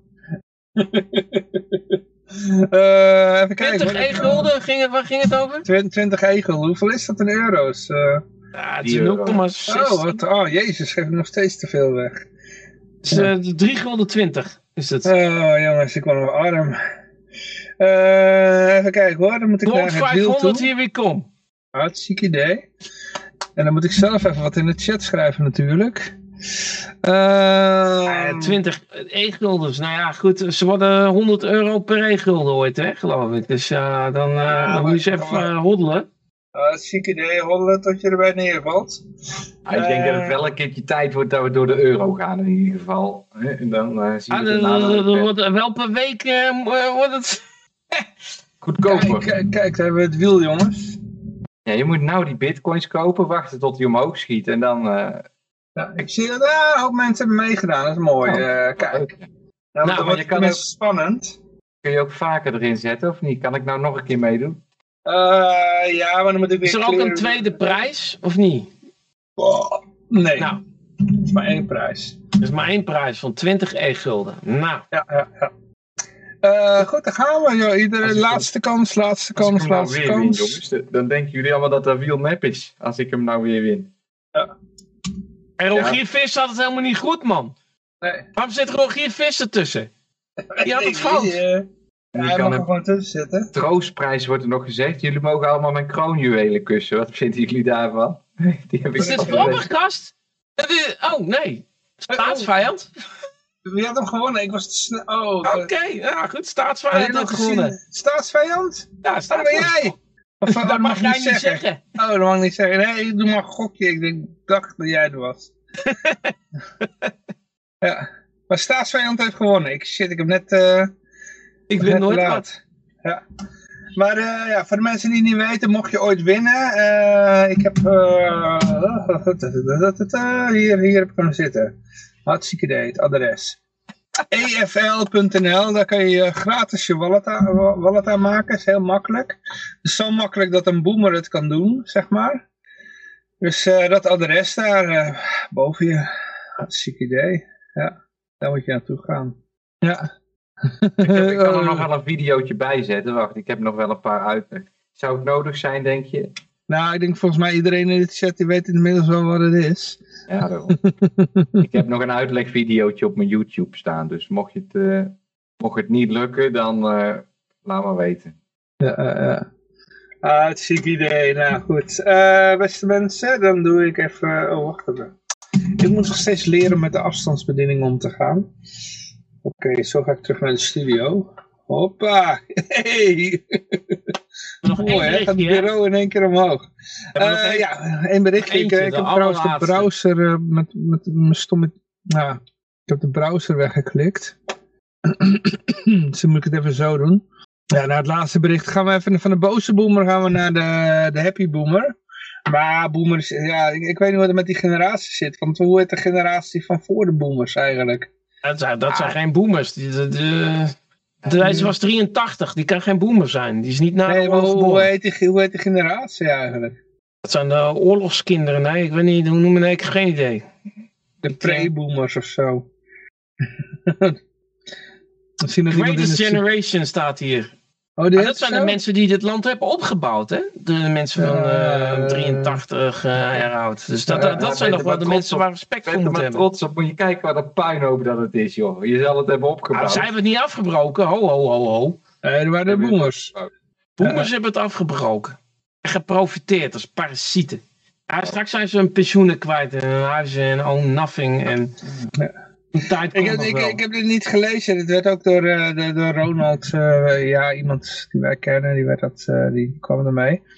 En in ieder geval een, een, een, tacht, een tachtiger die, die heeft maar liefst 11 COVID-19 vaccins in zijn lijf gespoten gekregen. En hij heeft zich nooit zo goed gevoeld. Wie heeft het wel gelezen? Ik heb het niet gelezen, maar ja, dit oh. komt een beetje op mij over van, uh, als een soort geruststelling. Van uh, mensen moeten niet zo bang zijn dat ze een stuk of vier, vijf moet, prikken moet, kunnen. Moeten we misschien niet even lezen wat erin staat? Wie kan het even voorlezen? Ja, maar ik, kan het, ik zit maar te zoeken en ik kan het maar niet vinden. Er zit in forum.vrijdradio. Ah, dat weet ik wel, maar ik zit al even... Deze man krijgt uitgebreide aandacht en wordt gequote als Bram Deo Mandal van 85 zegt dat hij gelooft dat covid-vaccins uh, zijn uh, tekortkomingen hebben verbeterd. Of zo zeg je dat? Uh, zijn, zijn kwaaltjes hebben verminderd. Dus hij had allerlei dingetjes. En sinds dat hij met is begonnen met COVID-shots, voelt hij zich zo geweldig. Hij heeft nergens meer last van. Nou, uitgebreid artikel. En in de krant en een filmpje. En een, deze website, Oddity Central. Geen idee met een alien gezicht als logo. Ja, maar er moet toch ergens een grap in zitten. Want die, die, de gozer die hem gepost heeft, die, uh, die gaat niks posten zonder dat er een grap in zit. Uh. Ah, de grap is gewoon dat dit als een verhaal wordt gepresenteerd. Ja, het is een beetje een soort snake oil verhaal. Hè? Dat, dat helpt ook tegen alle kwalen. Ja. Ja, maar er moet ergens iets in zitten dat je denkt van, nou, je dat leest, dat, dat je helemaal niet meer bijkomt van het lachen. waarom gooi je elke keer een bananenschil op de grond? Ja, dat is tegen de olifanten. ja, er zijn niet toch helemaal geen olifanten? Nee, nou zie je wel dat het werkt. Tegen... Ja, dat, dat, denk ik er ook bij. Net uh, dat bed en Annie verhaal inderdaad. Zo. Ja, als het gewoon een, drugs, een junkie is, weet je wel. Hij heeft er zoveel voor gehad, hij wil niks anders meer. Het is een soort heroïne. ja. Hij had allemaal kwaaltjes. Wat voor kwaaltjes had hij? En die zijn allemaal weg nou, sinds de... ja. ja. Ja, het, uh, uh, ja. Het is een beetje anekdotisch bewijs, hè? Ja, ja, ja. Ja. Ja, ja nou ja, goed. Ik, hij was 15 jaar, uh, had, hij, had, een, had een tragisch ongeluk gehad en dan was hij half verlamd. Of hij was gedeeld, ja.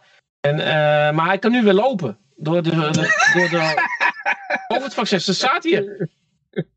Hij heeft alleen maar uh, uh, uh, Pfizer aan te roepen en in één keer zag hij een fel licht uit de hemel. Maar dat is een soort bij, het is een soort bijwerking dat als je verlamd bent en 15 jaar lang niet kan lopen, dan, dan dat je gewoon naar, hoeveel had hij er gehad? Een stuk of acht vaccins? Elf. Elf. En dan, dan, dan, kun, je, dan kun je weer lopen. Hij hoort ook nog stemmen in zijn hoofd. Had in één keer een persoonlijke relatie met Pfizer. Hij zegt, uh, my general weakness improved and my appetite improved. Okay. My backache has improved. Nou, en allemaal dat soort dingen. Ik heb geen rugklachten meer. Ik voel me beter. Ik heb, ik heb meer zin om te eten. Nou, oké. Eh. ja, ik, ik denk dat, uh, ja, ik weet niet of het me gaat lukken om 11 elf boosters te pakken. Hij was ook blind en doof, maar nu niet meer. zeg je, je, Dat is nog nooit zo goed gevoeld. Nou ja. Uh, over twee, uh, 200 jaar gaat hij... oh, het gaat nou heel erg snel in de chat. Dr. Fauci's wonderelix. Ja. moeten we het boek ook lezen? Over 200 jaar gaat hij dood. Maar er staat die dagen later weer. staat hier nog wel dat uh, de, de man van 85 uh, uh, bedreigt of dreigt zichzelf van het leven te beroven als die wordt vervolgd voor zijn daad. Oké, omdat hij, uh, oh ja, hij heeft natuurlijk meer uh, jabs dan hij eigenlijk mocht hebben. Ja, en ook op verschillende paspoorten heeft hij het gedaan. Dus uh, hij oh, zegt, als iemand me gaat vervolgen, als iemand me gaat vervolgen, dan beëindig ik mijn leven. Oh. Dus nee, het gaat heel goed met hem. Gaat heel... Pfizer gaat hem een hele gratis lading sturen, denk ik. hij krijgt nou het aan het infuus, mag de hele dag zo rondlopen, druppelt automatisch bij. Dan wil je wel weten wat er in zo'n uh, zo'n jab zit. Volgens mij zit er gewoon antidepressiva in. Nou ja, als er nog mensen luisteren die uh, al 15 jaar in een rolstoel zitten en niet kunnen lopen. Nou, uh, hier is de oplossing. En u iemand. Dan, ja. Nee, dat is niet gezegd. Het ging gewoon om rugpijn en een betere uh, hij was paralyzed. Na een, een tragisch ongeluk was hij paralyzed. Dat is verlamd. Heb ik nergens gezien. Ja, dat staat op de, in de laatste zin. Hij zag een, uh, zag een Pfizer logo op de, op, de, op de tv en toen liep hij naar de tv toe en legde hij zijn handen erop. En kent u iemand met een, uh, kent u iemand met een dwarslesie? Dan zou ik zeggen staat, van... Nee, nee, nee, is niet waar, want er staat uh, interestingly, just last week another man claimed dus er is een andere man die zegt dat hij van zijn uh, verlamming af is gekomen. Ah, zo. maar dat is dan jammer met die Christopher Reeve, hè, die, die Superman, hè, die, had toen toch, die was van een paard afgevallen en die kon niet meer lopen. Uh, ja, Als, als we toen die COVID-vaccins hadden gehad, nou, dan, dan, dan hadden we Superman, Superman weer, uh, weer gehad, ja. dus echt sterk spul hoor dit mag allemaal wel. En dat komt dan ook op zo'n nu.nl en zo komt dat allemaal terecht. Dat mag allemaal. Ja, er is ook een man en die zegt dat hij zijn van zijn verlamming af is. Maar als je zegt, nee, ja, ik denk dat je er onvruchtbaar van wordt, dan ben je een complot wat. En hier is Neil Jong weer niet tegen, hè? dit vindt hij geen uh, misinformation. ja. En dit wordt weer niet gefactcheckt, hè? Dit. dit zijn allemaal van die wishful thinkers, joh. En die willen gewoon dat het leuk klinkt. Oh ja, nee, dit gaan we toch niet factchecken, want ja, zo'n man, die, uh, dit is zo'n leuk verhaal, hebben we ook een keer een positief iets. Ja, ja. Gewoon, uh, die mensen willen zichzelf graag voor de gek houden, want als ze moeten inzien dat het allemaal bullshit is, dan worden ze helemaal depressief. En dan willen ze gewoon niet. Dan denken ze, shit, dan heb ik, jarenlang heb ik uh, terrorisme gefinancierd, terwijl dat ik dacht dat ik uh, terrorisme financierders te, aan het tegenwerken was. Ja. Maar dat is ook wel zo'n dingetje. Ik heb ehm, ja, ik heb iemand in de familie en daar moesten we laatst voor zorgen, want die had uh, ongeluk gehad. En uh, nou ja, in ieder geval, het eind van het verhaal, met een lang verhaal kort te maken, die was helemaal aan de antidepressiva en alles. En aan de pilleninfuus. En, uh, ja, ook pilleninfuus, hè? Dat is lastig. Ja, maar allemaal aan medicatie en zo. Dus dat was gewoon, dat lag daar op bed en dat kon niks meer. Dus we moesten dan, uh, nou moesten niet, een, vrijwillig gingen we daar dan uh, een dagje in de week even langs om de afwas te doen en wat eten te geven.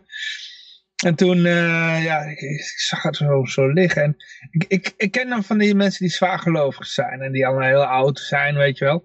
En als die dan liggen te slapen, hebben ze zo'n kruisje met zo'n kralen dingetje eraan. En weet je wel, dan slaap, zit ze met een kruisje liggen te slapen. En zij lag er dan met de pillendoosje alsof, alsof het een soort crucifix was. Lag ze zo, weet je wel. Als een soort, uh, alsof het een soort crucifix was. Ik vond dat zo tekenend. als je er eenmaal over gaat beginnen, wat er allemaal fout is aan de ja. farmaceutische industrie, daar kun je heel lang doorgaan. Ja, maar dit is dan iemand van zo'n echt van zo'n boemergeneratie. En die, die gelooft daar dan ook echt heilig in, weet je wel. De man in de witte jas is dan een soort e- autoriteit. En die loopt dan ook de hele dag te bellen als er, als er iets is. Zo zie ik ook die oude mensen die nu nog steeds eh, in de buitenlucht met een mondkapje lopen. Ja, zijn gewoon, die zijn zo geconditioneerd. Hun hele leven lang hebben ze dat verhaal geloofd. En die kunnen daar dus niet, niet buiten denken. En die worden ook heel... die kunnen echt heel erg boos worden als je gaat, daarmee in discussie probeert te gaan. En zegt, joh, het is toch allemaal gewoon bullshit. Nou, die, die, die ontploffen als je dat uh, niet met respect genoeg uh, uh, brengt. Dan kunnen ze die hebben ook allemaal zo'n tandenborstel, hè? omdat zo'n mannetje in een witte jas op de tv hebben horen zeggen dat klinisch bewezen ja, is dat die, die, dat, dat die tandpasta beter is dan die andere. En dan kopen ze dat ook nog. en van diezelfde mensen horen ze, oh ja, de bitcoin is alleen maar waard wat de gek ervoor geeft. En, uh, Josje, misschien moet je gewoon een witte jas aantrekken en dan zeggen dat de bitcoin klinisch bewezen is. Oh ja. Hey. Ik heb het dermatologisch getest. ja, ja, ja.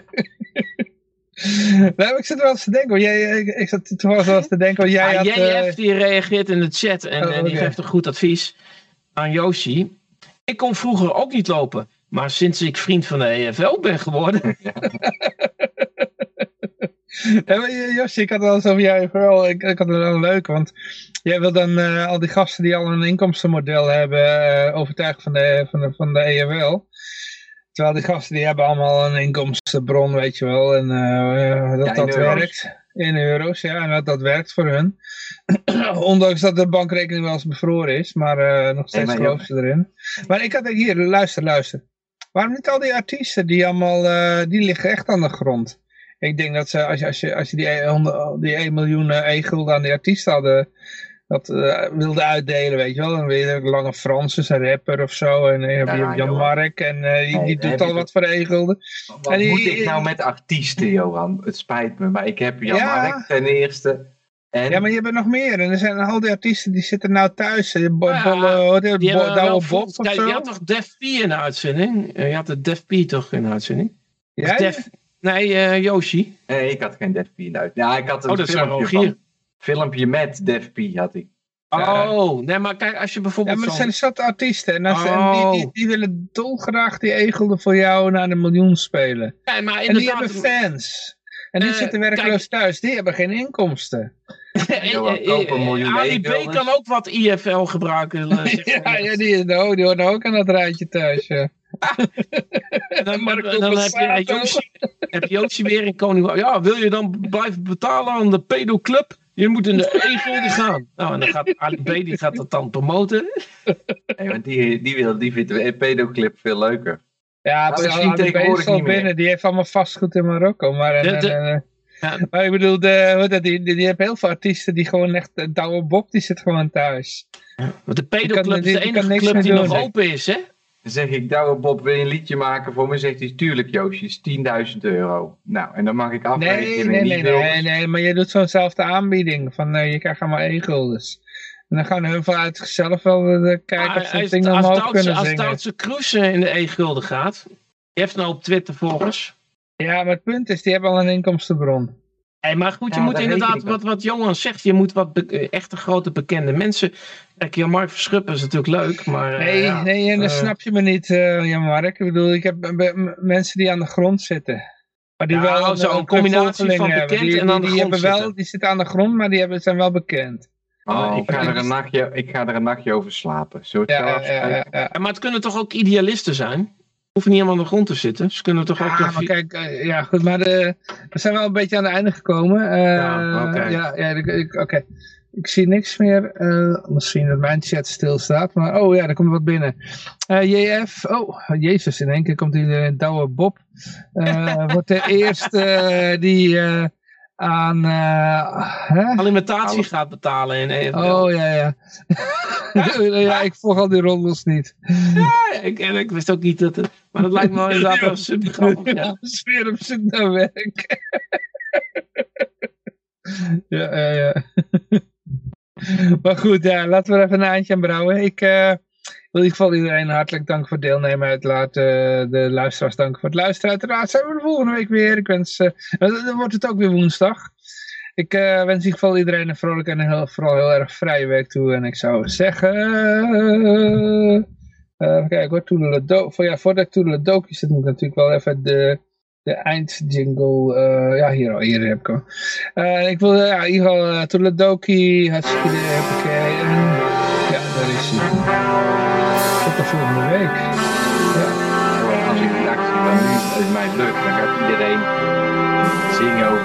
Met zijn e Dan gaat zo'n lange Frans die zegt, Joosje, kom je dan ook in mijn nummer? Want ik kan nog wel een paar views gebruiken. Ja, tuurlijk. Ja, ja. Dat is toch mooi? Ja, dat is mooi. Maar die, ik, ja, artiesten die, die dus het... Ja. Je hebt geen vertrouwen in artiesten. Zeg dat vooral tegen Jan Mark. Nee, maar ik heb het in het verleden, waren er bijvoorbeeld een rapper Boef. Hè? Een rapper Boef die leende zich daarvoor. En die kon je dan voor je karretje spannen, die gaf je wat cryptomunt. En dan zette hij op zijn Twitter van ik ben uh, die, die cryptomunt gaan doen. Ja, en op een gegeven moment roept de rapper Boef tegen een of andere vrouw, roept die, roept die wat. Dan komt hij in opspraak en dan heeft iedereen ineens een hekel aan rapper Boef. Nou, en dan zit je daar, heb je, heb je een, uh, weet je wel, hetzelfde als dat je Ali B, je hebt, je hebt Ali B heeft jou gesponsord. En overal staat Ja, maar dan kan toch ook met al die andere gasten die jij, eh, die je nou hebt uitgenodigd voor je e-gulden. Eh, die oh, kunnen ook wat, wat verkeers zeggen. Daarnaast, Willem Engel, die, wordt, is al helemaal zwart gemaakt in de media, terwijl hij niks gedaan heeft. Nee, maar oké, maar dat maakt niet uit natuurlijk. Nee, maar uh, zo'n zo viruswaarheid of een black box of een gezond verstand. Ja, die hebben... Ik zeg elke 15 minuten iets verkeerds, uh, jongen. Ja, volgens het establishment uh, zeggen ze alleen maar verkeerde dingen. ja, het lijkt vrijheid radio wel. Ja. Daar worden af en toe dingen gezegd. Het is weer laat genoeg en de buren... Ja, Oké, ik hou er ook mee op. Dan uh, ja, even strekken. Hey, uh, tot de volgende keer. Tot ook even even om vijf uur. Koning Wappie om vijf uur. Okidoki. Houdoe. Hoi.